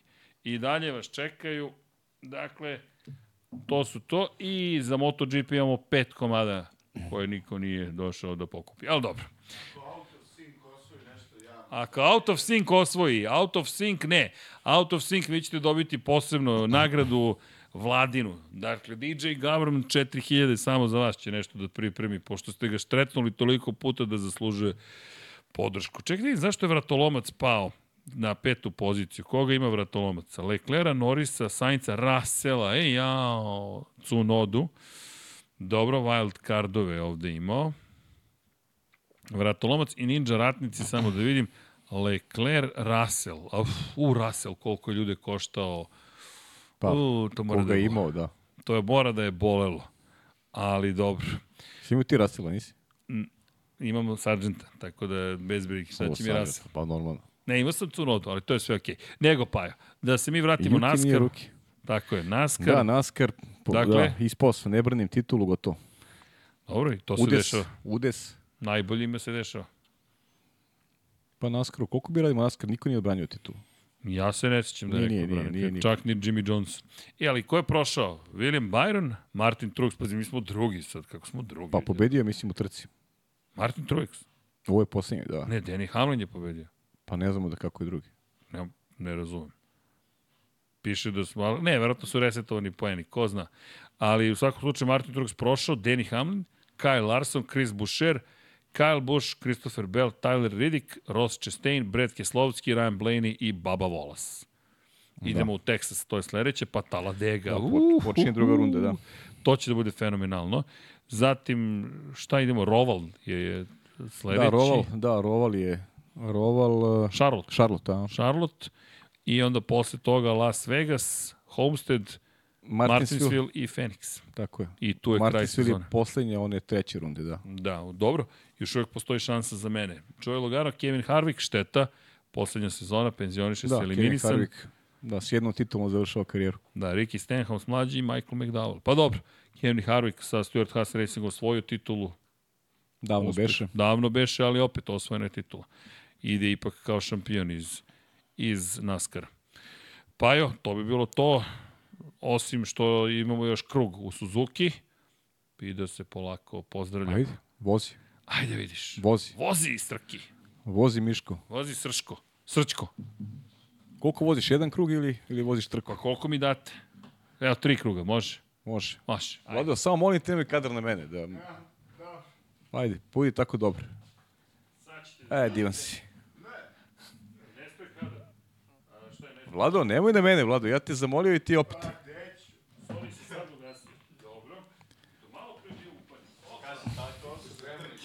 Ajde, viš kako mi poštaje čovjek.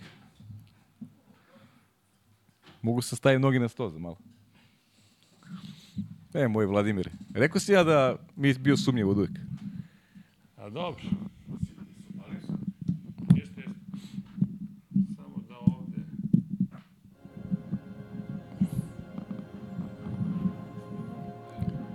Da. Evo ga.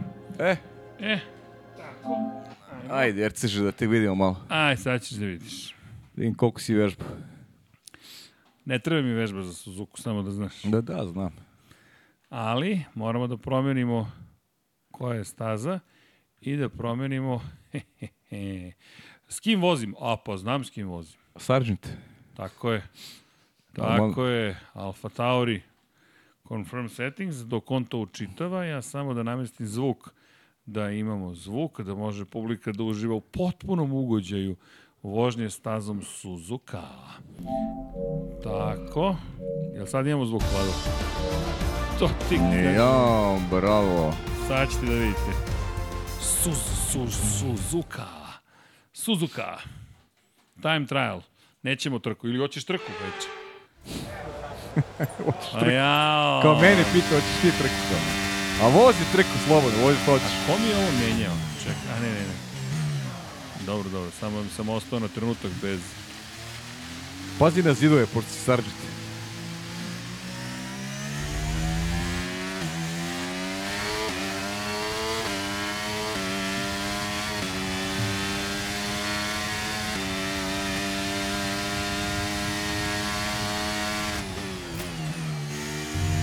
Aha, moram još brže ovdje da prođem. Kao ne znam. Mora još brže da proći. Ja, Ne, dugo nisam vozio u formuli. Vozio sam u GT-u.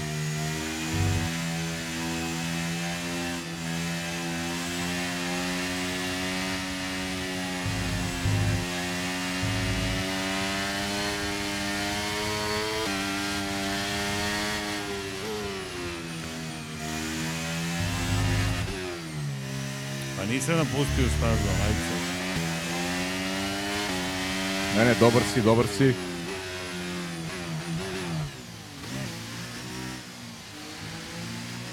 Dobro, samo da nađemo gde.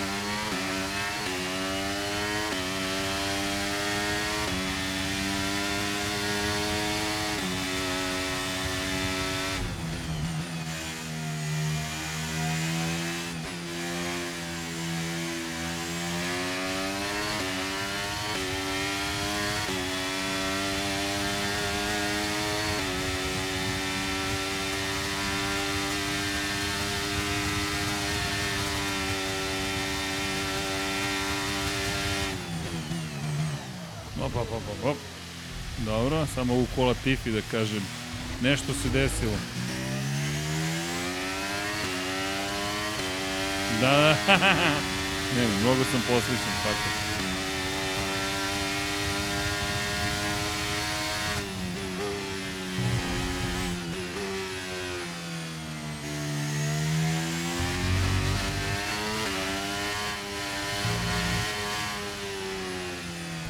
Dobro. Ah, dobro. Čuo sam te. Koga? Kaže Sargent. Dobacuju, pa je, dobacuje publika. Ko je dobacio za stolom?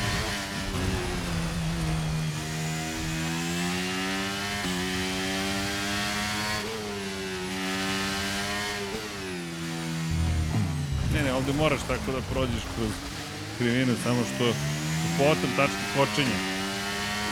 Samo se i šalite samo. Pajče, Izvolite, gospodine. uh, ti si najbliži, reaguj, molim te. A ja te branim sve vreme. Hm, Da, vidimo, baš si se oglasio. Baš se ču... Ovde publika dobacuje za one... Gde ćeš?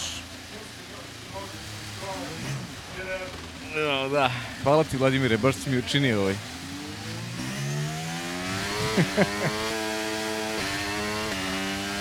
Publiku, ajde neka malo podrška. Like, like. Podrška za našeg Logana. I mi imamo svog Logana.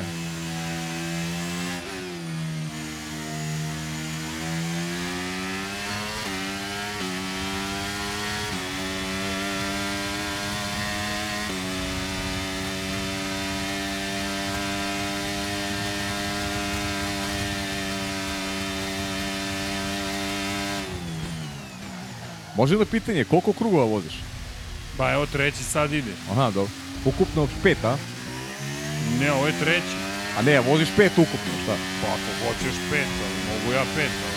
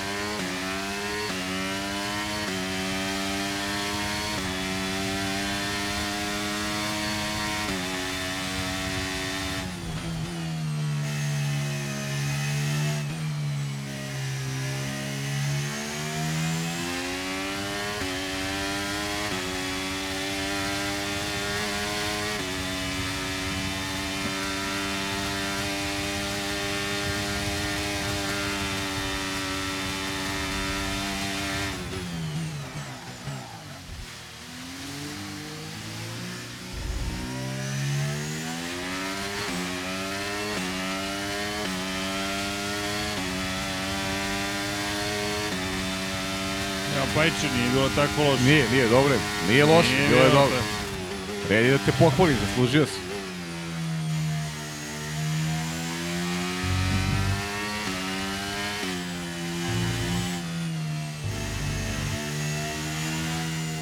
Ti si ko Hamilton u stvari, kako se bliži kraju ti sve bolje.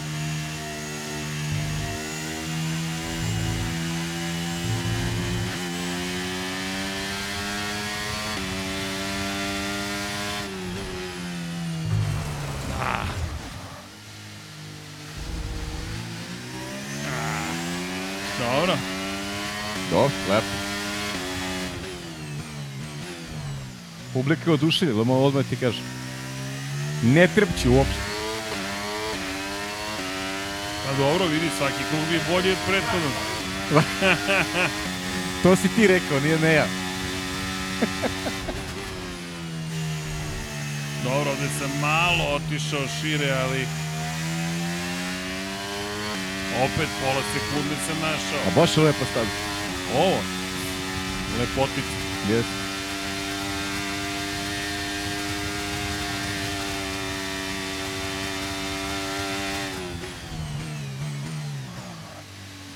Dobro. Malo sam skratio stazicu. A, dobro. Dobro, Pajče, mislim da bi to bilo to. Bravo, Srđane. Bravo, Srđane. To ti kažem. Nije bilo loše. Nije, nije, nije. Dobro je bilo. Ovog puta stvarno nije bilo loše. Onaj četvrti krug.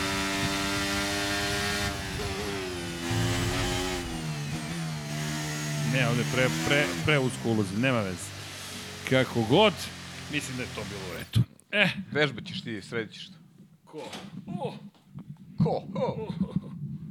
Čekaj da vratimo vladi ovdje da mi se ne bi punio, posle da bude problema šta sam uradio sa mikrofonom. Aha. Dobro, Pajče, je li ima još nešto da kažemo? Čekaj, slušalice, gde su mi Pa slušalice? ništa, moramo, možemo da kažemo da, Laku da, noć. da, nam je, da smo uživali ovaj. Stvarno, E, jeste. bilo je zadovoljstvo. Cijel trkački vikend, cijelo druženje, Jeste. sve zajedno, Jeste, petak, ekipa subota, nedelja. ovde, svi vi koji ste uz nas, Hvala pokraj ekipo. ekrana, koliko god velikih, malih. E, jedino Johnny se nije pomerio, znači, čovjek je Jeste, viš, neuništiv je. Ali da pozdravimo Nikolu, Znaš šta, čoveka... ćemo, znaš šta ćemo uradimo Nikolu ja na kraju? Da? Kao, kao kad završiš neki sportski, pa zamenimo dresove. Nije. Me, meni, meni lepše stoji crno-bela i njemu crno-bela. A jeli? A nije ništa, Johnny, to ovo ti sad kultna majica. Nošena. Pa je Živković je nosio. To to u Ramije. sve okej. Radi klima, ne brini. Da. Ne, ali stvarno, hvala svima, gde god da ste, šta god da radite, čime god da se bavite. Nadam se da smo vas malo zabavili, da smo vas informisali, da smo se lepo družili. Ej, pozdrav, dugo nismo pozdravili kamionđe. Pozdrav svim kamionđijama. nisu se ni javljali momci, ovaj, ali gde god da ste, Ljudi, nadamo momci, se da vam je pozdrav. put Da, lepši, da mirniji, olakšali zabavniji, ovaj- ovih tri kako god. Nadam se da niste na nekoj granici već da vozite. Pa i da ste na granici, da mi je brže prošlo Da, to čekanje na granici, ali ma pozdrav svima, šta god da radite, gde god, ljudi budite dobri, volite se, mazite se, pazite se, uživajte u životu, gledajte Formulu 1, a kao što smo rekli, od trke do trke. I da li se zna ko će pobediti? Nikad se ne zna ko će pobediti, to je sad svaka najava. Kad vratimo thumbnail sad za za 7 dana, Max Verstappen pobeda. Korak od 50. pobede. Tako nešto ćemo da stavimo. Ali dobro, vidjet ćemo ko će da pobedi, ko zna. Možda se, možda se i ostali timovi sada nekako reaktiviraju i kažu sad je ovo naša sezona, vidjet ćete, veliki comeback u završnici. E, ali samo sedam trka do kraja, to moram isto da konstatujem. Pa evo, prođe sezona, ljudi, prolaze godine, iskoristite ih, budite, kažem, dobri jedni prema drugima, nešto lepo, pozitivno uradite, nema neku poruku jasniju osim, evo, ja, za mene ovo trka godine, prosto emocije koje se probude da ti čekaš i, i, i završnicu trke i da nemaš pojma šta kako će se završiti. Da li George Russell može u posljednjem trenutku da otme tu pobedu, različite strategije, Sainz koji profesorski nastupa, koji disertaciju piše uživo pred svima nama, Ferrari koji ne greši, razmišlja o tome kako da se pobedi, bira zapravo da, da, da jedan vozač zaista dobije šansu da dođe do, do vrha.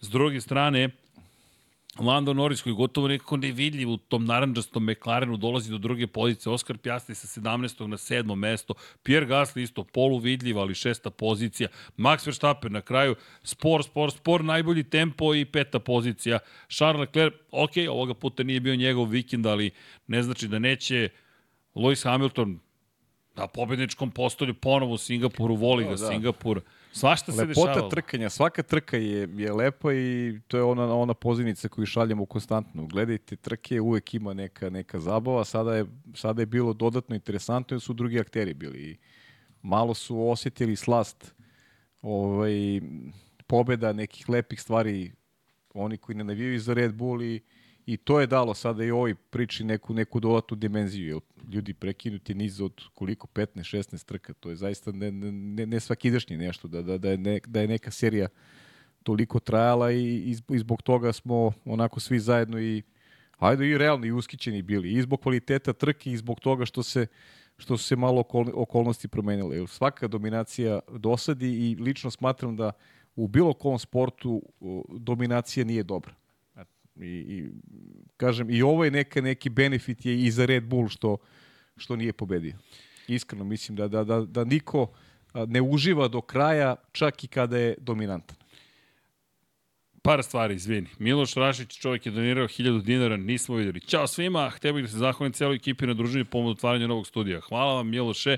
Pitanje im da li vidite Lijema u Williamsu i da li Red Bull mogao da se bori za podijum da su sačekali virtualnu zastavu. Prva stvar, Liam u Williamsu nije nemoguće, ali mislim da ga neće pustiti posle ovoga tako lako Pa, Red Bull. Teško. Teško nije ko sa toga. situacija, ali postoji mogućnost svakako. I druga stvar, da li bi se Red Bull borio za podijum da su sačekali? Ja mislim da Max bi. Da, da. Ja mislim da Max bi. Nismo o tome, i dobro je pitanje, Odlično nismo o tome. pitanje. Ovaj, Nismo tu sad- hipotezu ubacili. Da, da, ima tu još nekih teorija.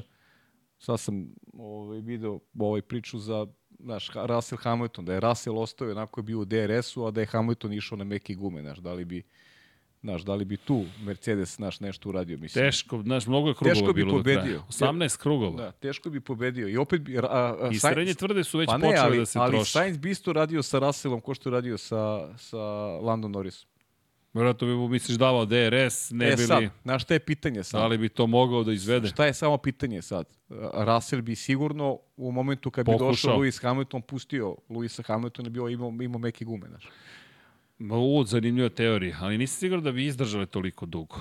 Pa, pit, Ali- znaš, pitanje je, ali, ali ali, ali, ali, i pitanje- srednje, ali i srednje tvrde, neko su i srednje tvrde, ne mora meke, da, da i srednje tvrde da je ostao Russell, da je Hamilton prešao na srednje tvrde, mislim, okej, interesantno Ima je. i to, naravno, zanimljivo jeste. Interesantno, je, ali mislim da je, da je najzabavnije definitivno Lando Norris. Da je Lando Norris menjao gume, Uf. u tom slučaju čini mi se da, da Sainz ne bi uspio da sačuva Ali nisu mogli. To je ono što je lepota Mercedesovog planiranja. Mercedes je odigrao na tu Da, kartu i je- još u subotu. je. Zato je meni ovo mnogo inteligentna trka. Mercedes je razmišljao, svi su se baš bavili taktikom, ali na potpuno drugačiji način i mnogo je lepo bilo što je Mercedes imao ta dva dodatna seta, to je dodatni set po vozaču srednje tvrdih guma.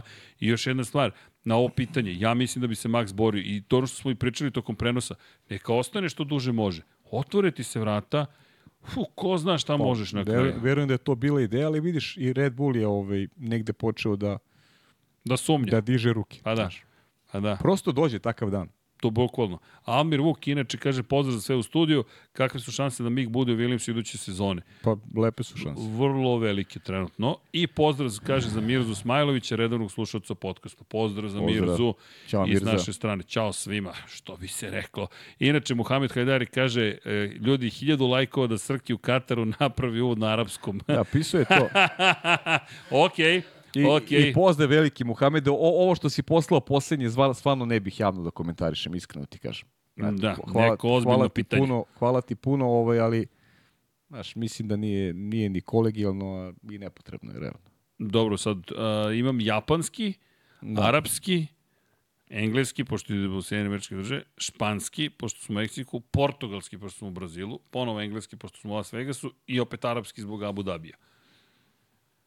A ovo ću da budem poliglota. e. Pa vidi, nema, nema problema. Naučit će se. Pripremit će se, a, ali dobro, da vidim koje još jezike ću morati. A šta za Singapur? Singapur ima četiri zvanična jezika. A, za Singapur. Sledeće godine. Ništa, ja, ja ću doći oko pola deset. ne, ne, pa da, čekaj, koliko se ja sećam, da, malajski, tamilski, engleski i mandarinski, singapurski mandarinski. A? Jesi, jesi volao mandarina, vidiš? Pa vidi, krenemo od malajskog, pa polako, pa tamilski, pa engleski, pa eto, engleski jedino gde mogu da se nađem. A ovo ostalo ćemo da vežbamo. Dobro, hvala, ajde. Ka, šta sad, međunarodna ekipa? Tako se Sve, zavonila. Šta sve se. Takvo deljenje. A čeka, u Montrealu francuski, šta? Pa otro francuski. Dobro, dobro. Samo da znam, pitam je za druga, čisto da znam da povotam za sledeću sezonu. I mađarski imam da naučim. Dobro. Mađarski ću da ti pomognem ja.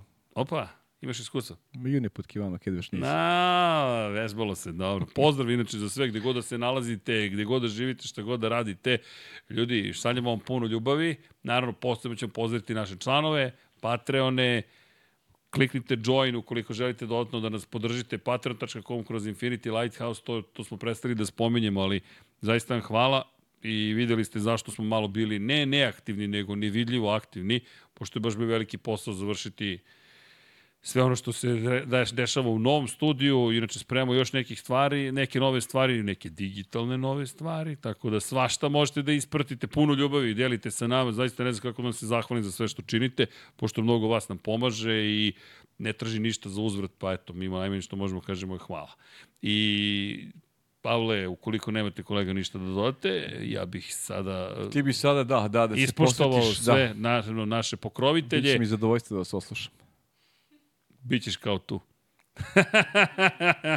ne, ne, znaš šta se desilo za 99 yardi? Šta? Prekinuo se video, iz nekog razloga pukao video i samo su se vratili u studiju, samo viš prazne stolice i, i ja sam jedini koji sedi tu.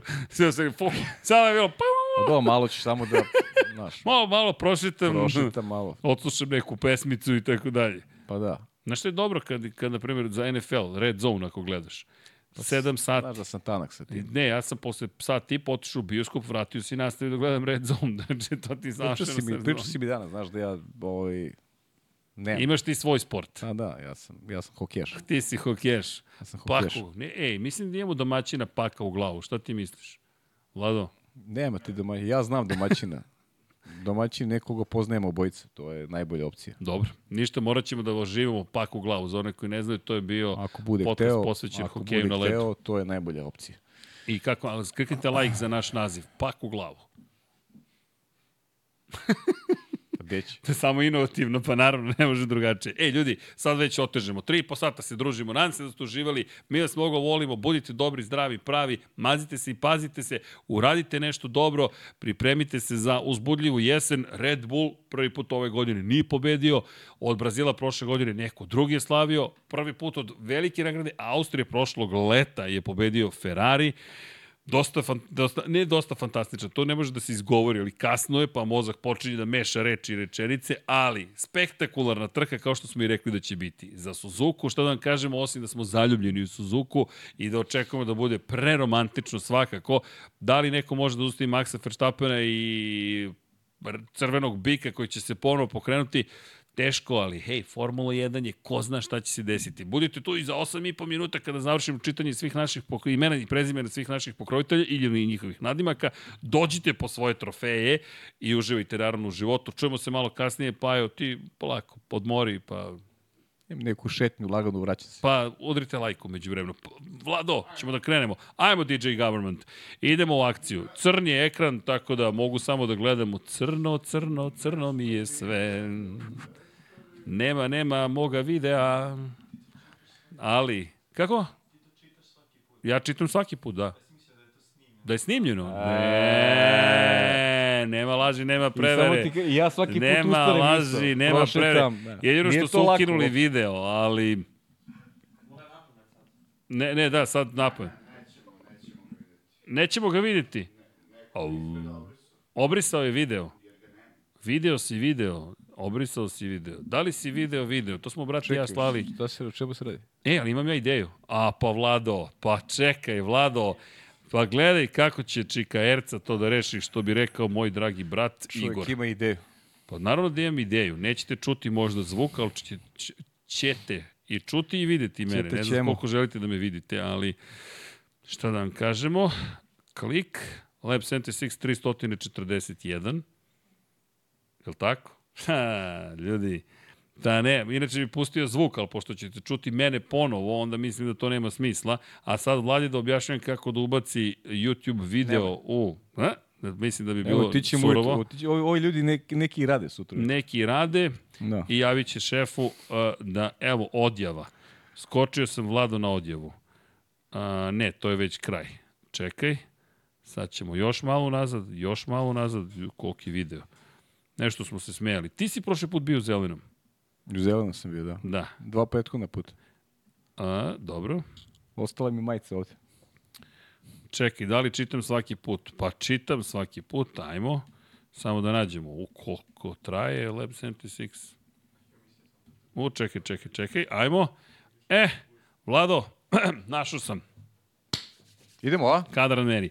Alen Stojčić, Milan Milašević, Vladimir Filipović, Miloš Broćeta, Crnogorski džedaj, Stefan Ličina, Bojan Markov, Nenad Simić, mogu da plešem za vas, Katarina, Ognjen Ungurjanović, Stefan Radosavljević, Antonio Novak, Dušan Ristić, Luka Savović, Aleksandar Jurić, Vladimir Petković, Nemanja Zagorac, Sean Hing, Mirjana Živković, Deus Nikola, Živojin Petković, Nikola Marinković, Bahter Abdurmanov, Đole Bronkos, Đorđe Andrić, Branimir Rijevec, Luka Klaso, Nikola Božirović, čujete se kolege, Anonimus Donatorus, Žarko Milić, Marko Petrekanović, Dejan Đokić, Marina Mihajlović, Miloš Rosandić, Nikola Grujičić, Mlađan Antić, Ivan Novak Tomić, Ivan Simeunović, Vladan Miladinović, Kovačević, Omer, Stefan Vidić, Luka,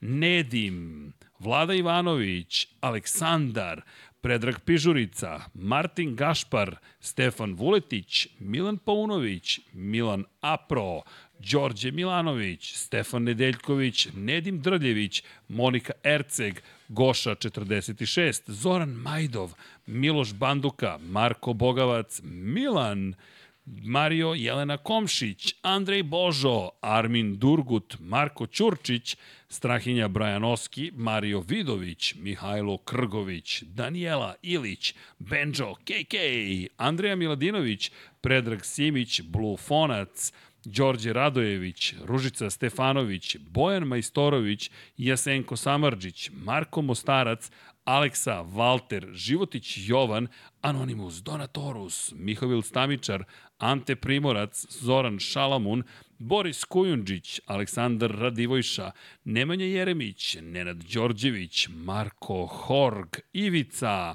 Klub štovatelja Ramona Mireza, Inzulin 13, Branko Bisački, Đole Cheesehead, Ognjen Marinković, Nemanja, Milan Kića, Mladen Mladenović, Darko Trajković, Stevan Zekanović, Stefan Lešnjak, Nebojša Živanović, Marko Marković, Kristijan Šestak, Ivan Maksimović, Marko Kozić, Igor Jankovski, Matija Rajić, Toni Ruščić, Branislav Dević, Andreja Branković, Lazar Pejović, Laslo Boroš, Ferenc Laslofi, Aleksandar Milosavljević, Ivan Rebac, Dušan Delić, Lukas, Marko Radanović, Strahinja Blagojević, Zoltan Mezeji, Marko Kostić, Petar Nujić, Mladen Krstić, Igor Vučković, Ivan Panajotović, Andrej Bicok, Sava Dugi, Gloria Edson, Zorana Vidić, Boris Golubar, Đorđije Lopušina, Borko Božunović, Lazar Hristov, Aleksa Vučaj,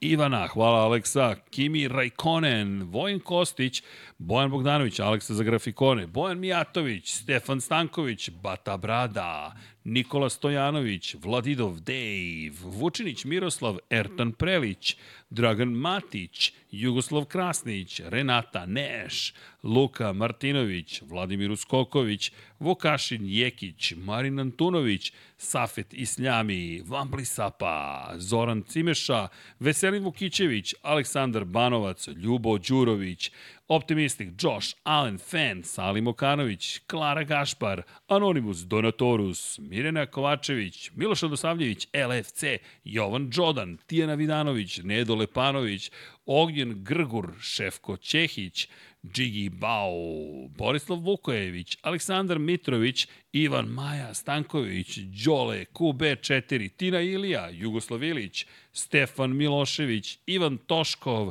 Stefan Prijović, Aleksandar Bobić, Matej Sopta, Pavle Nj, da žena ne sazna, Boris Erceg, ako do sad nije, nikad neće, Dušan Petrović, Lj. Đurović, Alen Vuletić, Miloš Vuletić, Danka, Zlatko Vasić, Emir Mešić, Ivan Ciger, Jasmina Pešić, Nemanja Miloradović, Branislav Kovačević, Milan Nešković, Damjan Veljanoski, Denis Špoljarić, Šmele, Ivan Rečević, Nemanja Labović, Bogdan Uzelac, Stefan Dulić, Andrija Todorović, Nenad Ivić, Stefan Janković, Dimitrije Mišić, Nikola Milosavljević, Jelena Jeremić, Aleksandar Antonović, Aleksandar Čučković, Miloš Rašić, Dejan Vujović, Aleksandar Anđelić, Luka Manitašević, Srđan Sivić, Branislav Marković, Ivan Milatović, Daniel Kolobarić, Dorijan Kablar, Neđo Mališić, Aca Vizla, Sead Šantić, Đurđica Martinović,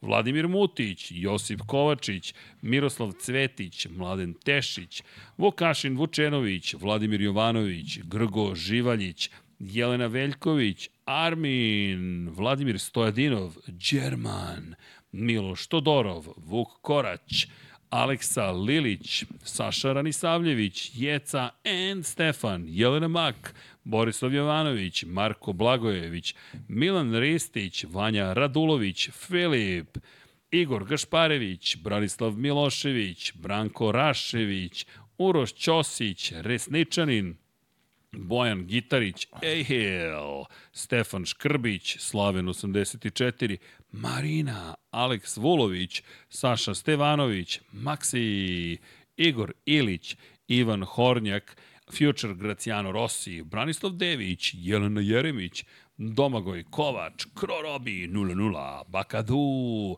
Alen Jesenović, Ivan Božanić, Nikola Vulović, Zlatko Marić, korespondent, korespondent, Goran Mrđenović, Mađar 007, Vlada Ivanović, Miloš Zed, LFC, Nikola Božović, Nemanja Bračko, Vladimir Subotić, Vladimir Vujičić, Ivan Magdelinić, Nikola Grđan, Škundra, Din Stero, Milanka Marunić, Ivan Vujasinović, Ljena Milutinović, Mateja Nenadović, Marko Bogavac, Dejan Janić, Vladan Miladinović, Tomić Miloš, Uroš Čuturilo, Ivana Vesković, Pavle Lukić, Aleksandar Kockar, lepo ime čovjek ima, Divlji Bučak, Blagoj Ačevski, Đera 7, Marakos, Igor Ninić, Sejdo Mujčić, Nemanja Miloradović, Anonimus, Donatorus, Vladan Đurić, Ada Sokolović, Milan Knežević, Vuk, Kosta Berić, Nikola Niksi, Aleksandar Nikolić, Galeksić, Nemanja Cimbaljević, Almir Vuk, Penđer, Aleksandar P, Bojan Mako, Markov, Ivan Vincetić, nemoj da se dobacuje, Tomer Sarajlić, Đorđe Janjić, Drago Veković, Dejan Plackov Plackov, Nikola Adamović, Oliver Nikolić, Mensur Kurtagić, Žika Su, Nemanja, Jovan Bojanić, Bruno Jurić, Josip Buljovčić, Marko Stojilković, Nedžad Mrakić, Milorad Reljić, Almedin Ahmetović, Pujo, Nikola Grujičić, Miloš Stanimirović, Nikola Kojić, Petar Bjelić, Vojislav Tadić, Srđan Ćirić, Toni Soni 76, Bojan Stanković, Ivan Doko, Žiksi, Tatjana Lemajić, Lazar Milentijević, Vukašin Vučenović i vidi ja na slici ovde se pojavio. to bi značilo, o, pazi ga vlada što ga gađa muziku. Popi malo vode, molim. Popi malo vode. Hoću. Živjeli, hidri, hidrirajte se redovno. Mm. Bravo, Srki.